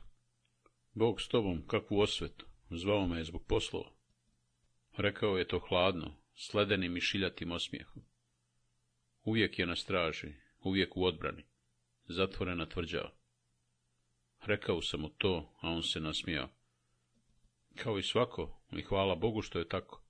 Na što bismo ličili da smo razvaljeni obor. Neprijatelji su oko nas, da li mu je Šehaga zavješta osvetu? Ako jest, uskoro će se rasprsnuti ovaj prividni mir. Ko će od njih biti brži? Ko će prvi optužiti Bećira Tosku za još jedan zločin? Ipak ću upitati Tijanu o onome što mi se učinilo da sam vidio. Nemoguće je, ali ću upitati. Lud sam što o tome mislim, ali ću upitati. Odgodio sam dok se u meni ne stiša strah.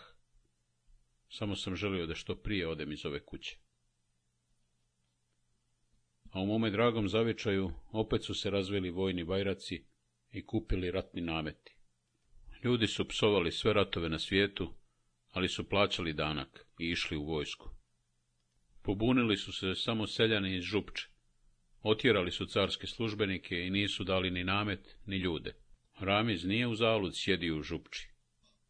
Moj dobri Mula Ibrahim, do kraja uplašen surovošću ljudi, govorio je samo o vremenu i o zdravlju, pa i to tiho i oprezno, jer sve može biti sumnjivo. I kad kažeš da je vrijeme ružno, i kad se požališ da se ne osjećaš dobro. Ali mene nije zaboravio. Našao mi je jeftin stan, malen, ali nama dovoljan, i službu dječjeg učitelja, nikakvu drugu ne bih mogao prihvatiti. Učim djecu čitanju i pisanju. Pokušavam da ih naučim dobroti, nadajući se da će u njima ostati što god od mojih naivnih riječi. Među djecom ponekad sjedi i Mahmut Neretljak, savijenih šiljatih koljena i čuteći trlja bolesnu nogu. Sluša, klima glavom i ne znam da li potvrđuje ili sumnja. Naročito je pogruženo klima mršavom glavom kad smo se vratili djeci, kao da sam tražio lijek među njima, pošto smo ispratili deset vezanih župčana na putu u tvrđavu. Pored njih je išao bivši austrijski zarobljenik, veseli Ferid, sa stražarima. Preuzeo je poslove pokojnog Avdage, ali ne i njegove navike. Dobio je svoje imanje, uselio se u kuću, istirao ženu i svog bračnog zamjenika s petoro djece, postao mu selim i sad je za dobijenu pravdu plaćao surovošću. Župčani su išli između naoružanih stražara kao da su začuđeni. Zašto ih vode? Šta su učinili? Žene i rođaci su ih pratili na odstojanju, čuteći, a i sme danas su vojnici odlazili u rat. I njih prate majke, očevi, sestre, djevojke. Plaču ili ćute ubijeno. Berber Salih, Salifakovca, stoji po strani. Ili saznao istinu o sinovima, ili se još nada. Koji će poginuti od ovih što odlazi? I gdje? U Dunavskim očvarama? u Besarabijskim šumama, na dalekim nepoznatim poljima, Gledao sam žalošćin, Je li među njima neki Ahmeta ga misira, koji je postao aga i platit će to tuđom i svojom glavu? Gdje li je ljutiti Telal Hido, koji bježi od sirotinje? Je li neki drugi Ibrahim Paro utekao od svojih žena? Jesu li ovdje sinovi nekog drugog Berbera Saliha, s nekog drugog Alifakovca? Je li Husein Pišmiš, Smajl Sovo, Avdija Suprda, Svejedno kako im je ime, sudbina im je ista. Svejedno da li su tužni ili lažno veseli, neće se vratiti. Ni moji drugovi nisu se vratili. Izginuli su, svi. Hoće li ova moja djeca ići tim istim žalosnim putem kad odrastu? Hoće li živjeti glupo, kao i njihovi očevi? Vjerovatno hoće, ali u to neću da vjerujem. Neću da vjerujem a ne mogu da se oslobodim strepnje.